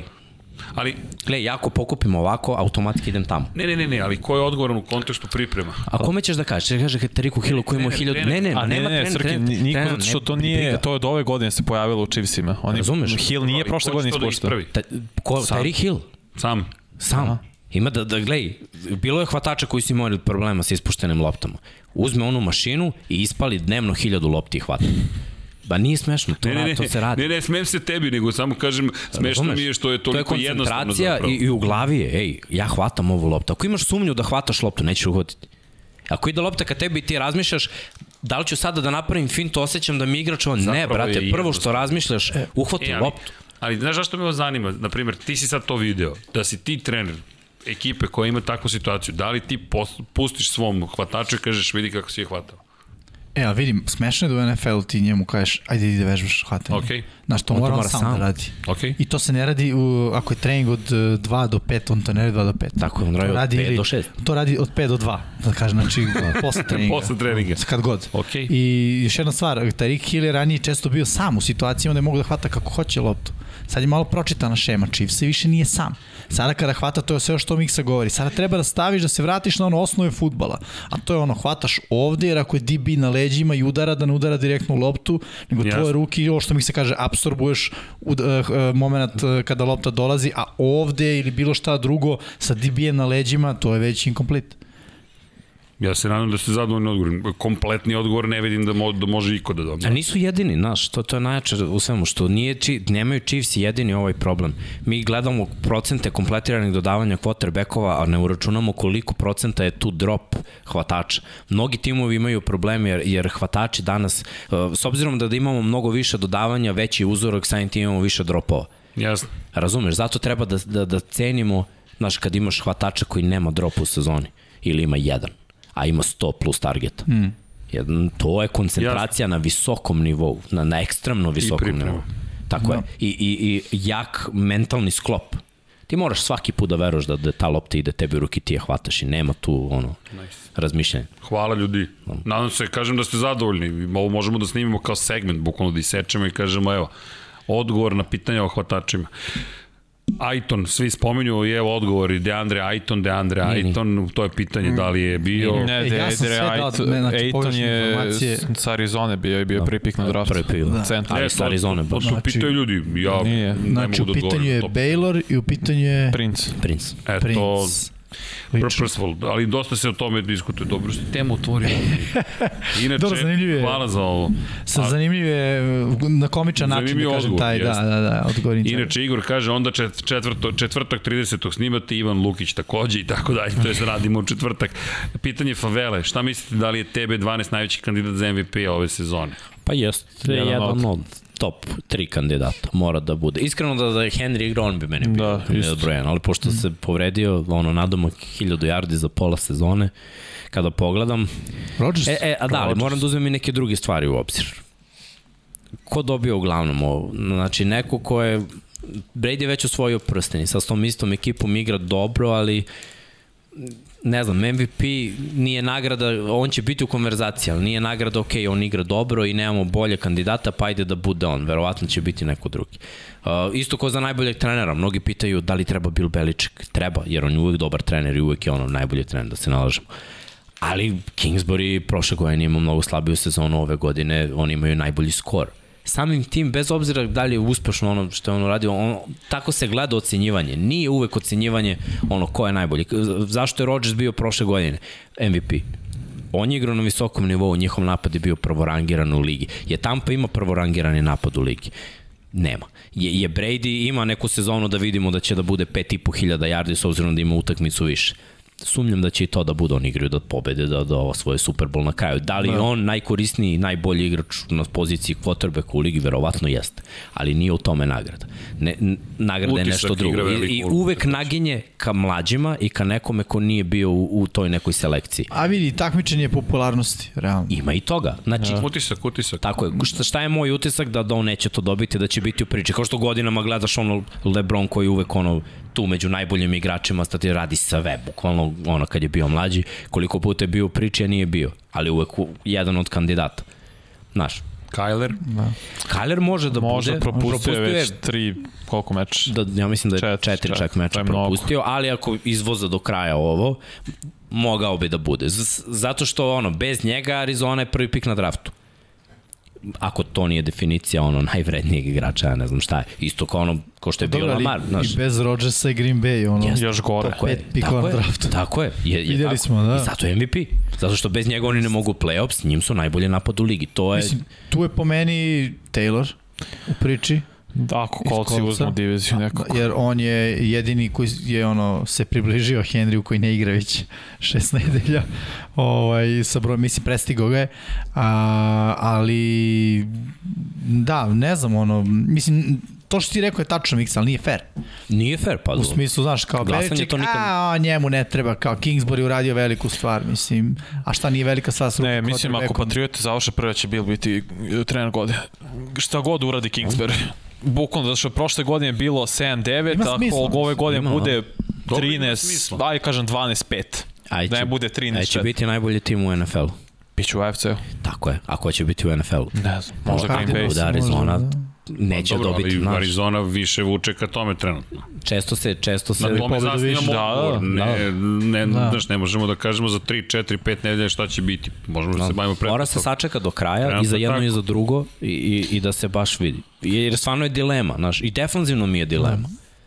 Znaš, ne, nema opet, ono, dominacija neka. JC Jackson. Da, ali, znaš, nije, nije kao, e, sigurni smo, nema ono, Rano je za. JC Jackson, rano je za DB-a, još, o, znaš, bio je Gilmore. Inače, mislim da je rano. Izvinjam se, Nikola Nedić kaže ja se plašim da Baltimoru može da izmakne playoff. Može. Može? Da, raspored je takav, pazi, dve pobede, Baltimore je u najboljoj situaciji jer od pet utakmica dve pobede Ravens se vode u playoff jer druge ekipe koje jure wild card moraju da dobiju četiri u tom slučaju. A Ravens imaju taj tiebreaker jer su dobijali u konferenciji do do skoro oni su izgubili u stvari dve divizijske utakmice. I u diviziji imaju 1-2, ali tek ih čekaju divizijske utakmice sada. Tako da 10 pobjeda, ja mislim da u AFC-u se s 10 pobjeda ide u playoff. Mislim da ako uzmemo situaciju da ekipe većinom imaju 7 i 6, 10 već deluje onako. u Super Bowl. Bukvalno. Bukvalno. Tamo će biti 9. To, ono, to smo pričali pre dve nedelje. Ja mislim da smo povukli Prvo sam mislio da mi je dobra šala, onda sam shvatio da to nije daleko od istine. Nije. Bukvalno. nije. Da. Ali ima još pitanja. Kaže Dušan Arsić, prvih 13 mečeva Lorenza 2514 yardi, 9 dodavanja za touchdown, 10 presečenih dodavanja, 70,3 quarterback rating, Minšu u prvih 13 mečeva 3271 yard, 21 dodavanje za touchdown, 6 presečenih dodavanja, quarterback rating prosečan 92,1. Vaš komentar da li do trenera ostatka ekipe quarterbacka ili do svega pomalo? Poslednje. Svega. Do svega, Svega pomalo. pomalo. Jeste. Jer, znaš, Mi, Minšu, ok, i od tad, ništa.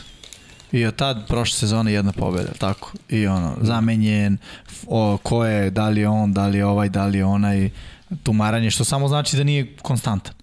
A, što tiče uh, Lorenza, nezgodna pozicija da budeš prvi pik na draftu kod trenera koji je a, prvi put glavni trener u NFL-u. Mislim, jako je nezgodno jer ovaj on dolazi sa onaj jednim ubeđenjem u fudbalu, a to je taj college pristup u nešto što to nije. I nešto što se pokazalo da nije lako implementirati, a nikako nije lako u jednoj godini implementirati to što želiš da, da implementiraš, a donosiš sa, sa koleđa. Tako da nije Lorenz uopšte laka situacija. Uh, i mislim da treba da prođe i da će morati da prođe ne samo za njega, već i za sve ostale quarterbackove iz ove, iz ove klase. Čak tu računa i Meka Jonesa, da će trebati da prođe tri godine. Znaš, ne verujem da će Patrioti imati playbook kao sa Bradyjem i sledeće godine za Meka Jonesa. Šta god urade ove godine. Znaš, ne verujem da će to biti, ok, mali je spreman, bacaj, idemo. Ideš korak Četiri po korak. hvatače i kidaj. Ideš korak po korak, ili moraš korak po korak. Ali neko zna da moraš da ideš korak po korak, a neko je u panici da pogodi Da. i ide forsaž jak. Tako je. Pitanje za Pro Bowl, da li pratimo Pro Bowl i da li... Pa prenosimo ga. Taylor je glavni ovaj, Tako da najviše glasova ima. Taylor. Pa u kontekstu toga da li mislimo da neko tu zaslužuje ili ne zaslužuje da bude... Ma uvek mislim da... Tog te kada izađu... Svako ko je na Pro Bowlu zaslužuje. Da. Da. da li neko zaslužuje više, svake godine neko zaslužuje više. Da. Da li je popularniji od toga koji je ušao? Nije. Pro Bowl je Jednostavno, to je... takmičenje pro Pa evo, Tom popularnosti. Brady vodi. Najbolji igrači, najbolji igrači su All Pro. Tu se ocenjuje njihov futbolski skill i ono što su pružili u toj sezoni. A Pro Bowl ne moraš ni da budeš najbolji hvatač te godine, možda budeš na Pro Bowlu jer si poznat. Ono, vole te i cene. Bre, Yao Ming bio na ono, All-Staru zbog glasova iz Kine. Pa Nije da sam... Dobro, nije samo zbog toga, ali da se pojavi Kinez u NFL-u bio bi svaki godin na Pro Bowl. Ljudi, Tako Mitch, igra. Mitch Trubisky je bio na Pro Bowlu, a rest in case. ok. Favela QB4, da li mislite da će Arizona zaustaviti ekipa koja uzme recept bila protiv Mare? Ne juri toliko sek koliko da Blitz diže ruke da Mare ne može da vidi nizer. To, ono što Ali to je bilo prošle, ali to je bilo prošle godine kad nisu imali trčanje i kad nisu imali taj tenda. A sad imaju kraću opciju da on ne mora da beže iz džepa da juri outside hvatače, već može iz džepa da, da baci kratko i imaju trčanje. Trčanje je vrlo važno. Ko je bio najbolji trkač do ove godine po broju istračanih touchdownova? Mare. Ko je ove godine? Nije Mare. Konar, da. Nije Mare, zato što imaju running back. Zato što sad imaju tim. Bili su ono oportunisti, živeli su na, na ono Od danas do sutra. Tako je, quarterback šta uradi, to smo mi. Sad imaju odbranu, imaju trčanje. Jeste, ne, nezgodno je napraviti game plan protiv Arizone. Jako nezgodno. Ne možemo poredimo s prošlom godinom. Nikako, nikako. I jer ono, upravo se postavlja... sport. Da, tako je. Pitanje je što sad ove godine i ako izvršiš pritisak na Mare, oni mogu da ga oslobode pritiska sa konerom. Što trčanjem, što skrinovima, što korišćenjem njega za brze paseve. Znaš, da da rasteretiš Mare, da baci loptu odmah. Uh, odbrana je playmakerska ove godine. Mogu da naprave pik, mogu da naprave pick six, mogu forsiraju fumble, mogu da rade sve. Tako da je jako teško. Mislim, ljudi imaju dva poraza. Na iskustvo će njih Od toga je jedan pobediti u poraz kad je. Colt McCoy bio quarterback. Tako? O da. Da, da. Što znači da, znaš, ne, ne možemo da kažemo šta je formula, jer formule nema de facto ove godine za pobedu Arizone. A i Colt McCoy je pobedio takođe jedno. Da, da, da, pa Jeste da. I ne Znaš. jedno. Da, tako da Tako ta je. ekipa je ozbiljna. A što ne možeš reći, nije, ali znaš, samo je Mare, ni, nije, eto, bez njega su pobedili. nema iskustva u play-offu, to će njih dotući kada. Vanja, pitanje za tebe, Bojan Markov. Koji quarterback prvi ide na draftu? Coral, Willis ili Pickett? I ko bi mogao da uzme Pickett iz Pita u Pittsburgh, na primjer? Ne bi ni jednog izabrao. Bukvalno. Niti jednog ne bi izabrao. Izabrao bi ovog RJ ili s Michigana, Hutchinsona ili Thibodeau sa Oregona. Bukvalno ne bi quarterback izabrao u prvoj rundi. Dobro, Ne znam ko će ići. koji prvi da bi ide, da. birao koji prvi quarterback prvi ide na draftu. Coral. Nije u Prvi, na prvom pitanju. Sol Misa. Coral. Na ofanzivna je šema njihova je mnogo približnija NFL-u nego bilo šta drugo. Da, ja uvek gledam, Znači se prilagoditi. ja uvek gledam istoriju college znaš, ko je Sole Miss? Ili, Uh, Eli Manning, tako? da. Da. Nema ih baš puno. A Nema ih puno, ali uh, takav je game plan, tako igraju napad, tako im poslednji napad je više NFL ready. Pickett je baš ono klasičan dominator u, NF, u na koleđu, playmaker, imao je super potez sad kad je uradio fake slide. Evo Pit iz Pittsburgha? Da, da. Uradio je fake slide, ja to nikad nisam vidio. Sad je zabranjeno je, sad to zbog toga, zato što je krenuo da slajduje, Da, da, da. odustao, odbromeni igrači su zaledili i on nastavio posle go touchdown. Da, bila je priča dosta o tome, ako je kotraj zaštićen slajdom, ne sme Da. ga fejkuje. Pošteno. Ja se slažem s time, Pa da. mislim, zato što se zloupotrebljava. Pa da. Jer je Jeste. bilo govorkanja ono kao, ok, od sledeće nedelje očekujemo da će biti mnogo više... Udaranja. Tako je, jer Tako je. ne znam da li klizaš ili ne klizaš. Tako je. Pitanje, e, Čičarito Hernandez, šta je sa Lamarom i bacanjem nevezano za hvatače način na koji baca? On baca da kompletira pas. To je ono što, što ja poštojem kod Lamara. Znaš, sidearm, uh, levom ruk, šta hoćeš, on će da baci da kompletira dodavanje. Ja to stvarno poštojem kod njega. Mislim, ne, ne znam šta drugo, ono, svako, Da. vidjeli smo razne načine izbačaja Da, mislim i da, da, je- trzaja. da, i da je diskutabilno, znaš, ni- nije ne baca uvek jer uh, želi tako, nego jer mora, jer je protekcija jako loša ove godine. Jer opet moramo da budemo svesni, Alejandro Villanueva je doveden da, da ne bude startni levi tackle. Uh, takođe, desni tackle je problem da je Ronnie Stanley bio pro bowler, da je otišao i u tim nekim setovima gde, gde se ide na pas, prvo najviše je sekovan od svih quarterbackova. Šta vam to govori? Znači, sedi u džepu i čeka. Čeka tu posljednju sekundu da se, da, ili ono, pomera se levo desno, traži priliku da se neko otvori, da doda loptu. Iz takvih situacija ne možeš baš da imaš idealno dodavanje. Mislim, sve ovo posjeća na Seattle pre jedno 3, 4, 5 godina kada ovo sve radio Russell Wilson. Mnogo uspešnije, naravno, jer je u pitanju bolji dodavač. Ali mislim da, da, da se ide ka tome da se ide ka tome polako, ali sigurno. Da, da, da li, mislim da quarterbackovi danas na, po svaku cenu što kaže Jimmy hoće da, da kompletiraju dodavanje, mislim da svi teže ka tome. Sve više vid, ovih izbacivanja gde, da igraš neće da, da gađa visoko, ali isto viđamo sve više blokova. Ja ne pamtim, znači sad kad igraš ne ide na sek, uglavnom linjaši 2 metra svi dižu ruke, hoće blokiraju. I ima baš blokova dosta. Ima još dosta pitanja, pa nestaje vremena. Da li smo pratili quarterbacka Carsona Stronga mišljenje? Nisam.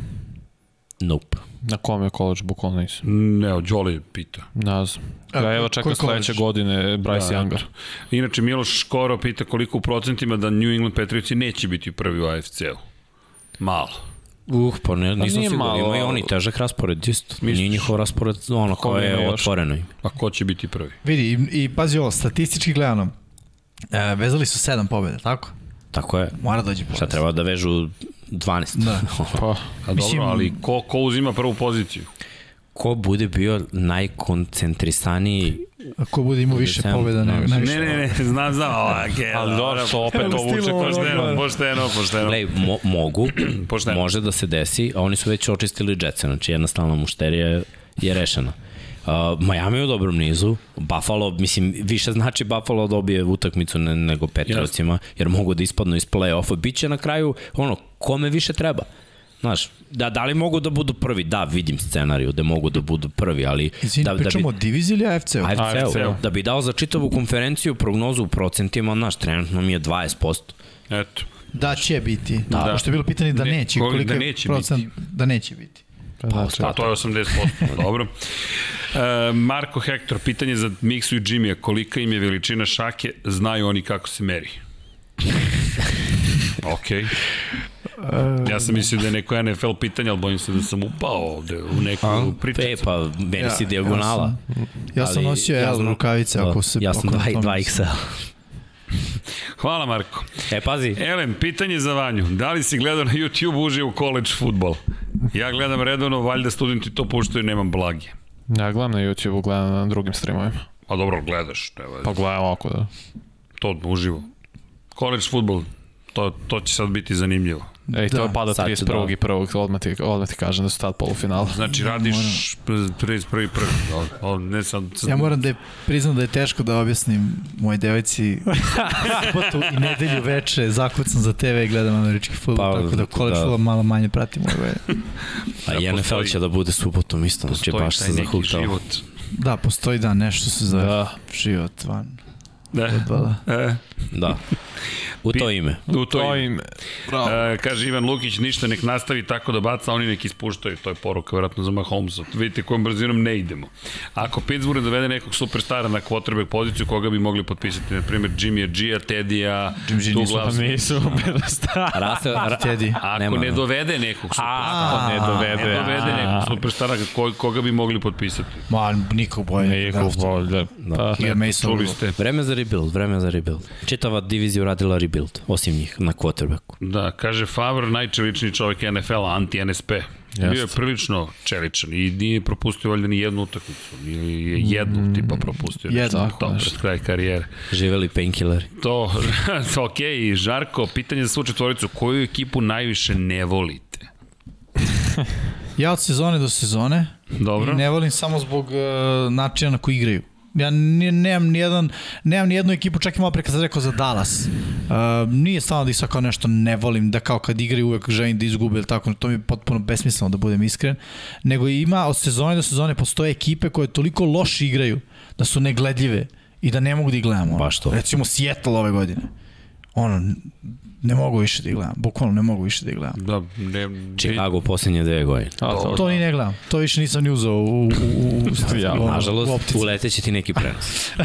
Za sada samo meni. bio, je, bio je neki, bio je neki. Ja sam Sjetla više puta prenosio. Valjda, da, ima veze s tim, definitivno. Pa, To pogotovo onaj termin 10 i 25, kao ono, gledaš, da, da. zašto Bože? Kao divizija. Monday night. Thursday night. sad je, jel sam Kao, nije okej. sad Sunday night? Eto. Ok, meč je loš, može bar E. četvrta četvrtina da bude zanimljiva. Čekaj bre, radili ste Detroit, ono, Detroit isto, mislim, užas. Kad ih radi. Vi igraju nekad zanimljivu utakmicu, ali nekad, znaš, ono, baš... Nazdrav. Mm, Da, Dobro da si se sakrio. Da, Nisam bio u kadru. E, Vanja, ti? Pittsburgh. Previše hajpa, premalo rezultata pre, u prethodnih decenija i to mi je ono bilo preko glave. Dobro. Svi kao Pittsburgh, Pittsburgh, Pittsburgh nikad nije to ispunio. To me nervira užasno. Ja ne- stvarno nemam, nemam pojma. Pa nemam, dosadan sam, stvarno nemam nikoga koga najmanje volim, ne, ne znam. Pa ne, ko ti je negledljiv, ajde. Pa Cleveland Brownsi su mi bili decenima, stvarno ne A sad, ove sezone. Sad ove sezone. Na, naljutit će mi se, drag, drag čovjek, ali Denver mi najteže bilo da gledam. Pa ne znam zašto. A? Ali sad s ovim Javonte Williamsom meni su ono... Ne, sad je okej, ali mi je baš bilo teško zato što, ne znam, nervira me. Verujem da mogu mnogo više, a znam da ćemo dobiti mlaku neku utakmicu. To mi je smetalo. Denver mi je baš bio težak iz te perspektive, zato što nekako očekujem da mogu i u, u super su diviziji, znam da nije i lako, ali znaš kao, pa može taj Denver, znaš, Broncos i ne, ne znam, možda prosto nešto mi, ne, imam neke pozitivne emocije prema Denveru, onda kad vidim da, da ih nema, to mi ove, ove sezone baš bilo teško. Čak mi ni Detroit nije toliko smetao nekako, pa ta priča, nešto, aj nešto će Detroit da uradi, ali Denver nekako kao da ih nema nigde.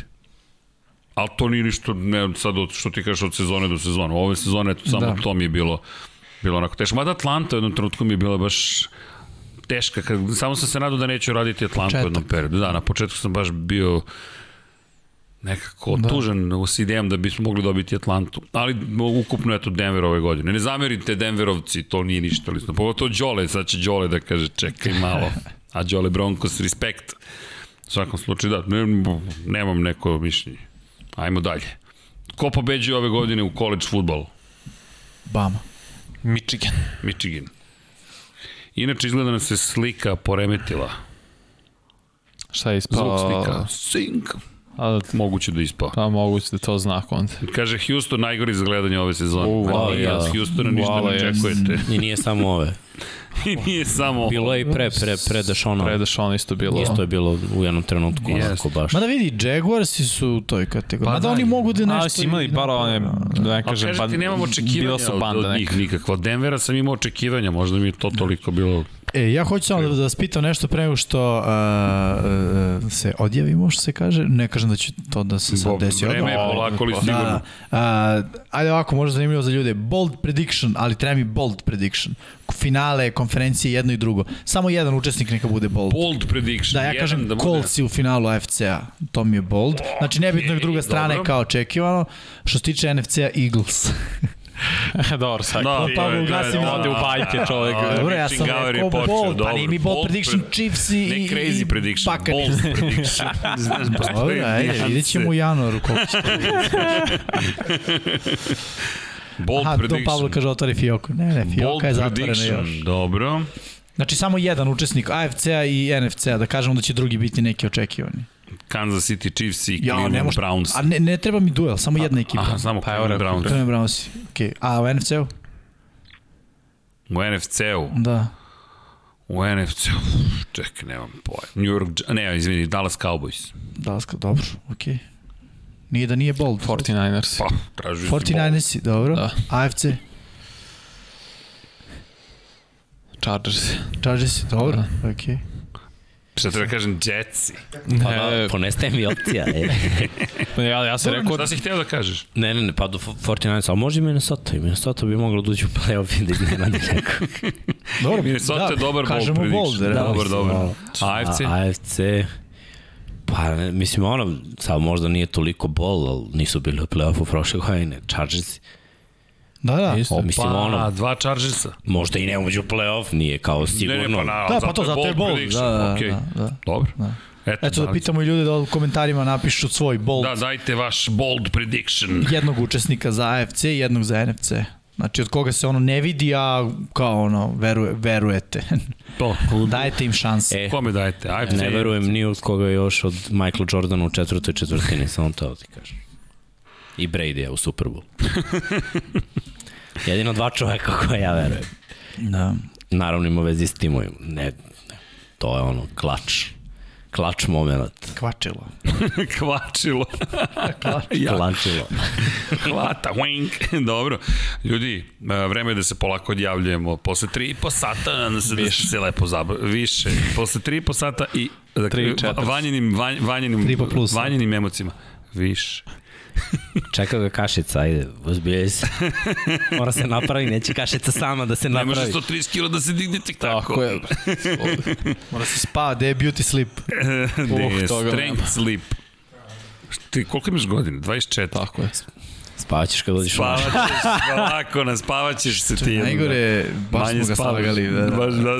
Spavaš ga još noše. A, vas, ne, tamo neće spati sigurno. Sad se naspavi koliko možeš. Maja, I- spavaš. Taj voz, voz za spavanje već prošao, samo to. Bukvalno je prošao i neće Šta je se tražiš u vratiti. penziji drugo? Sećaš tad ili spavaš? živiš, Tad spavaš i kad ne znaš da spavaš. Sad i kad ne želiš da spavaš, spavaš. to, e, to moja baba uvek priča, znaš. Kao, što mi nisi rekao, spava? Ja, nema šanse. Da, da. Kako upali deo, o, Tako je moja baba isto, kaže, sinoć nisam oka trenula. Jako baba, veruj mi da jesi. Vrate, u deset smo mi gledali film, ti si bila u, ono, vrate, Neverlandu. Moj čale je sad deda, ali nešto je sa njim bio problem, što zavesa je tu, a pljuga je ovde. I onda samo rupe u zavesi. samo rupe u zavesi. dokaz. Da, znaš, kao čale nije, ja zas, molim, a ono ovako samo izbušeno, srećem nije zapalio nikada celo, ali rupa koliko hoćeš, naravno, keva. Ali dobro. Sve se to rešava, tako da tata ima svoje omenjene zavese. Dobro, sad je prestao, ali to je sve u redu. U svakom slučaju nam se zastuživali, mi smo se lepo zabavili, polako posrećemo, ali ekipa se ne da, idemo malo sada spamo, neki beauty sleep, neki no sleep, ali to je sve u redu. Vodite računa i drugima, mazite se i pazite se, radite neke lepe pozitivne stvari, udrite like, udrite subscribe, glasajte dok još traje glasanje ko pobeđuje Cleveland Browns ili Baltimore, Baltimore Ravensi i samo da znate, ako pobedi Baltimore, u Dallas Cowboys uniformi, gospodin Tako. Jimmy i Sunday, Staviću i ukoliko... Giants, šta god treba. Znači, Opa, napravit ću i Washington. istoka NFC-a. Dobro, sve, Šta god da će. sve stiže i ukoliko pobede Cleveland Brownsi, miksa u Cleveland Brownsima, je li tako? Da, da. Da. Haydenu od. O, i kačke. Ima, Sve i- imamo. Ima sve, sve spremno. Dobit ćeš i naranđasti mikrofon. Da. full kože klim. Tako da znate, jedan glasate dok još možete. Uživajte u večeri, lako noć želimo, pratite na kanalima Sport kluba NFL, imate lepih utakmica, bit će zabavno, približavamo se kraju regularnog dela sezone, uskoro playoff, pa onda posebne prognoze, onda resetujemo prognoze. Ja, još malo vremena ima da se nešto poremeti na tabeli. Da. Ulazimo i tu veliku završnicu. Jurimo kralja Miksu koji pokazuje dominaciju i drži prvu poziciju. Pazi, to je već dominacija, dve Jeste, sezone za redom. za redom, da. Dinastija. Dinastija. Blake Carrington. A.k.a. Miksa. Polako, polako. Polako, Znaš kako polako. kažu, treba bar tri. Da bi A, dinastija. okej, okay, dobro, ali za sad se držiš, mora da se skine ta kruna, Vanja ga juri, pa ćemo vidjeti šta će se tu desiti. Hvala svima koji nas podržavaju na Patreonu, patreon.com kroz Infinity Lighthouse. Inače, pa dobro, neću ništa da kažem jer ništa nismo uradili od nekih stvari koje planiramo, ali bit će uskoro. Sad smo napravili smo veliki korak iza kulisa da možemo da uradimo ono što smo obećali kada je reč o 99 yardi. Ostanite uz nas, subscribeujte se ukoliko već niste i naravno uživajte, želimo vam laku noć i naravno jedna četvorkica, cijela ekipa se odjavljuje, to je kamera broj 4 GoPro. Ćao svima!